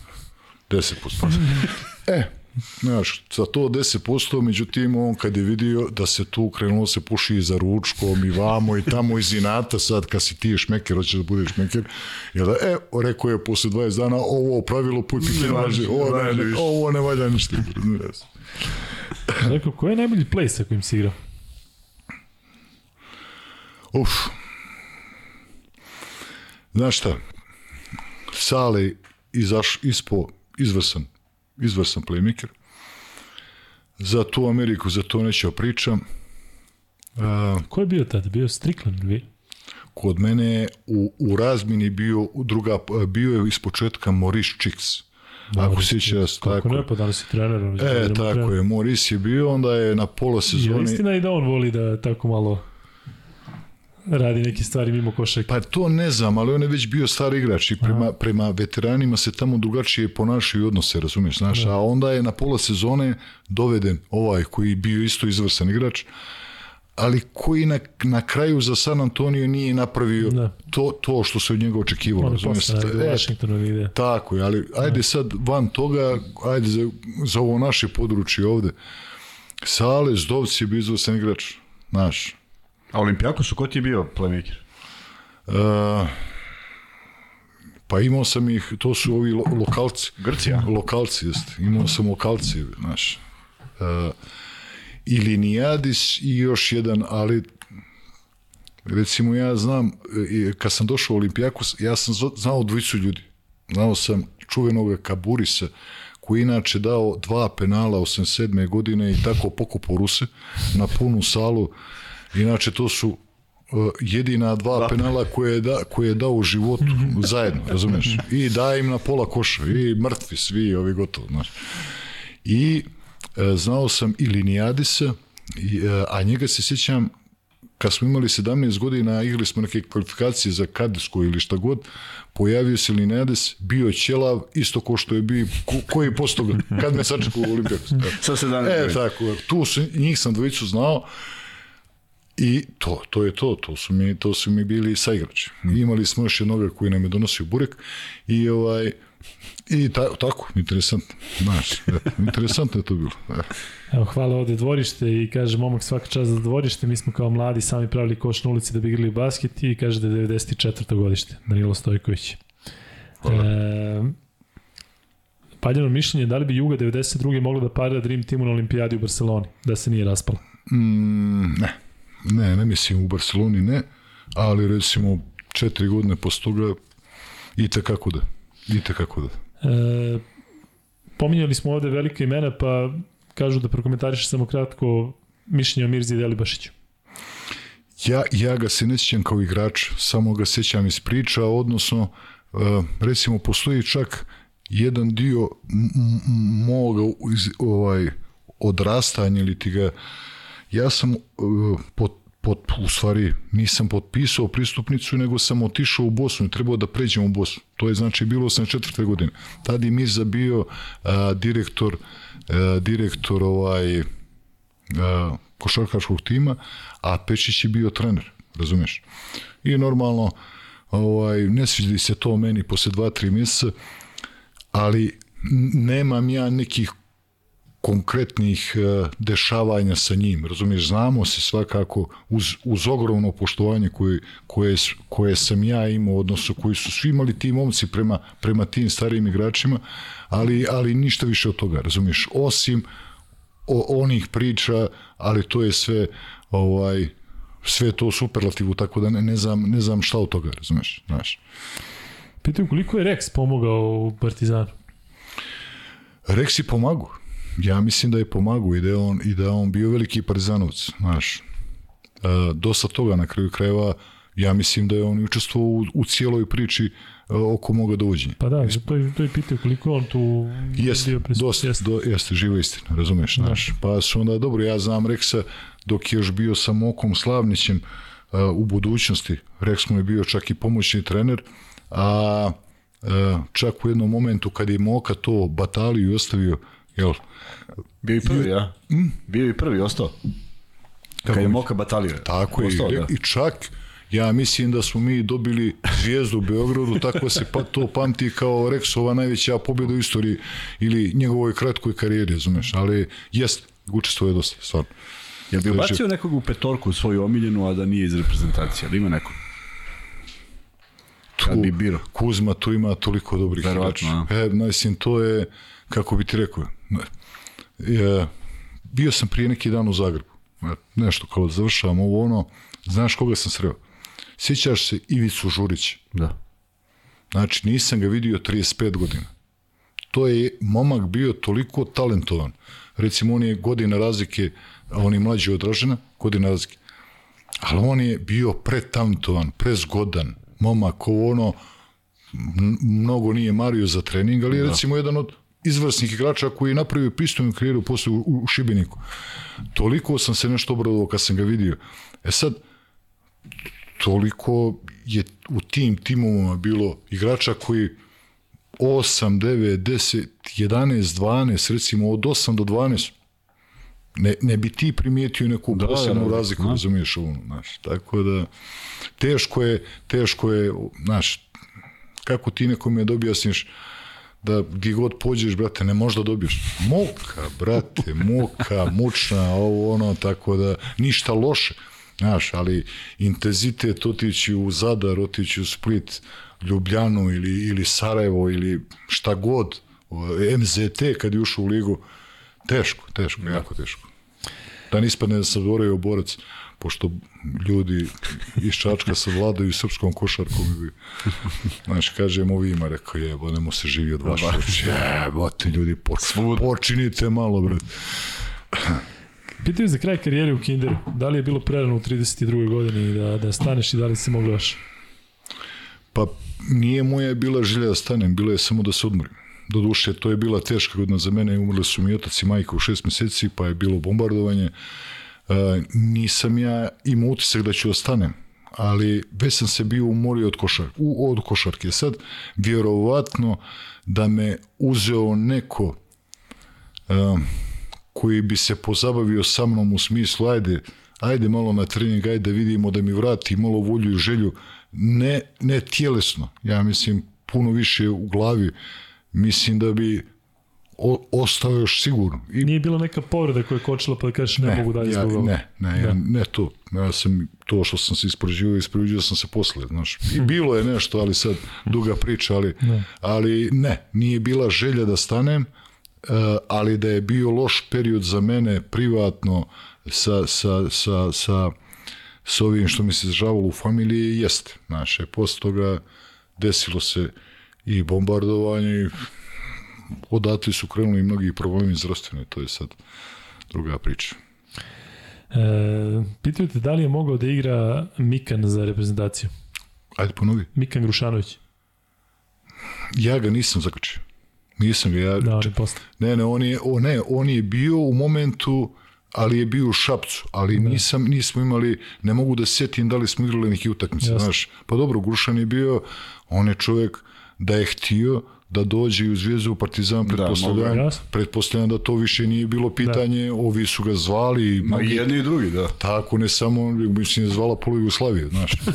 e sad što je deda rekao, da počinemo ne Stris, Znali smo ga imao neko yes. može li u šalac. A, to ti da, govori, Majd igra ovaj futbol da. nedeljom, razumiješ, tako da, znaš, I, imaju muzičko pitanje za Žarka, koji ti omljeni džez izvođač i da li prati modernu džez muziku? Uh, pratim, kad pratim, šta znači praćenje, znaš, džez, džez u razne varijacije, znaš, zavisnosti od raspoloženja, znaš, ima tu, ima tu svega i svačega, zavisi, znaš, uh, klasičan džez teško, teš, teško je slušati, znaš, zato su se pojavili varijacije da, je, da bi to ljudima bilo prihvatljivo, u stvari, i kao posljedica spasavanja jednog žanra od izumrlosti kako bih rekao, znaš, ovaj, tako da ja mislim da su e, te varijacije e, i doprinili džez da još uvijek postoji, razumiješ, kroz to e, ljudi se sjete i starih stvari, ali ima toliko, to je, ovaj, ja stalno, stalno pominjem jedan pristojan period a, koji sam proveo u Čikagu iz nekih šestih razloga, pa sam nešto često išao, čak sam bio i zimi. A, gdje sam gomilu vremena proveo sa nekim mojim prijateljima obilazeći male one rupice i rupčage a, gdje dođu momci koji sviraju za 50 dolara izubijaju te gitare, saksofone, ovo ono iz jebancije. Znaš, i ti to slušaš i kažeš, a onda vidiš da ti ljudi nemaju lebade, da ne, nemaju jednostavno, ne, ne bi svirali za te pare ili za bilo koje, ti to vidiš da je to muka i da, je, da ti klubovi nije to ništa super, ima neki koji su super, ali da shvatiš da, da, da, da ti ljudi rade to što vole, brat. Inače ga vjerovatno ne bi radili. Odatle i polazi taj njihov osjećaj za muziku. Da ne poveriš. muke. Znaš, taj, vidi, taj, taj Chicago je generalno i za džez i za sve mnogo toga dao i doprinio, razumiješ, znaš, bio je centar gdje su svi praktično uh, koji su išta znali u instrumentu ili se bavili muzikom, ovaj, morali su da odu, odu gore da bi napravili neko ime, razumeš? Otprilike Chicago, nešto New York, a posle toga je išlo sve ostalo, tako da Dobro priča. Znaš, voli, odmah ti kažem, volim ja sve da slušam. Nije Izvini, to... si bio u New Orleansu nekada dole na ovom Tako je, bio sam i uh, bio sam, uh, kako se zove taj... Mardi Gras. A misliš, na ulicu, na, na ulicu, na ulicu, tako, tako. Da. Znaš, to S ovim oko vrata. Evo, otprilike, znaš, nisam bio toliko dugo da bi ja to osjetio. Znaš, uh, meni se ono učinilo na, na, na vašar, ona ulica, yes. sve, sve to izgleda na vaše, tako da na prvi moment ti čak i nije simpatično. Pretpostavljam da bi morao da dođeš, jer nam je hotel bio bukvalno na glavnu ulicu, a zadnja vrata su zele na tu ulicu, razumiješ? Mm. Ali, E, nije mi se to nešto posebno sviđalo. Znači, bio sam uh, u, u, u, na propudovanju, ovo što pričam kad sam, kad sam išao da gledam Super Bowl. Pa jedno od tih stajanja je bio New Orleans, malo smo se prošetali, rekao bih čak i da smo nešto čak i vidjeli i, i poseđali u, u, u par restorana i čuli neku muziku, ali uh, to društvo mi se uopšte nije tamo sviđalo. Kad kaže ne moje društvo, nego ne, ljude, ekipa, nego da. ljude koje da. sam vidio tamo, to je... Da, jeste, prezir... malo je onako baš, oh, što kažeš, vašarski, da E sad, ovi, ovi, ovi kažu, pa čak nije to bio neki vikend, nego smo, to je bilo preko nedelje, pa kao nije što bilo puno i gužve. Ali, uh, mislim da kvalitet tih ljudi koji tu da dolaze, da je to onako dosta, dosta šutno. Jeste, jeste. Drugari, koliko ćemo još pričati? Još koliko Dosta da idemo kućama ljudi. e, da idemo tek je dva. Ha? Tek je dva. Dosta, brate. Ne, ne moramo rekao da posizavamo. Ajde da ispucamo samo ovaj free bet. Navrite e, ko prvi na broj jednog košekaša iz Nemačke koji je igrao sa Žarkom u u San Antoniju, to je poslednje pitanje, dakle možete samo jednog od te dvojice, pomenuo je Žarko obojicu, a Žarko, ja ću da te na kraju pitam kako je, evo, poslednje pitanje, kako je sad, kakav je život sada? Pitali su te ovde da li pratiš Partizan, šta još radiš? Milion nekih pitanja ne, vezanih za ovaj sad pratim, period. Pratim sve, ništa specijalno, malo smo ga spustili, tako da je to sad ovaj prilično upristojenjeno, što bi rekli, po pitanju života. Ovaj, ništa specijalno. Pratimo, svakako pratimo sport, pratimo i, i Partizan, pratimo i Zvijezdu, gledam dosta to što gledam. Ja ne idem utakmice, mislim da ću da idem.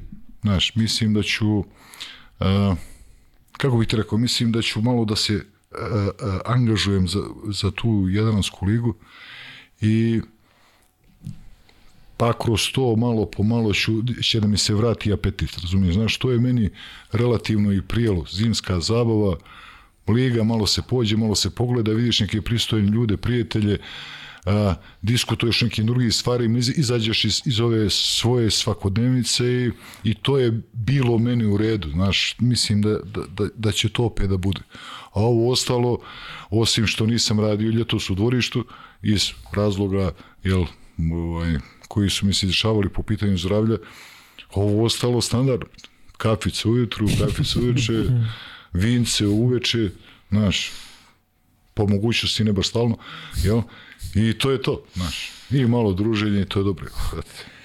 Po meni, molim te, odnosno, reci kako su se zvali ovi Nemci iz ekipe, ovdje imamo svakakve odgovore. Nije šef, šef nije igrao s tobom. Šef Ne, ne, igrao Dietrich, u Dietrich je bio prije Velp. mene, tako, Da. čuveni Christian Velp i Uwe Blab. E, Jest, Blab, je li tako? Bla- Uwe Blab, tako je. I to sam zapamtio jer je vrlo interesantno. Da. A mislim da su oba dvojice bile u ekipi 93. kad je Njemačka Da, dobila Hrvate, oni su dobili Hrvate u finalu, tako? E, ne znam da su Hrvati ili u Ne, polufinalu. ok, moguće onda polufinale, a onda da. ne. A u finalu su dobili, ne znam, neko... Kristijan Vus nije, a Blab jeste, tako da Boris 995. Christian Va- Ne, ne, dobro je, dobro. E, Blab je, dakle, tačan odgovor i Vanja, ili sam dobro video, dakle, da je Boris 995 odgovorio prvi Blab. Nek Boris onda. Dobro ovo, otičeš ti nebat. Rekao je Christian Zus i Kristijan. Vus. Pa to znači Christian jeste. Ali nije Zus, no, nema Da, ve. Ilija Ževodinović je naš, Znači, naš kad- stari, za razumeće da Da, nije... da se malo progleda to kroz prst. Razumiješ? I, I još jednom za kraj, e, Žarko Pi- Piričaju ovde svi, a i ti si pomenuo nekoliko puta, zdravlje, kako je? Dobro, sad smo u komadu, sad funkcionišemo. Znaš, Znači, mi svi dobro, bilo i gore od Matikaća. Znaš, bilo je, što bi rekli u Crnoj Gori, bolje su kopali, znaš, znaš, šalim se, ovo, je crni humor, ali sad je bolje, znaš, teška godina, teška godina, kako bi ti rekao, znaš, postoje dobre godine, postoje loše, znaš, kad, ova spada u teža. Na ova je bila grdna. Znaš, ovo što, što smo imali koronu jedno tri puta, to više ne računam. Ovaj, međutim, imao sam neku intervenciju koja mi je ovako dosta dobro, odnosno teško pala i praktično do skoro sam se i od toga oporavljao, znaš. Tako da, ali sad je okej, sad je okej. Žarko, u ime svih naših gledalaca, evo i dalje ih preko 1300 ljudi u live-u posle evo, 4 sata. Pitao si na početku kako 4 sata, evo 4 sata, mogli smo ovde da pitamo još milion e, pitanja. Evo, Evo, Jesi im rekao da uzmano što spavaju ljudi, imati Nije, bromaze znaš koliko pampa. ima Chicago i sve. A, okej, ovi, bravo, dakle, okej, okej. Njima je sad e, idealno. Kuzma, Dobro. ti za kraj, šta imaš da poručiš da kažeš? Žare da ti se zahvalim što si došao. Ovaj, drago mi je prvo što, što si mi rekao tu vez da ćeš se angažovati ponovo, zato što mislim da da su takvi kao ti uvek dobrodošli u košarci. Mm, Drago mi je da je zdravlje dobro, što će reći čim se oporio došli kod nas u podcast. Ljudi, hvala vam puno što ste me I hvala pozvali. što si odvojio ovoliko vremena i nadam se da ti stvarno nije teško palo i ako ikada poželiš nešto da kažeš, ova vrata su ti uvek otvorena i možeš da dođeš po bilo kojoj temi. hva- hvala puno ljudi, milo mi je da ste vi dobro, da vam, da, da vam ovo ide okej. Nisam baš shvatio što pesati, ali nema veze. Znači, kapiram da može i deset. Ako ti bude trebao neki savjet od nas Ne, dvojice ne, da znaš da hoće. sada... Svakako, svakako ljudi. Žarko, hvala puno. Ja evo za kraj da kažem, e, 97. podcast je gotov. e, A koliko ljudi to, priznati, koliko ljudi ovo lajkovalo, recite mi. 655. Dobro, to nije loše. E, a moram reći da eto 97 podcaste, ja i Kuzma ovde non stop radimo, mnogo gostiju i eto malo onako lično meni je ovo bio jedan od najdržih i nadam se da i vama ovde kroz komentare vidimo da ste zaista uživali. Žarko, hvala još jednom, a mi se vidimo Kuzma u četvrtak Mi se vidimo u petak četvrtak. i u petak i onda ćemo praviti Da. planove za stoti podcast koji je u ponedljak, sve ćemo vam reći šta smo planirali da još mi isplaniramo, pa ćemo onda ovaj, da, da vam sve... da Četvrtak sve posle utakmice Zvezde, ali tako? Petak Četvrtak posle utakmice Zvezde, ali ja u petak prenosim Real Madrid, tako da Real Madrid je u 15 do 9, tako da igra moći Partizan? prenos. Partizan igra, Ne, ne, u petak ne možemo svakako. u, u četvrtak Real prenosim, Doći ja, nema veze. Doći ja. Zvezda je u 7, tako da neću moći, ali moćemo tek od 11. Dobro, i danas ćemo. Šta da radimo, ali obavestit ćemo sve, tako da hvala vam još jednom, pa se vidimo u četvrtak.